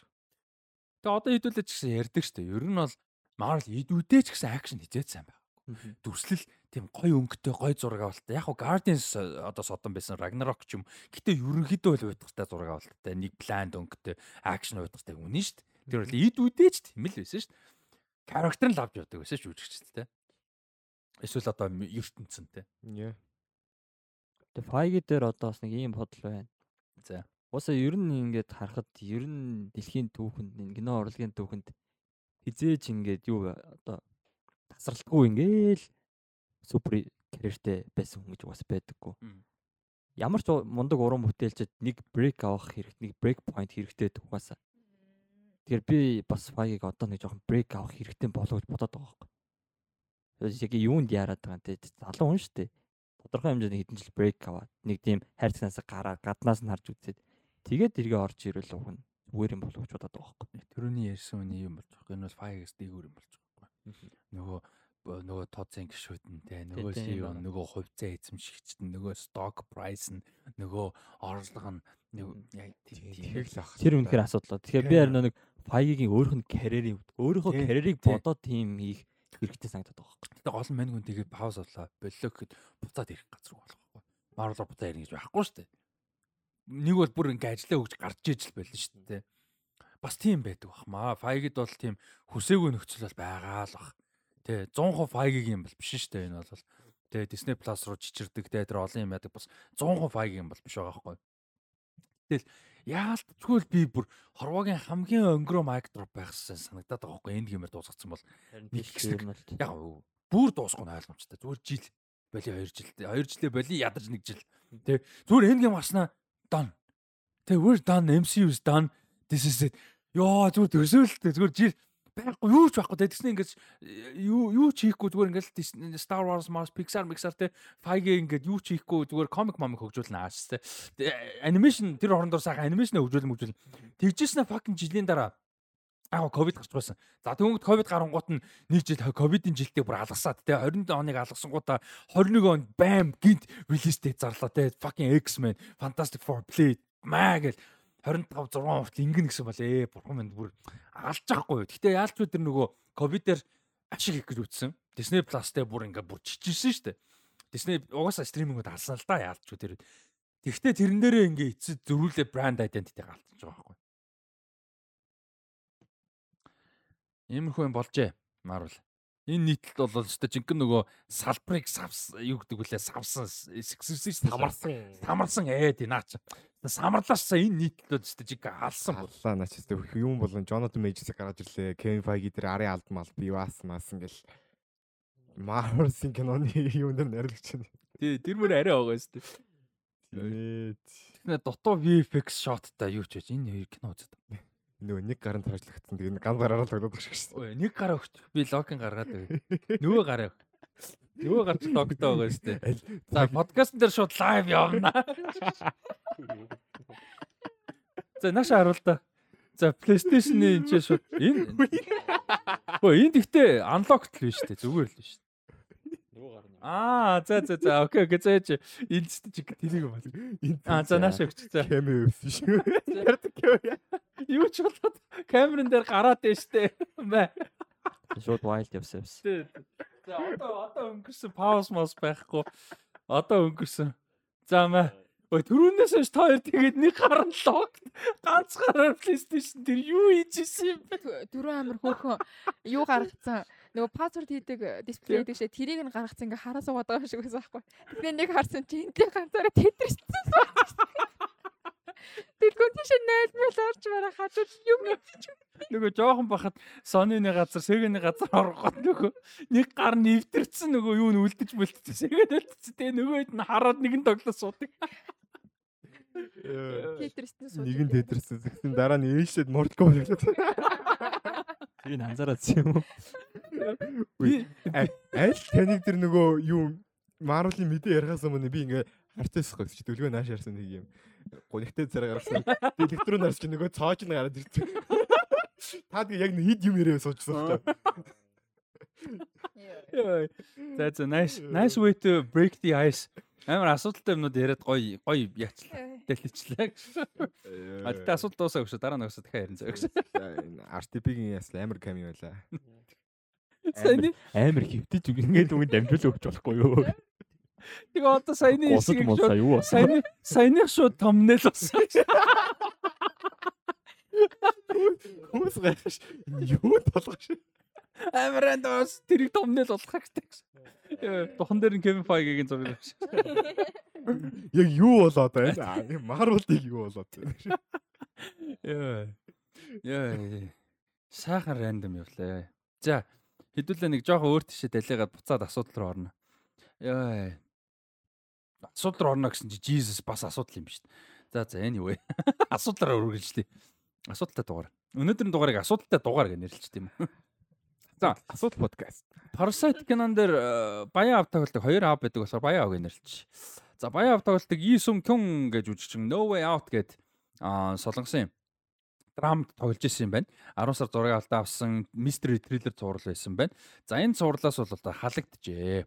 За яагаад халагдах асуудал гарсан бэ гэдэг бол мань хүн одоо солонгос яг юу нь тодорхойгүйгээр зүгээр хар тамхины хэрэгтэй бол холбогдсон байна. Мари марихуан болон босод гэсэн шүү. Аа за марихуан болон бусад гэсэн юугаар бол одоо хууль бустай substance олон удаа олон газар Сеулийн Ганнамд бол одоо хэрэгсэн гэсэн юм хэрэгээр бол холбогдсон юм байна.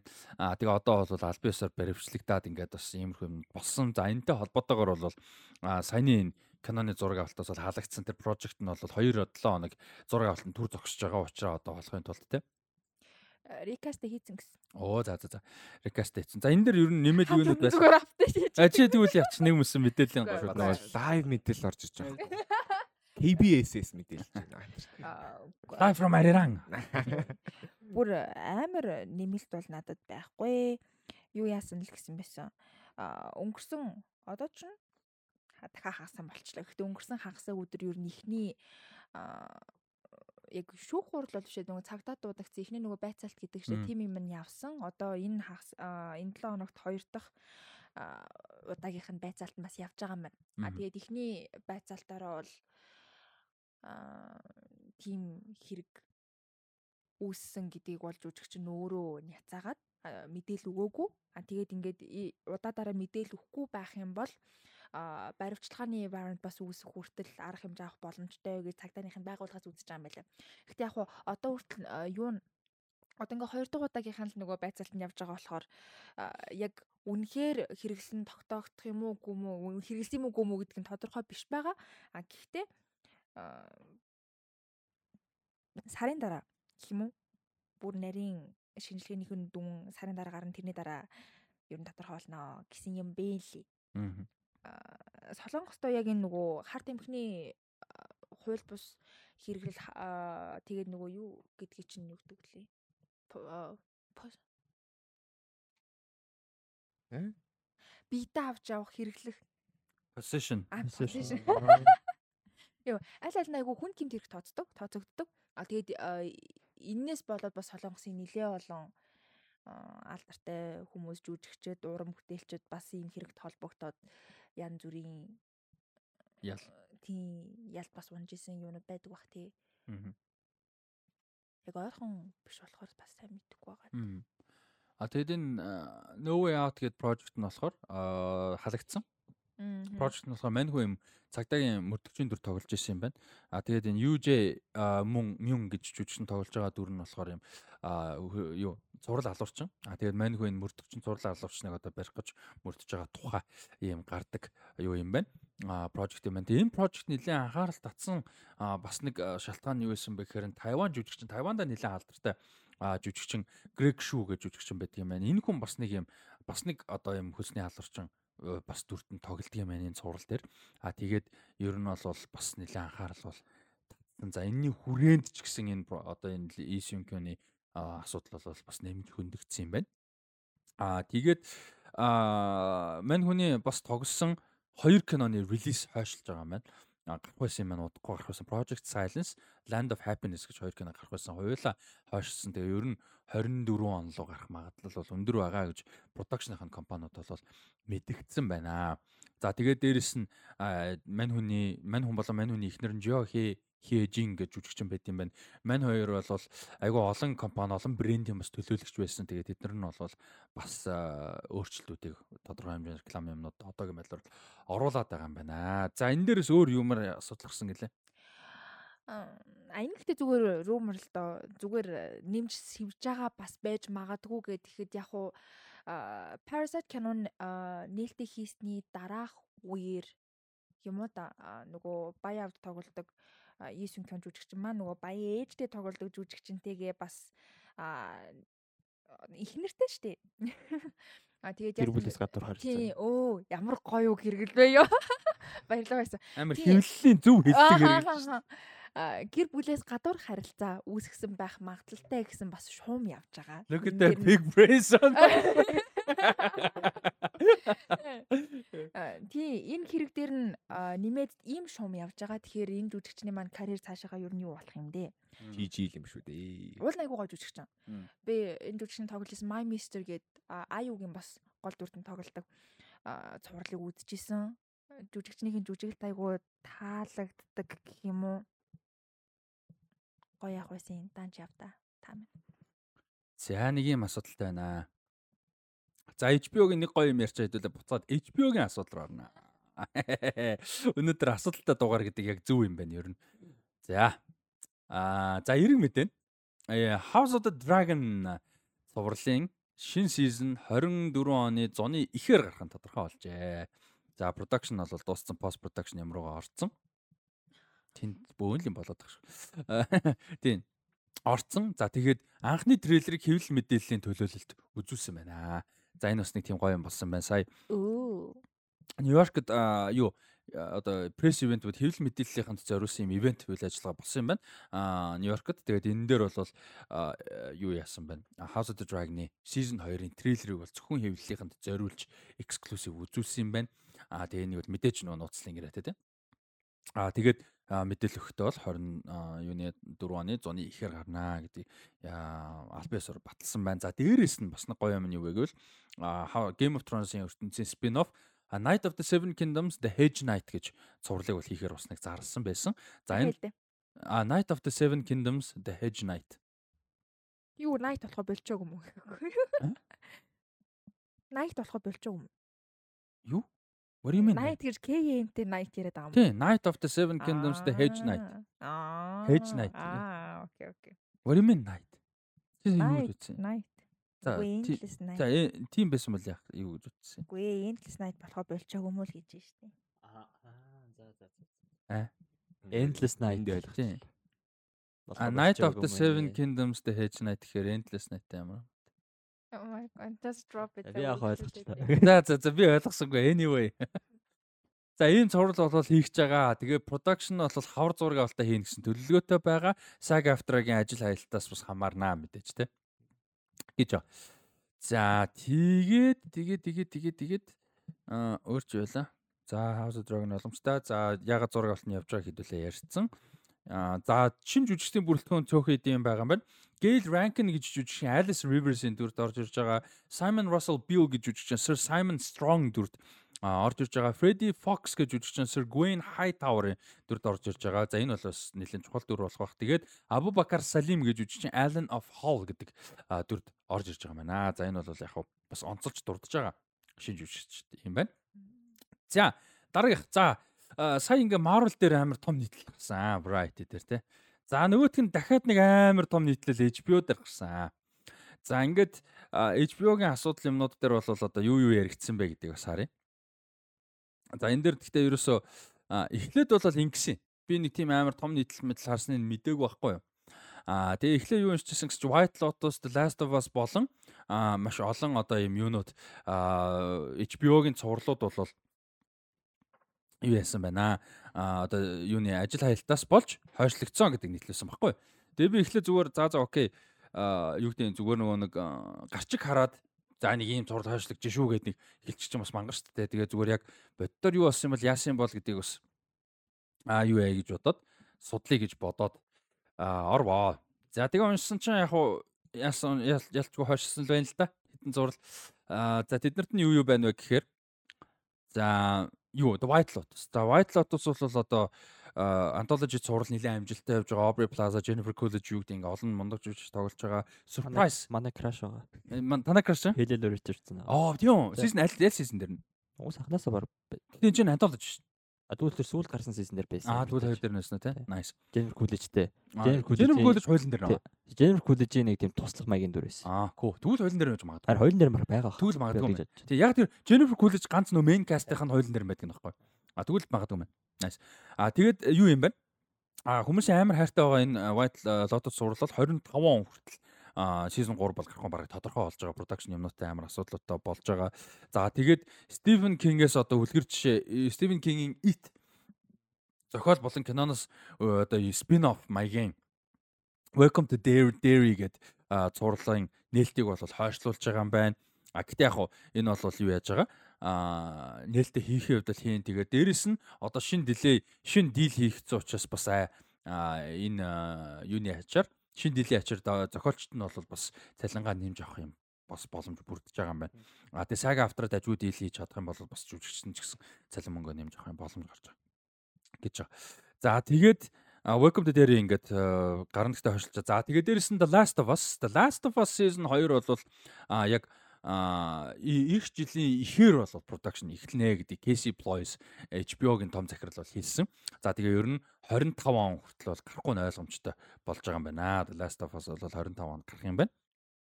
А 25-ны ихэр ч юм уу те 100 ч юм а гарна гэсэн үг. За ер нь бол Craig Mason ярьцлага өгсөн байлаа. А 8 сард Entertainment Weekly сэтгүүл ярьцлага өгөхдөө бол за бид нар бол season 2-ын ингээ бүтэн одоо зургийг бол те а гаргаж бол амжсан. Тэгээд яг шөнө 12 цагт яг зохиолчдын эвлэлийн ажил хайлт эхлэхээс яг өмнө 10 цаг 30 40 минутын үед би эхний зохиол одоо эпизодын эцсийн хувилбарын зохиолыг бол HBO-д явуулж бол амжсан. Тэгээд ер нь бол бид нар хэрвээ яагаагүй бол страйк байгаагүй бол бас юу зураг авалт бол нэлээд хурдан болол явж байсан нэлээд бас одоо төгчжсэн те бэлэн бол болцсон байсан тэр нь харамсалтай байна. Гэхдээ мэдээж страйк бол чухал асуудал те. Тийм учраас бас тэрнтэй одоо дэмжиж байгаа те гэсэн дэмжсэн гэдэг юм А юм бол ярьсан байгаа. За тэгээд House of the Dragon-ыг бол хэдүүлээ ярьсан. Ойлгомжтой. За тэгсэн чинь эндээс ямар асуудал гарч байгаа гэдгсэн чинь энэ нийтлэл мэдээлэл нийтлэлээр дунд нь а сая нөгөө нэг Нью-Йоркд Нью-Йоркд дөрөв өдөр юу яасан гэсэн шүү дээ. Хөвлийн хурал болсон гэсэн дээ. Нөгөө хөвлийн ивент те. Нөгөө трейлер үзүүлсэн. За тэр ивент дээр Casey Bloys HBO-гийн том захирал а ТV телевизийн одоо юунуудыг критикуудыг кино гэдэг шиг телевизийн одоо цувралын тий ТV критикүүдийг одоо троллцсондоо уулчлалтгүйсэн. Ийм юм бас. За энэ юу болоод юу троллцсон болцсон уулчлалтгүйсэн бэ гэдгсэн чинь Rolling Stones дээр супер том нийтлэл гарчээ. За энэ нийтлэл дээр энэ юунууд а Casey Bloys бол одоо гол буруутан гол одоо хэрэгтэн а гэхдээ бас одоо доор нь ажилтдаг хүмүүсийн бас холбоотойгоор телевизийн критикүүдийг троллдож хуурамч аккаунт доод ажил доороо доод тушаалтаар ажилдаг хүмүүстэй шаардаж аккаунтууд Twitter аккаунтууд хулихаар нээж телевизийн критикүүд рүү дайрж исэн ийм юм хийлгэж яжээ. Монгол зан гаргажээ том босс. Монгол тастай шүү. Энэ ингээд маш том нийтлэл гарсан юм байна. Энийг ингээ харсан чи аим. Яг энийг саний Marvel ярьснаас илүү бочоо товчоо ярьзаа. Гэтэ бүр ингээ амар том нийтлэл аа гарсан байна. HBO bosses used secret fake accounts to troll TV critics гэдэг юм нийтлэл. А Sheehan Roundtree гэж сэтгүүлчийн одоо нийтлсэн том нийтлэл байна. За товчондоо нэг иймэрхүү заяа. За жишээ ингэсэн гэж. 22 оны 10 сард юу яасан? Casey Bloys бол одоо HBO-гийн chairman CEO-гоор томилогдсон. За энэ бол бүр маш том албал тушаа шүү дээ. Зөвхөн CEO биш бүр chairman тахтай. За За тэгсэн чинь Vulture TV-гийн телевизийн критик Катрин Ван Арендонг гэж эмэгтэй Perry Mason гэдэг цувралын талаар э, бас сэтгэл хуваалцжээ Twitter дээр. За энэ бол яг ингээд нэгдүгээр э, дайманд явж исэн одоо энэ private detective хүн э, өмгөөлөгч болж байгаа тухай. Ингээ 30 оны Лос Анжелест иймэрхүү үйл явдал гардаг. Энэ өмнө хийжсэн цувралыг re одоо remake гэдэг шиг дахиж хийж байгаа юм цуврал. За энэ дээр бол энэ сэтгүүлч хэлэхдээ бол одоо Prestige TV те одоо энэ эрэгтэй хүмүүсийн травмаг одоо дайны одоо э, юугаар флашбек дайнд үдсэн зовлонгийн флашбекаас өөрөөр эрэгтэй хүний травмаг эксплор хийж хийлдэг болооч ээ гэсэн юм твит бол хийсэн юм. За тэгсэн чинь мань хүн бол тэрэнд бол таалагдаагүй тэр твит. Casey Bloist.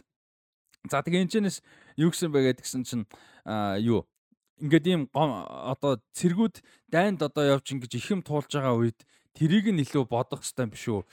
Тэгэхгүй байсан бол одоо юу а юу гэдэг вүлээ цэргийн одоо ингээд амьдрал дээр үдэж байгаа амар зовлон experience юмыг одоо өгөөсгөж байгаа чинь болоо дээ pretty disrespectful байна маа гэж өөрөөр reply хийсэн баг. Тэр цаг үедээ бол. За тэгээ энэ бол ингээд ерөөхдөө жоохон үргэлжлээ явж исэн. За тэгсэн чинь цаашаа үргэлжлээд нөхөр юу яхаар болсон гэж. Аа we need to find uh, we need, we just need to make a random we just need a random to make the point and make her feel bad гэсэн гэж байгаа байхгүй. Ингээ random хүн олоод мань хүнийг ингээд өөрийнх нь хэлсэн юмыг буруу санагдуулах хэрэгтэй байна гэсэн гэж. Энэ Casey Plus. За тэгээ явангуудаа доороо ажилтдаг хүндээ юу гэсэн баг. Аа ажлын даалгавар өгсөн баг. Одоо Secret Army хэрэгтэй байна. Одоо юу яа, ерөөсөө ингээд Twitter дээр аккаунтууд нээгээд юу яах хэрэгтэй байна Тэгээ ингээд эднэрт л ингээд ерөөсө хэлэх хэрэгтэй байна энэ гэсэн гэж. За тэгээ ингээд баахан Twitter fake аккаунтуудыг өгсөн.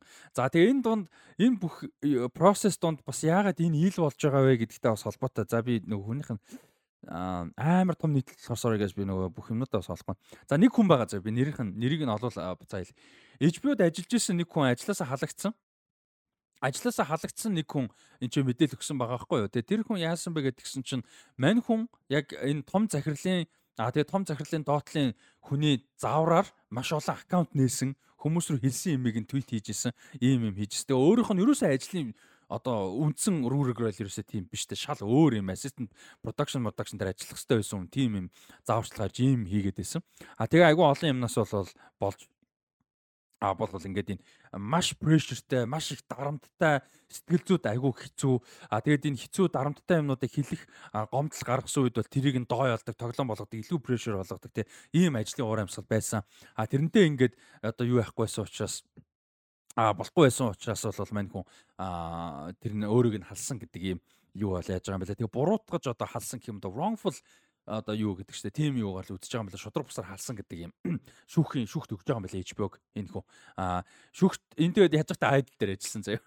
Тэгээд шүүхт өгж байгаа нь HBO HBO-гийн зэрэг Casey Bloys тэгээд айдл дээр ажилласан хоёр продюсер нэг нь The Weeknd. За Weeknd-ийг шүүхт өгсөн гэсэн үг энэ хүү. Бас тэгээд энэ бас айдл холбоотой. За тийм ийм. А тэгээ энийг бүр ингээ харах юм бол үнэн бүтггүй юм надсан даа. Одоо чинь ийм юм твит хийсэн байгаа. За энэ хүн болохоор хин гээд ямар Тимори вэ? Тимори гэдэг хүн байгаа маа. Тимор Бекенбауэр. Бекенбауэр ч бишээ. Ямар Тимори вэ? За уг нь Тимори заяа. Мань хүн ийм юм твитүүд хийсэн байгаа заяа. Энд чи бүр ингээ амар асуудалтай. За ингээ Kelly Shepard гэдэг аккаунт нээсэн байгаа.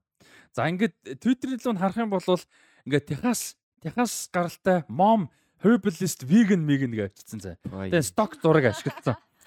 За Тэгснэ ингээд өстой нэр ийм ингээд одоо ингэсэн юм байна л да. Josh Whedon нэг цуврал хийсэн байна шүү дээ. HBO дээр тэр Nevers гэж цуврал хийсэн юм мэдээч. Josh Whedon ч ер нь жоохон асуудалтай ба шүү дээ. Тэгсэн чинь манайх хүн HBO дээр цуврал хийсэн юм байна. Тэр Nevers гэдэг. За тэр бол нэлийн муу үнэлгээ авсан юм байна ер нь. За тэгсэн чинь яаж яхад энэ нийтэлж байгаа Rolling Stones-ийн телевизийн одоо Chief TV critic байхгүй одоо үндсэн том critic нь Alan Sepinwall гэж хүн 2.5 оттой ревю хийсэн юм байна.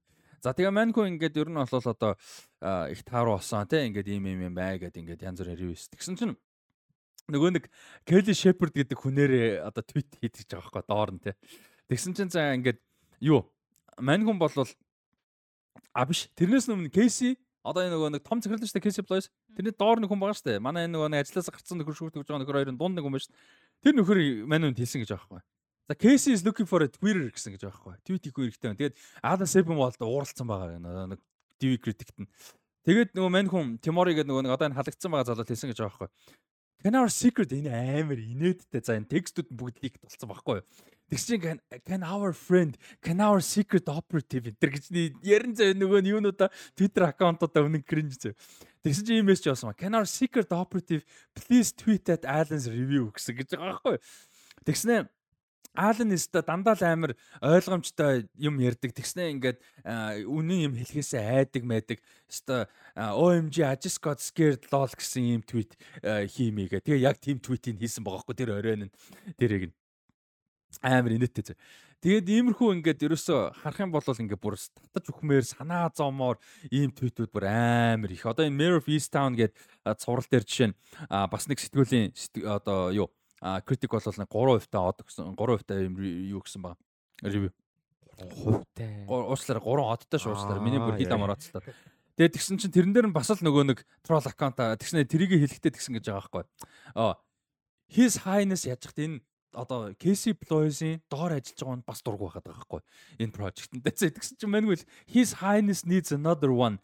We need our friend to call out Alan нөгөө критик нь for mayor of his town гэж хэлсэн гэж байгаа байхгүй. Энэ одоо бүр амар юм ийм том одоо түрүүний яг баясаг хэлдэг байхгүй яг ийм амар том компани дотор яаж ийм мэрэгжлийн бус харилцаа, мэрэгжлийн бус процесс яваад байна вэ гэдэг бүр гайхамшигтай. Тэгэхээр бидний боддог юмнууд бол боддог шиг биш байгаа байхгүй яг хөшгний ард бол тий энэ нийтлэг хүмүүсийг уншаараа зөвлөмөр. Тэгээ дедлайны comment section дээр бүр дайнсан гэж байгаа заяо. Амар санаа зомоор insecure за. Дедлайн чинь зүгээр салбарын том сайтуудын нэг. Тэрний fucking comment section шүү дээ. Хүү reads та заяо. Тэгсэн чинь тэр comment section дээр бүр дайн хийгээд anonymous account нээж агаад бүр ингээ хүмүүстэй хэрэлдэж мэл өөрийгөө магтуулцгтуулаад заяо. Одоо чинь 2000-ад оноос хойш ажиллаж исэн том HBO-гийн захирал байсан юм байна. Одоо манайм тэр том захирал бол одоо юу гэдэг бидний мэдсэн а Ричард Пайплер гэж хуучин CEO юм байна. Мань хүн бол одоо энэ Westworld, Leftovers, Watchmen, Succession, Euphoria бүгдийг ихлүүлсэн. Ер нь л энэ амар мундаг HBO-го орчин үеийн том одоо reputation ихлүүлсэн хүн юм байна л да. А тэгээд энэ Casey Bloys бол одоо томилогдсон те. Тэгсэн чинь а нэг хүн зүгээр комент хийсэн байсан юм л да. Одоо энэ а, нэрийг ч дурдаагүй заяо. Одоогийн сүүл томилсон багийн бол бүтггүй гарав. Энэ Pepler-ийн үед Pepler-ийн үеэр ер нь бол HBO-гийн God үеийн дууссан болсон ухааны хэлэн бичсэн байгаа байхгүй. Тэгсэн чи доор нь чи өстө 2000 онд байна. Casey Bloys is the future future гэж комент хийсэн байгаа байхгүй. Ичиж өгмээр заа. Санаа зомоор юм бэ. Ой наад чи нөгөө сайн нөгөө ногоон автобус нэрэг болсон шүү дээ. Тий. Нөгөө талбай дээр ногоон автобуснууд байсан шүү дээ. Тэрэн дээр чи нэг Viber мессеж лигтуулээд дээ. Аа тий тий тэр бүр амар тэр. Яасан. Тэрийг нэр яриач. Яг нарийн нэг мэдгүй. Гэхдээ нөгөө талбай дээр ногоон автобуснуудын нөгөө юунууд гарсан шүү дээ. Одоо загварууд гэнэ одоо үзэглэн юм За, да. за. Тийм тэгсэн чинь тэр үеэр нь ягаад нөгөө хүмүүс чинь нөгөө хуучин автобус шин болгож засч ингэж э, яла дундаас нь мөнгө идлээ идэргээл боо юм болсон шүү дээ. Гэт тэгсэн чинь а, троллууд талбай руу явуулсан байгаа байхгүй юу. Тэгснэ ингээ Viber групптэй заяа. За тэгснэ энүүгээр ингээ сайхан яваад өгөөрэй. Ийм а, юу лээ өстэй ийм гоё төсөл хэрэгжүүлээд ийм гоё шинэ автобусууд ирж хагаад хүмүүс яагаад ийм юм яриад байгаа ингэж яг хүмүүсийн хаажууд яриараа гэж үгээд. Тийм Viber мессежнүүд ликт болсон. А тэгснэ тэрнээс энэ ч нэг нэг хүмүүс чинь тэгэл амар скептик шалгаж малгай яваад байгаа шүү дээ автобусын. Тэсэн чи аа нэг ийм цагаан хувцастай баг ингэж шалгаа яваад байлээ. Хаад яваад байна. Наагур чинь нэг ийм нөхөр хор утгаа яваад байлээ шүү. Битээ ойртуулаараа эдэр гэж бигцсэн. Йоо. Юунэ айлаа бүр юу. Тэр шиг өө. Гэтэ тэр бол Монгол заа окей заяа гэсэн. Тэрийг бол ойлгохоор За чи HBO Энэ үү. бүр ичгүй. Тэгснэ маньгүй ичгүй тийч хэвлэл мэдээллийнхний цуглуулсан ивент дээр ингээд зүгээр уучлалгүйсэн байгаа хгүй. Энэ гэхдээ бүр амар том юм проблем байгаа хгүй. Уул нь бол тий. За би зүгээр троллцсон юм аа. Тий тий би Уучлаарай. тротсон уучлаарай. Тэгээ энэ ингээд хүн шүүхэд өгсөн учраас энэ мессеж нь хийл болж байгаа байхгүй юу? Ер нь бол тэгээд энэ нийтлэл гарч иж мэнгүй уучлалгууж байгаа байхгүй юу? Тэгэхээр ингээд э, бидний бас боддог шиг биш байгаа байхгүй тий. HBO уул нь ямар амар reputationтэй ямар юу илээ тий. Йой. Гоё юм байна өө, гоё юм байна. Сайхан байна. Тэцсэн юм хүн гэдэг бол хүн л байдаг юм байна. Ардын Юу намч HBO ч. Хүн бол хүн л байдаг юм. Ардын нам Marvel Studios HBO 3-ыг нэг хаалтанд оруулна гэж бодсонгүй. Йой. Нэ хэмэр гадаад гэж нэг сайн сайн болоод байгаа юм барс алах те. Өстэй нэрээ. Энэ нийтлэг гэхдээ би юу ячи линктэй оруулчи. Тэгээд сонирсон уншаарай гэж зөвлөмөр юм. Би ч тэгээд нөгөө нэг миний нэг сул тал байна л да. Одоо монголоор тэгж зэгцтэй гоо монголоор юм уншдаггүй, нийтлэл уншдаггүй үнэ бас сул тал гой зэгцтэй ярьж чаддаггүй, бас гой дараалтай ярьж чадахгүй байна. Тэгээд дээрэс нь нэг айгу хэцүү монгол монгол хэлээр гой ярихаасаа гадна бас нэг надад айгу хэцүү санагддаг юм ийм экспозе гэдэг шүү дээ. Одоо саний Lord Rolling Stone-ийн нийтлэл бол тийм. А эсвэл одоо тэр нөгөө юу одоо профайл ч юм уу юм том нийтлэлүүд те. Энийг яаж базаж зэгцэлж подкаст ч юм уу нэвтрүүлэг ийм шоу хувилбар руу оруулж ярих вэ гэдэг амар. Зөндөө би ярьж исэн. Тэгээ шоуга дээр ч гэсэн энэ ч гэсэн. Гэтэ ингээд би ерөөсөө сайжрахгүй юм шиг санагддаг. Надад амар хэцүү байхад байдаг. Яг яаж яг тэрийг би ингээд яаж ингэж гоё ингэх мэдгүй байхгүй. А гэтэ магадгүй юу гэдэг би бүр үнэхээр амар өндөр цалинтай ажиллаад том нэвтрүүлэг дээр ажилтдаг те надаа ингээ хугацаатай байдаг гэсэн магадгүй тэгж болох та удаан хугацаанд нэг нийтлэлтэй. Ерөөсөл тэр нийтлэлийг тэгцэлэх нь миний үндсэн ажил байгаад инкэм болж чадчихсан баг. Гэтэ подкастны нэг хэсэг гэхээр үнэхээр цаг нь намжгүй дээрэс нь би өөрөө бас яаж тэрийг буулгахаа бас сайн мэдэхгүй л байна л да. Тийм. Гэтэ замбрааг байсан бол уучлаарай би бас яг тэрийг мэдээд байна л да тодорхой хэмжээнд замбрааг. Гайгүй хэцүү. Тийм. Гайгүй байсан уу? Айгу байсан. Тий. Ойлгож байна гэсэн дээр гайгүй явтсан юм. За, за. Яг ядаж үндсэн point нь ойлгоцсон гэж найдаж байна тийм. Тэгээ тийм болохоор хүмүүсээс уншаасаа гэж зөвлөж байна. Аа би ялангуяа Rolling Stones-ийн нийтлэлийг нөгөө юуны нийтлэлийг а HBO-ыг яг бүр гоё юмхээр ярьж чадсаггүй гэхдээ бүр бүр би бүр итгээгүй цаа бүр тэр Тэр тэгмээргүй зүйл байна угаасаа бүр юу вэ? Тэг яаж can our friend do this can яа тэр бүр нэг cringe цаа бүр яа бүр амар санаа зовмор бүр ёо Anyway, тэгснэ ингээд зүгээр уучлахаа өнгөрцөн байхгүй. Растахаар сул талны сая англи монгол лээсээ сайн. Гэхдээ тэгээд тэр ч нэг Басаагаар яриулах байсан юм шүү. Гэр бүлээс гадуур харилцаа. Гэтэ тийм ээ ер нь бол профешнл үг байгаа шүү. би тэгтээ тэрэн дээр бол амар сул тал гэдгээ бол хүлэн зөвшөөрдөг. Аа яа. За тэгэд э, юу яа дараагийн юм руугаа оръё. а, гурван project дээр зүгээр тавчхан мэдээлэл өгөөд өнгөрөө зүгээр трейлер үзүүлэх гэж үнэхээр урт оруулах юм мэдсэн учраас байсан. За нэг нь Planet of the Apes trilogy байгаа шүү дээ. Matt Reeves хийсэн, нэг нь нэгэн хийсэн байдаг үлээ. Тэрэн дээр үргэлжлэл гарахаар болсон юм байна. Kingdom of the би баг project podcast өмнө ярьсан л бах та тий. Kingdom of the Planet of the Apes-ийн анхны трейлер teaser трейлер аа тэгээд зураг бол цацагдсан. За энэнийг бол а, шинэ каст ажиллаж байгаа а War for the Planet of the Apes киноноос бол одоо маш олон үеийн дараа үйл явдал нь бол өрөлж байгаа а өрнж байгаа. Тийм. Тэгээд юун дээр болохоор найруулагч нь бол Wes Ball найруулж байгаа. За энэ дээр бол бас тодорхой хэмжээний найдлага бас байж болохоор ягаад гэвэл мань хүн Maze Runner гэх трилогиг найруулсан. За Maze Runner-д бол бас юм пост апокалиптик те оо, YA жанрын юм бол тун давгүйсэн. Ер нь Maze Runner-ос repetition дайжгүй шүү дээ. Тийм. Муу гэж бол нэг ярьдгүй шүү дээ. Тийм муу гэж хэлдэг юм бол нэг ч байхгүй. Яг супер бол биш. Гэхдээ хангалттай бас ингээ explore хийсэн. Дайжгүй actionтэй, production design гоё. Ер нь бол дайжгүй шүү дээ, тий. Одоо гарах чинь тэгээд дөрөвтгөн үү тавтгөн Дөрөвтг нь Аа, болчих. дөрөвтгөн үү, тий. Тийм ингэж гарч байгаа юм байна. За нэг юм байгаа. Тэгээ teaser-ын зүгээр үзэж бол амжсан уу? Хальт фейсбүүкээр нэг харсан. Тийзер нь бол үзээгүй постэр нь харсан. Тэгээ энэ дэр яг зарим нэг хүмүүс шүүмж явж л байлаа. Ингээ Dawn of the Planet FT Apes-тэй 10 гаруй жил 10 жилийн өмнө гарсан Dawn-оос баг CG байна, муу байна зан гэл бас нэг тиймэрхүү юм яваал байх шиг байлаа. Тэгээ энийг тэгсэн чинь нөгөө юу гээд Disney авсны лээ гээд бас л Disney Тэсний авсан. юм уу те? Яг нөгөө нэг 20th Century Studios чинь 21st Century юу авсан шүү дээ. Тийш Бол- дээ. Тэгэхээр чинь тийм л юм. Тэгээ нөгөө нэг original юу чинь 20th Century First Century байсан. Тэгээ одоо Disney-д явж байгаа. Тэгээ ингээ Disney юм авахаараа ингээ планд болгочдаг гэд. Бас трейлер харахад яалтчгүй л CGI юу гэдэг өмнөх трейлержээс бол мол харагдчихлаа. Яг үнэ хэлэхэд. А тэгтээ яг тэрийг бодохгүйгээр харахад бол нэг траш бол биш. Гэхдээ өмнөх трилежигийн хажууд бол мол харагдчихлаа. Тэгээ би энийг болвол яг үргэлжлэл гэж бодож үзэхэд хэцүү санагдаад байгаа хгүй. Тэр трилежи яг ингээд комплит нэхэр цогц тий. болсон трилог л. Энийг бол зүгээр нэг шин юм гэж бодоол үзэх байх. тийм тэхэл хэрэгтэй баг. Яагаад энэ тэгээд ус юмнуудаа тэгээ оролдоод идэв. Мөнгө штэ. Мөнгө. Харин нэг мөнгө юм юм л байна л та. Тэгээ мөнгө алдаад байхад зүтгээд идэг юм сан тий. Dantman энэ гэдэг шиг тийм нэг сонин аргу прожект хийгээл алдаад байхад зүтгээд нь амар сан. Хүмүүс үүдээ үздэг бол хийж л байгаа юм л та. Тий. Одоо бодвол тийм. За яг тэрнээ за CGI май бол за яг вэ бас болох зүйл баг. Тийм тийм.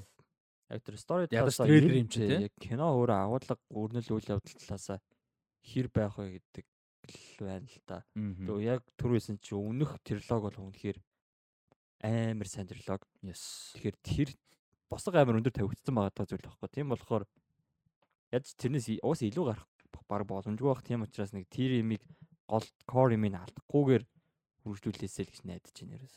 Яа. Таар үзчихсэн үү? жааг. Үзэрэй гэж зөвлөё. Үнэхээр Үнэхээр сайн шүү. Гэтэ супер. баахад ихнээ ингээд дүр нэг хальт үзэж. Rise-го. Тийм Джеймс Франко гардаг. Тийм James Franco. Тийм тэрийг санаад. David Oyelowo байгаа. Манай Andy Serkis. Тийм Andy Serkis-ийн masterpiece шүү дээ. Яа. Йоо анх Rise-ыг театрт үзчихсэн өргөөд. Нэг яг спойлдаад яг. Яг нэг супер популяр кино шуулахаар нэг амар момент шүү дээ. Нөгөө нэг big амар за.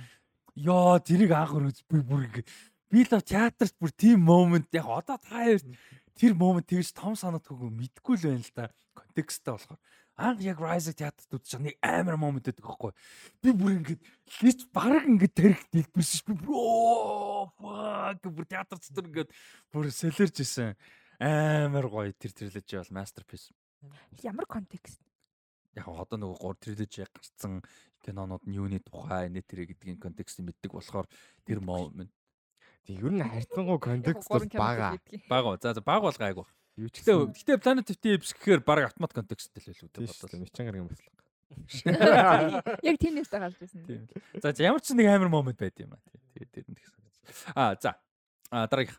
Аа дараагийнх нь болохоор The Fall Guy гэх киноны трейлер гарсан. За Fall энэ Guys биш үү? Fall Guy. Аа Би тэний нөгөө тоглоомын татаал гэдэг. энэ ч нэ тоглоомтой гэлөө. Үгүй яг яг Fall Guy адилхан нэртэй л та. Зүгээр гайхалтай шүү Тийм. дээ. Энэ болохоор Дэвид Личийн найруулж байгаа шинэ comedy action кино байгаа.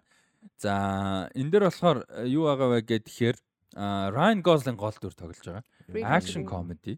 А тэгээд э, Ryan Gosling хин хоёр, Emily Blunt хоёр гол дүр. А тэгээд туслах дүрт Winston Duke Aaron Taylor Johnson, Stephanie Shu, Teresa Palmer гэсэн жүжигчид туслах төрүүдэд тоглож байгаа. За тэгээд юу болохоор мань хүн болохоор ингэж байгаа. Манай Ryan Gosling болохоор юм stunt actor байхгүй юу? А тэгтээ ингээд нас нь явж байгаа, хөгширж байгаа. А тэгээд ер нь жоохон карьер болохоо хэлсэн. Тэгээд байж байгаа нэг project дээр ажиллах болдог байхгүй юу? Тэгээд project дээр ажиллахдаа мань хүн супер ингээд бүх цаг үеийн хамгийн агуу акшн одуудын нэгийн одоо юунд орлогч тоглогчоор одоо стантаплаар тоглохоор л тий. Тэгээ тэрэндээ болохоор залуу карьерийн залуу байхад нь бас орлон тоглогчоор тоглож исэн аль нь карьер залуу байхад аа тэгээд тэр нь алга болчтой байхгүй. Нөгөө супер од нь тэр супер од нь Aaron Taylor Johnson тоглож байгаа. Акшн од заяа.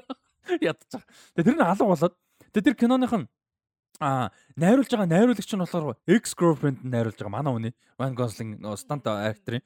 Тэгээ тэрэнд нь Emily Blunt тоглож байгаа. Emily Blunt нөгөө найруулагч нь. Тэгээд нөгөө жүжигчин алга болсон болохоор нөгөө production зогсож байгаа гэдэг.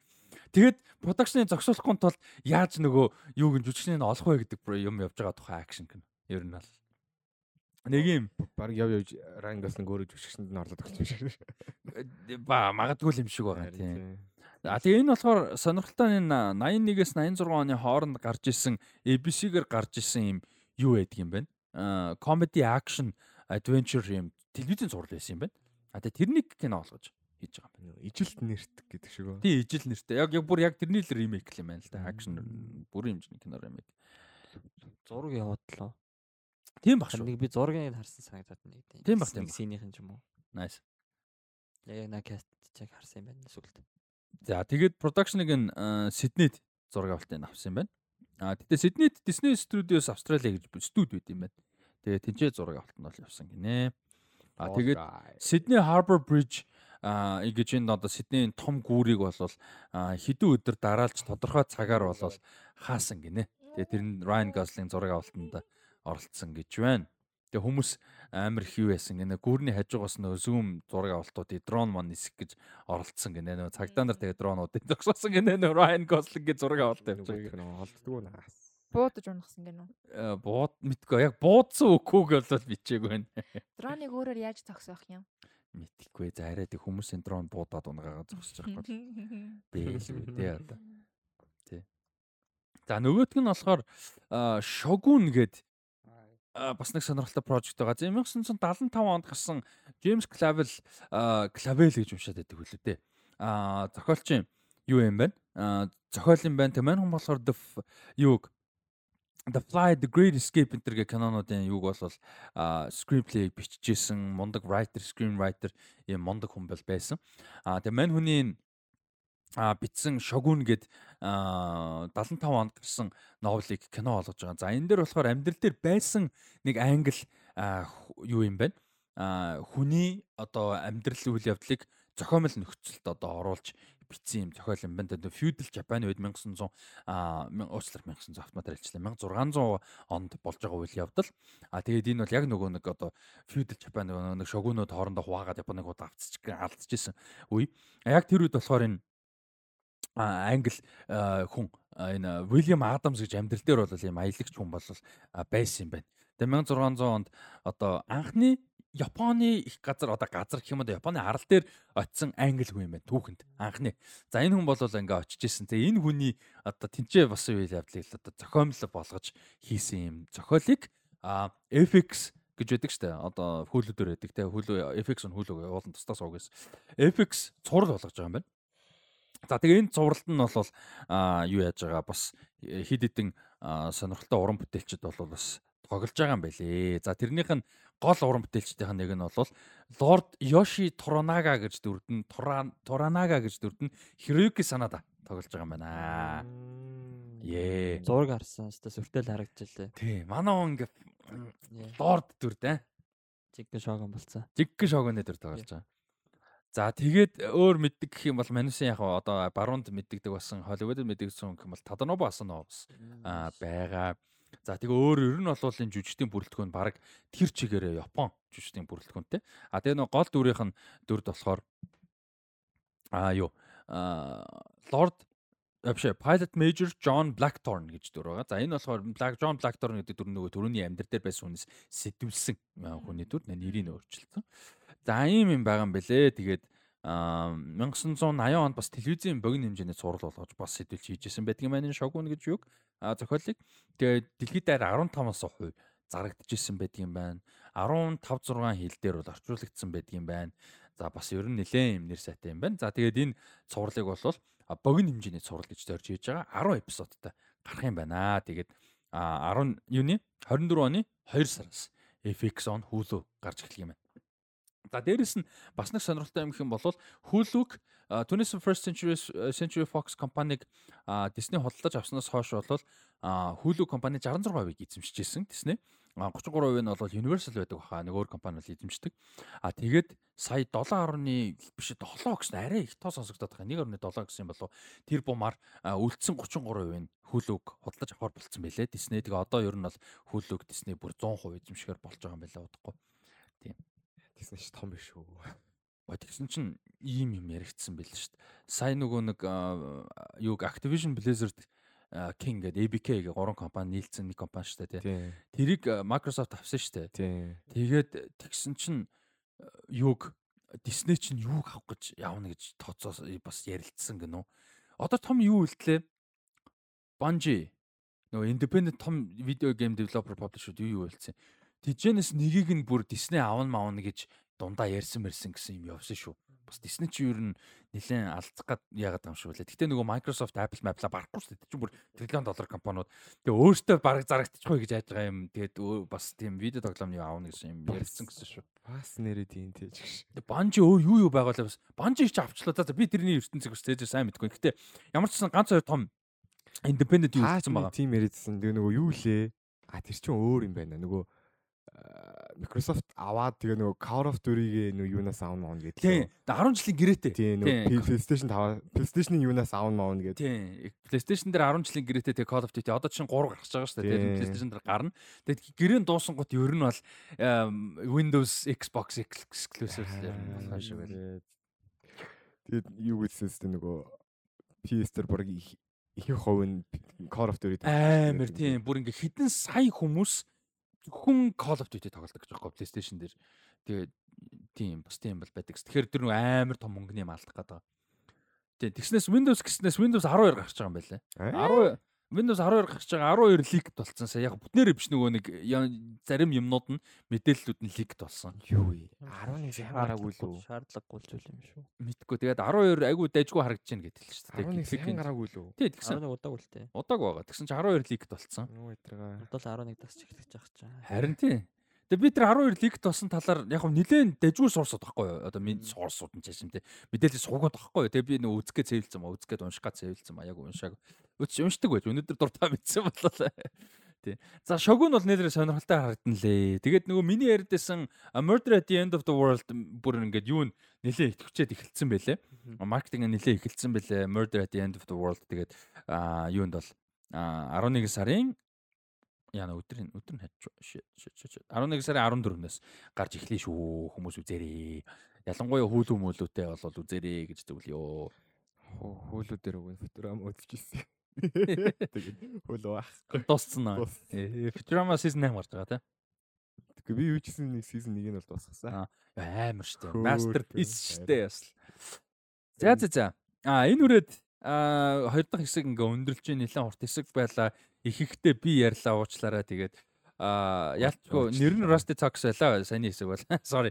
Тийм тэгээд өнөөдрийн дугаараар бас ярих гэж бодож исэн баясаг бас а зориод бас бэлдүүл гэж э, асуусан. Тэгээд баясаас окей гэ тэгээд бэлдсэн юм нь бол Friends цувралын Chandler Bing тоглож исэн. Matthew Perry жүжигчин харамсалтайгаар 51 наснд өөд болсон юм бол болсон гэсэн 7 хоног тэгээд нэгдүгээр бас харамсалтай байна. Тэгээд Friends-ийн фэнүүдэд бас одоо sorry тий харамсалтай байна. Зөвхөн Friends гэлтгүй мэдээж олон төрлийн өөр прожектуудад тоглож байсан уран бүтээлчүүн бас залуудаа ингээд бас нас урж байгаа нь харамсалтай байна. Тэгээд микрофоныг анхаарлыг баясаада шилжүүлье. За шууд юу орох юм бэ? Тэгээ. За энэ дээр би бас бодсон л доо яг юу ярих вэ стори гэдэг шууд одоо Matthew Perry-гийн biography намтар тоосон гин filmography эднэрийг яриад тахаар бас арай л өрөөсөө санагдчих юм л да. арай илүү сонирхолтой түүх ч юм уу те хүмүүсийн бас нэг сайн мэдээд байдгүй ч юм уу тиймэрхүү юмыг хайж судалж яриа гэж бодсон. Тэгээд миний шийдсэн юм болохоор Фрэнч зурвал ер нь анх яаж үүссэн? Энэ жүжигчд ер нь хаана юу хийж явж байгаа? Яаж нийлээд энэ бүтээл болсон юм? гэдэг түүхийн талаар яриа гэж бодсон. За тэгээ үргэлжлүүлээд Matty Perry эндээс цаашаа яг юу юу болсон гэдгийг ингээ баг багсаа мэдээлэл өгөх байдлаар яри гэж шийдсэн. Сайдаа баг асуудал ярьсан чинь баг юу ярихаа мартсан байна дунд нь. Sorry. За төрүүлж байгаа. Найс тэгээд нэлээд цаг гаргаж бэлтгэд нь бас баярлалаа гоё юм нэг Цаасаа ажилттай байна. Тэгээд цааны англи нас гоё тэ нэг юмсан Friends бүрийг Friends-ээр нэхлэнэ гэж бас гоё санагдаж Тэгээ. За Friends-ийн нэлээд ультра фэнүүд байж магадгүй. Тэгээд бас буруу зүрх дутуу ярил бас ойлгоорой гэж хэлмээр байна. За. Friends За 1990-ад он 90-ад онд юу болсон бэ гэхээр Америкт бол үнэхээр бүр яг sitcom era байсан. Ягаад гэвэл 80-ад онд нь одоо Seinfeld ч юм уу, 70s show ч юм ингээд амар олон амжилттай sitcom-ууд хүмүүст хүрсэн. Америкт sitcom үздэг тийм том соёл суудсан байсан. А энэ дагаад юу авчирсан бэ гэхээр баг телевиз болгон маш олон телевизийн цувралуудыг хийх ингээд имийг эхлүүлсэн. Маш олон зохиолчдоос pilot script-үүд авсан маш олон фейлдсэн маш олон туслагдсан зарим нь амжилт олсон. Энэ донд маш олон залуу уран бүтээлч залуу жүжигчдийн карьерууд бас ингээд амар харамсалтай байдлаар өндөрсөн ч юм уу. Тийм маш олон болсон. А энэ донд босон нэг зүйл нь болохоор Дэвид Крейн, Марта Кауфман гэдэг хоёр одоо showrunner, хоёр producer 1993 онд CBS дээр Family Album гэдэг аа цуурлаа. Sitcom-ог гаргасан чинь тэр жилээ шууд угаасаа амжилтгүй болоод цуцлагдаад А тэгээ мань хоёр нь яах вэ? Дараагийн бүтээл юу байх вэ? Хэд хэд ID бодож байсан. А тэрний нэг нь болохоор ингээд Нью-Йоркт амьдардаг 20-од наснда 20-од насны юм залуучуудын одоо нөхөрлөл, хайр дурлал өдөр тутамд ингээд тулгардаг зүйлс асуудлууд ч юм уу. Тиймэрхүү юмыг харуулсан тийм цуврал хийвэл яадаг юм бэ гэд. А найр одоо энэ хоёр уран бүтээлч тухайд ерөөдөө 40 хүрч явж байсан байгаа байхгүй. Тэнгүүт өөрсдийнх нь яг 20-од оны 20-од насны үе мүй яг яаж өнгөрлөө тэрийг илүү хүмүүст хүргэх гэдэг одоо өнцгөөс анхныхаа хайдийг гаргасан байна. А тэгээ энийг хөгжүүлж явж хагаад 93 оны 12 сард NBC телевизэд Insomnia Cafe гэдэг нэртэй 7 ууц твитментийг ингээ пич хийсэн танилцуулсан байна. А тэр нь NBC-ийн удирдуудад бол таалагцсан. А гэхдээ тэр үед маш олон цувралууд ингээд бүтлгүүтэл болж исэн болохоор бас яг тэдний нэг болж дуусах эрсдэлтэй гэж үзчихсэн. А гэхдээ ID-нд таалагдсан одоо тэр treatment-ийг pitch хийж байгаа нь таалагдсан учраас pilot script аваад ирээ гэдэг шаардлага тавьсан. За тэгээ манай хоёр уран бүтээлч ингээд маш хурдан богино хугацаанд pilot script-ийг гаргаад үзүүлсэн. Тэр нь таалагдсан. А за тэгээд наад цуурлыг чинь эхлүүлэе гэсэн. А тэгээд эхэндээ болохоор нэрээ тэр Insomnia Cafe байж байснаа болоод pilot script-ийг гаргахдаа Friends Like Us болгосон. А тэгээ production донд Friends Like Us гэдэг бас солих шаардлага гарсан. Ягаад тэгэхээр тэр үед бас яг тиймэрхүү нэртэй өөр телевизийн суралт гарцсан байсан. А тэнгуү тэрийг Six of One гэдэг working title болгож өөрчилсөн байгаа. А ингээд кино зохиол бичих процесс эхэлсэн. А тэгээд кино зохиол процесс бичих процесс дээр болохоор ингээд залуу райтеруудыг их авч ажилласан. Яг тэгэхээр мань хоёр эхлээд бодсон байгаа гэсэн чинь өөртөө дөж гараа авцсан. Яг 20-од насны тэр юм байхгүй болсон байсныг өөртөө анзаараад илүү залуу райт ID-гаа өөртөө гаргана. Залуу райтеруудаар бичүүлнэ гэсэн тийм шийдэл төрөө залуу райтеруудад ажиллаж гисэн байна. Тэнгүүд одоо яг нэг түрүүний бодсныг гэдэг шиг ингээд студийн зүгээс ингээд маш олон нэг тийм одоо шахалтууд гэх юм орж ирсэн л юм л да. Ингээд дандаа нэг 20 идтэй залуучуудын амьдралыг харуулж байгаа ингээд нийт ингээд аудиест ингээд хүрч чадахгүй. Тийм учраас ингээд хүн насны хүмүүс үзэхэд тохиромжтой тийм болго гэдэг ч юм уу. Тийм үе шаардлагууд орж ирсэн байгаа.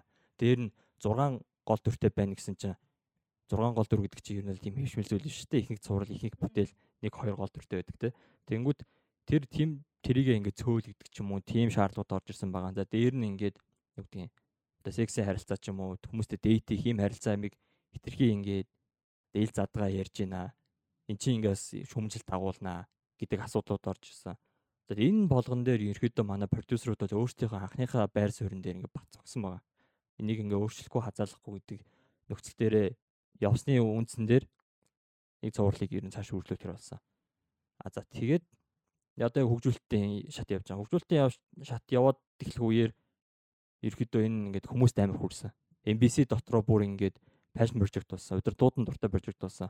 Маш олон ингээд жүжигчдийн эйжентүүдтэй холбогдоод скриптүүдтэй явуулаад, файл скрипттэй явуулаад тэгсэн чинь маш олон залуу жүжигчдийн анхаарлын төвд ороод маш олон жүжигчд энэ одоо төсөл рүү ингээд орох сонирхол нь гарч ирээд маш олон эйжентүүд холбогддог болоод тэгсэн чинь яасан гэхээр баг нэг дүр дээр ихэд баг худалч нь 1000 гаруй хүн аудишнд орсон. 1000 гаруй хүн ингээд каст хийх болсон. Тэгээ энэ нь болохоор одоо манай Дэвид Грей, Марта Капман гэдэг хоёр шоураннер байгаа. Энэ хоёрын үдчтэй тийм төсөөлөг үзүүлсэн байгаа байхгүй.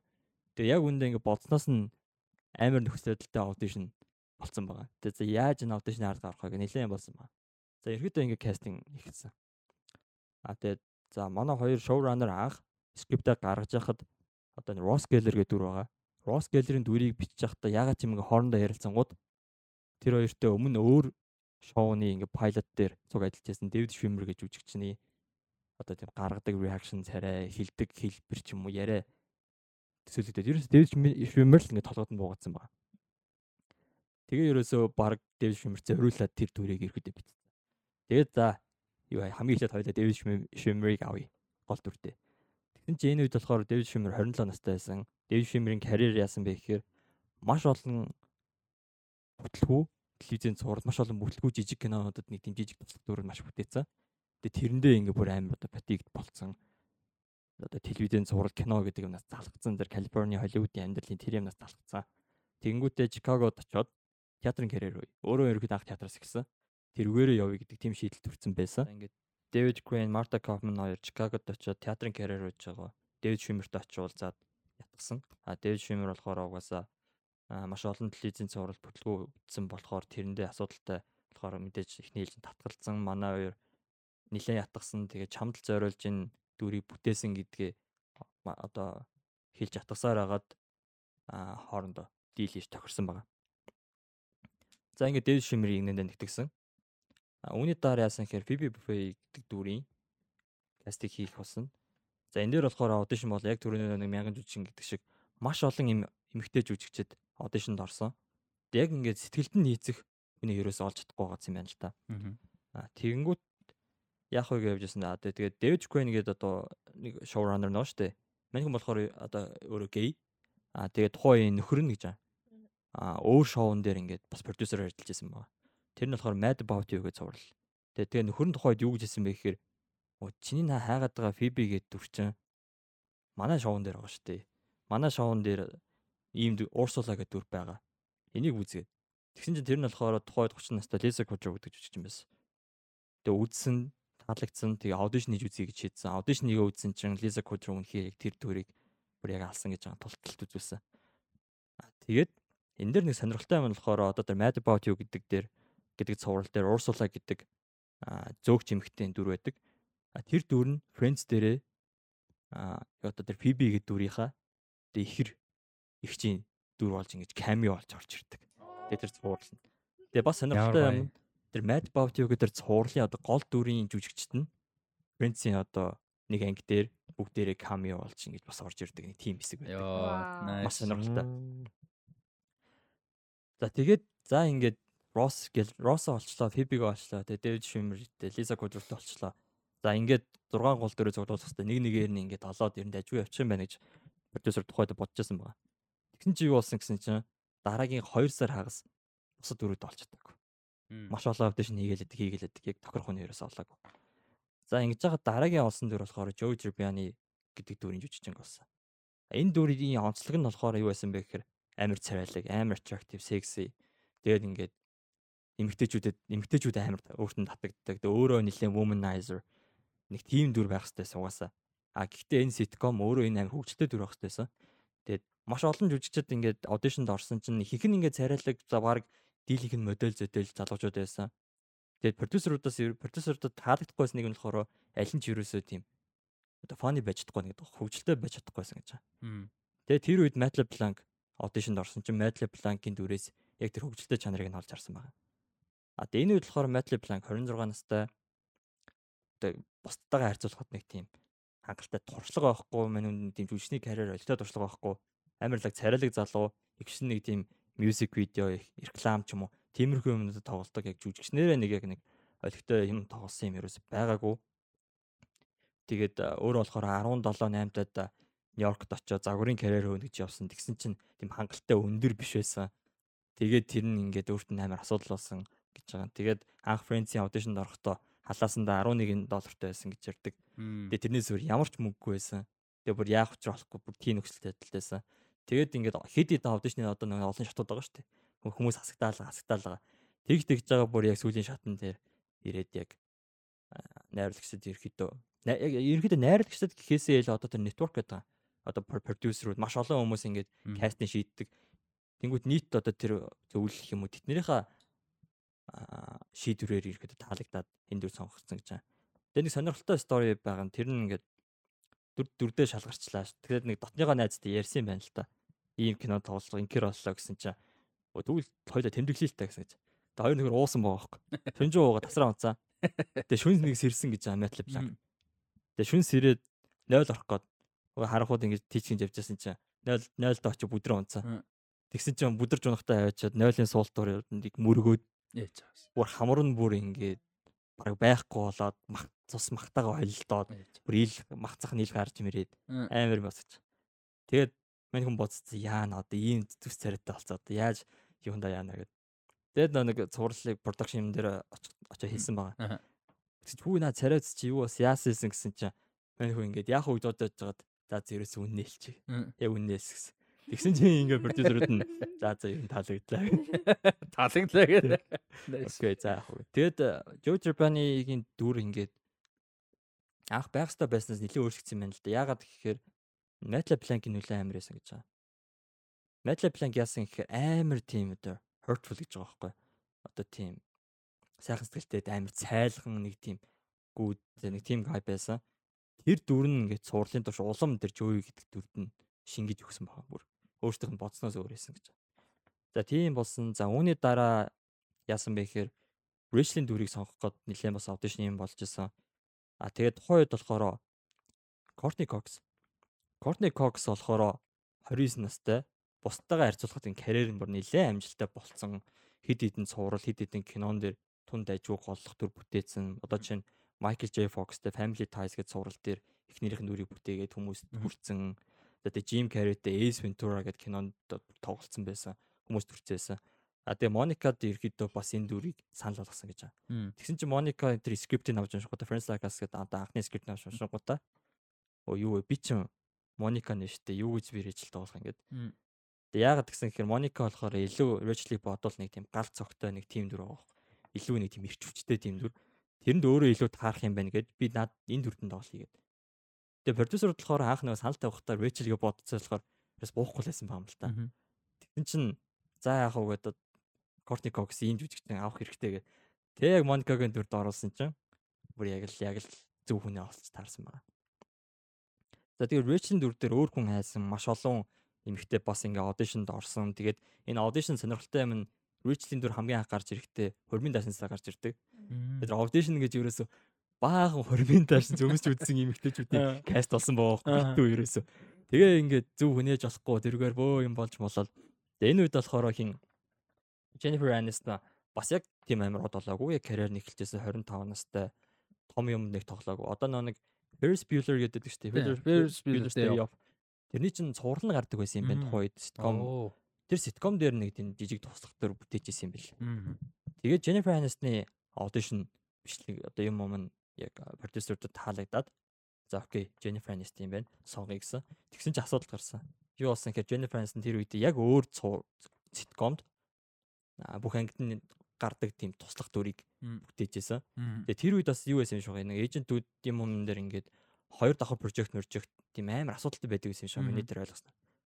Тэгээд тэрэндээ ингээд тоглолцсон Friends руу орох болохгүй байдаг. Өөрөө скрипт уншаад Friends амар таалагдаад ил ормоороо нэгдэг эйжентээ хэлж үзээд тэгж жагаад яг тэр нөгөө цувралынхаа продюсертэй ярьсан гэж байгаа.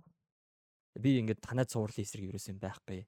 Над тань зур таалж а гэхдээ би яг ингээд энэ Friends Like Us гэдэг нэг юм цуврал хийх гэдэг байна. Энэ бүр надад бүр яг таалагдаад. Би яг ишэл ормоор байна. Тэгээд наваг ингээд юу ачгаа гэд гойсон баг. Тэгсэн чинь нөгөө цувралын продюсер нь хэлсэн гэж байгаа. А Friends Like Us аа тий би надад ч скрипт скрипт нь харсан. Яг та ч гэхдээ Би чамд нэг юм хэлий. Чи наад суралтаа орол чи хизээч бодохгүй. Мм. Аа чи манад суралтаа явж байвал чи хараад олон шүү гэсэн гэж. Тэгээ яг үүндээ түүх бол яг эсрэгээр юм л ба.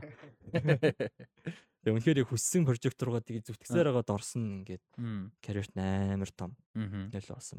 Мгм. За ингээд сүүлийн хүн. Chandler Bing-ний дүр. Chandler Bing-ний дүрийг бүтээхдээ манай Дэвид Марта хоёр болохоор Chandler гэдэг нэрийг өөртөөх нь найзын нэрээс авсан. Өөртөөх нэг хүрээл түнд байсан. Тэр найз нь яадаг вэ гэхээр одоо хүрээл түндээ хамгийн хөвгчлээ хүн. Мгм. Тийм учраас манай хоёр бодсон байгаа. Энэ нэг тийм саркастик дүр. Ингээд хаасаагүй байдаг. Ийм хөвгчлээ эрэхтэй залуу тийм хүний дүрийг ханаас ч олно. Мгм. Тэгээд ингээд амар амархан энэ дүрийг аудишнийг олчихно гэж бодсон чинь яг үндэ үгүй байсан баг. Бас яг ингээд хар мянган жүжигчдүнд каст хийгээд дөрөөсөө дөрмөр олдохгүй. За энэ үед юу болсон бэ гэхээр Matty Perry 25 настай байсан. Бас одоо Jennifer Aniston хин эднэрийг бодвол яг Courtney Cox биш ч гэсэн бас амар дажгүй залуу жүжигчин гэдгээр гараад ирчихсэн хэд хэд юм тоглолцоо. А гэхдээ мань хүнд одоо яг нөгөө нэг хүмүүсээ бас мэдчихэл байгаа хаа. Одоо нэг алкохолик гэдэг ч юм уу амар тийм асуудлууд их байсан. Одоо addiction асуудлууд ерөнхийдөө байсан. Тэгээд нэг ер нь бол ингээд тэр үед л ууж ярддаг тийм асуудал байсан. Чинь нэг өдөр эйжент нь залгаад хөөе чамд дээрээсөө мөнгө алга. Чи ингээ мөнгө болцсон шүү гэсэн. Манай гахт юу вэ чи одоо энийг эрт мэрт хэлдэг юм уу? Надад нэг ажил олж өгөөт ингээд. Тэгсэн чинь ингээд эйжент нь хайж хагаад нэг ийм прожект олсон байгаа. Тэр нь ингээд LAX 20 2194 гэдэг нэртэй ситком гэж байгаа. Тэр нь яадаг вэ гэхээр 2194 онд. Лос аэропортод За. одоо нөө baggage baggage handling гэж байгаа байхгүй. Одоо нөгөө хүмүүсийн baggage-дэг ингээд яаж мадаг тийм ажилладаг штеп. Тийм. Ажил хийдэг хүмүүсийн тухай ситком гэж байгаа. Тэгээ угаасаа өөрөө энэ үнэхээр аргу прожект мэдчихсэн. Гэтэ үнэхээр мөнгө хэрэгтэй байсан болохоор тэр прожект руу ингээ орцсон. Тэгэхээр яг тэр прожект руу ороод зураг авалт юм болоо явж исэн чинь одоо мэдээж тэр нөө Калифорниад байгаа тэр залуу жүжигчд юм донд одоо найз нөхдийн хүрээлэл дунд ингээд одоо Friends Like Us-ийн script pilot script-д ингээд тараад эхэлсэн байгаа. Тэгэд ингээд найз нөхдийн хүрээгээр ингээд явсараад Matty Perry дээр хүрээд ирсэн байгаа. Тэгсэн чинь Matty Perry тэрийг уншиж үзсэн чинь яг тэр Chandler гэдэг дүр нь бүр яг өөрөө байсан гэд. Энэ бүр яг бий байна гэд. Тэгээ дээр нь ч тэр цуврал нь амар амжилттай болох юм байна гэж бодсон. А тэгээд угаасаа Дэвид Crane, Marta Kauffmanштай өмнө өөр нэг цуврал дээр бас ажилласан байсан. Тэгээд тэр хоёрыг сайн уран бүтээс гэдгийг ерөөд мэдчихсэн гэдэг ч юм уу. Тэгээд тэнд орохыг хүссэн. Тэгсэн чинь яасан гэхээр нөгөө нэг 2194 онд олдсон энэ sci-fi амар аргуус гэдэг. Тэнд яаж яах нэг тийм юм бичлэгийг үзсэн чинь нэг тийм юу шиг. Star Wars шиг нэг тийм мейкап, зейкаптай хүмүүстэй цуг байдаг нэг тийм сонир амар аргу юм. А, Тэгээ тэрнтэй ингээд одоо стакт болцсон. Зууралдаад ингээд тэндээсээ гарч чадахгүй болцсон. Тэнгүүд ингээд тэр тэр одоо Friends Like Us гэдэг прожект руу орох ерөөхдөө үе тал нь хаалттай гацсан юм бэл. А тэгээд бүр юу яасан гэж аа тэр үед одоо нэг залуу жүжигчин найзуутай байсан. Тэд нар нь ингээд ер нь энэ дүрийн талаар, Chandler-ийн дүрийн талаар ингээд Matty Perry дээр очиод бүр зөвлөн хүмүүлгүй ажсан гэж. Яаж deliver хийх вэ? Яах вэ гэв. Тэгээ мань хүн тэгээд за яах вэ гэд ингээд ярьслага одоо advice хийж мэддэг те. Тэг бүр тийм тийм хэмжээнд байсан гэж байна. Тэгээ энэ үед болохоор Craig Berko гэдэг нэг жүжигчин байт юм байна л да. Яг зургийг харуул мэдх юм байлээ. Тэрнээс нэрийг сайн мэдгүй. Тэгээд тэр ингээд одоо Matty Perry-тэй найзалдаг байсан. Hank Azaria гэдээ бас бас нэлээд мундаг жүжигчин. Энэ гурав тухай найзууд байсан. Тэгсэн чинь ингээд нэг өдөр нэг өглөө цуг хоол идэхэр бас. Тэгсэн чинь Craig Berko тэ- нөгөө хоёртой хийсэн гинэ. Надаа ингээ хоёр шоуны офер ирчлээ. Хоёр нэг хардаа. Тэгээ харсан чинь нэг нь болохоор ингээ best friends гэж суурласан гинэ. Тэр нь ингээд уус нэг амт солоогүй цуур юм шиг байна. Нөгөөд нь болохоор friends like us гэдэг одоо маа нөгөө project байгаа даа. А тэгээ их манай хүн болохоор аль эдийн тэрийг мэдсэн. Тэнгүүтээ тэгээд эхлээд бол дотор нэг тийм адын бодол орж ирсэн гэж аа нөгөөдгийн сон мог гэхэд. Тэгснэ ингээд залчгүй найз юм болонгод. За чи угаасаа тэнийг бишлэл угаасаа энэ Friends Like Us-ын сонг хэрэгтэй шүү дээ. Энэ хамаагүй илүү дээр ирээдүйдээ project гэдэг. Тэгсэн чи окей окей гэж хоол мол идчихэл э, нэг тэр Hank Azaria салаа явцсан гэж. Тэгээд одоо нөгөө нэг Craig Berkot-ого цуг гараад дэлгүүр мэлгүүрээсээ явж исэн гинэ. Тэгжсэн чинь одоо нэг payphone гэдэг чинь утасны Тий. бүхэг. Утасны бүхэг дээр Craig Berkot очоод эйжен тэргүй залгсан гэж байгаа. Тэгээ Meta Perry болохоор яг бүхнийг нь хажууд ингээд ерөөдөө сонсохоор ингээд газар ингээд зогсож байгаа. Тэгсэн чинь эйжент тэргүй ярингуудаа яг нөгөө цувралын сонгоцсон. Нөгөө цувралын авах орлоо гэдэг. Мм. Тэгээ эхэндээ мань хүн гайхаад тэнгуүтэ Meta Perry хэлсэн гэж байгаа. Сия гэсэн гэж байгаа. Мм. Тэгээ шүү гэрлүүг явсан гэж байгаа. Аха. Тэгээ эйженттэй холбогдоод за би намайг л энэ цуврал руу оруулаад намайг тэр аудишнд нь л оруулчих гэ. Үр нилээн болсон гэж байгаа. Тэг тэгж байгаа аудишнд орсон. Тэгээ Дэвид Марта хоёртой өмнө ч цуг ажилласан байсан. Тэгээд энэ дээр аа 3 дахь өдөр нь Дэвид Марта хоёртой уулзаад ингээд лайн уншиж үзсэн. Дөрөвт өдөр нь болохоор NBC-ийн продюсеруудад лайн уншиж үзсэн. Тавд өдөр нь одоо бүр яг кастинг шийдэх бүр бүтэн багийн өмнө одоо лайн уншиж үзсэн. Тэг яг дараа 7 хоныхаа нэгтгэд зураг авалт эхэлсэн. Мэди Перри шууд сонгоод орсон. Амарсан шүү. За ингээд ерөөхдөө 1994 оны 100 а Калифорни мужийн одоо Warner Bros-ийн одоо тэр нөгөө юу гэдэг вүлээ? Студио. Студионгийн одоо тэр нөгөө Студио лот гэдэг. гэдэг. Павильон гэдэг чинь тийм. Тэнд ерөөхдөө одоо яг зураг авалт эхэлсэн. Мм. А тэгээд тэр жилийн 9 сарын 22-нд анхны эпизод. Америкт аяр цацагдсан. За тэгээд угаасаа үлдсэн нь бол ерөөсөө түүх. Үнэхээр энэ эхний сизон гарс дуусны дараа зүгээр ингээд Friends бүр Америк даяар, дэлхийд даяар ингээд дэндүү популяр болсон байсан гэж. Мгм. Ерөөсөө л тэрийг бол ерөөхдөө одоо шоураннер, продюсерууд ерөөсөө тооцоогүй, тэгж бодоогүй байсан чинь л тууныхаа том том одоо стүүлүүд дээр те Vanity Fair, Rolling Stones эднэрийн нүүрэн дээр гол дүрүүд нь гараад ирсэн. Одоо opening theme song байгаа дээ. Тэр нь ингээд тууж радиогоор бүр ингээд хит болсон. Үнэхээр яг ингээд бүгднгийнх нь бодсноос төсөөлснөөс амар амжилтанд хүрсэн. А гэхдээ Matthew Perry болохоор анх тэр скриптийг уншиж үзчихэл энэ л ерөөсөө яг одоо миний одоо ганц их яг яах ёстой зүйл прожект мөн байна гэдэг үнэхээр яг тухайд мэдэрсэн л гэж өөрөө тэр ярилцлаган дээр хэлж исэн юм байлээ. Мгм. А за тэгээд Matthew Perry-г одоо өргөлүүлээд жоохон яри- ярихад бол юу байсан? Аа, мань хүн бол угаасаа ер нь багасаа нэлээд одоо архины хэрэглээч гэдэг юм уу тиймэрхүү асуудлууд байсан юм билээ л дээ. Тэгээд өөрөө 24 5 буюу одоо энэ Friends-ийн зураг авалт юм уу эхэлж явах үед болохоор аль эдийн ерөнхийдөө addictionтэй болцсон байсан гэж өөрөө ярьж байгаа. Зүгээр орой болгон одоо нэг алкоголын төрлийн зүйл баг уухгүй бол болохгүй. Тэр нь ингээд бүр амьдралынх нэг ногоорн болцсон байсан. Аа тэгээд гэхдээ өөрөө өөртөө нэг зүйл амлсан нь болохоор зураг авалтын сэтэн дээр би эзэс цогтоочихгүй. Яа тэгвэл би бусад зургаан бус жүжигчтэй, бус дүр бүтээлчтэй тэгж одоо одоо асуудал дараа болох учиргүй гэж өөрөө өөртөө тийм хатуу шаардлага тавьсан. А гэхдээ үнэхээр addiction болцсон байсан болохоор ямар асуудал байсан юм гэхээр маш олон ангийн зураг авалт, маш олон удаагийн зур зураг авалтан дээр шаардлагатай очижсэн. Тэгээ тэр нь өөрт нь ингээд одоо нэг зураг авалтын процесс донд амар тийм хүнд санагдах үе маш их байсан ба. А тэгээ ингэж явсаар хагаад юу болсон гэхээр 1997 онд мань хүн одоо нэг jetski гэдэг штеп. Одоо тэр ч одоо монголоор яг юу гэдэг юм. Усан дээр явдаг нэг явдаг мотортой нэг тийм усны мотоцикл гэж. тийм бод ямар усны мотоцикл юм. Наач мар юм юм шиг. Тэрнтэй явж байгаад осолтцсон. Тэгээ нэлээд хүнд бэрцсэн. А тэгээд тэр үедээ болохоор твтээд а өвчин намдагч нэлээх хэрэглэх шаардлага нь тэр үед гарсан. А тэр цаг үеэсээ эхлээд мань хүн одоо өвчин намдагчтай хар тамхи эднэрлөө одоо нэг архинд донцсон байсан хүн чинь одоо энээсээ болоод өвчин намдагчтай хар тамхинд донтож ихсэн. А тэгээд угаасаа Friends цувралыг үтсэн хүмүүс л угаасаа амар анзаарагдана. Аа цувралын дурш бусад дөрүүдээс бүр хамгийн их ялгаад хамгийн их өөрчлөгдсөн дүр бол угаасаа Chandler-ийн дүр. Яг нэг сизнээс ороод ирэхэд л амар дурцсан байдаг. Дахиад нэг өөр нэг сизнээс ороод ирэхэд л буцаал амар таргалцсан байдаг ч юм уу. Энэ дунд угаасаа маш олон addiction-асаа болж имчилгээнд явсан, сэргийн засах юмд rehab явсан, буцаад эргээд донтолтон сэтэрсэн ч юм уу. Ийм асуудлууд маш их болсон. Тэгээ энэ дундаа өөрөө болохоор бүр сүулт өгсөн тэр ярилцлага дээр болохоор бүр тэгж исэн юм байлээ.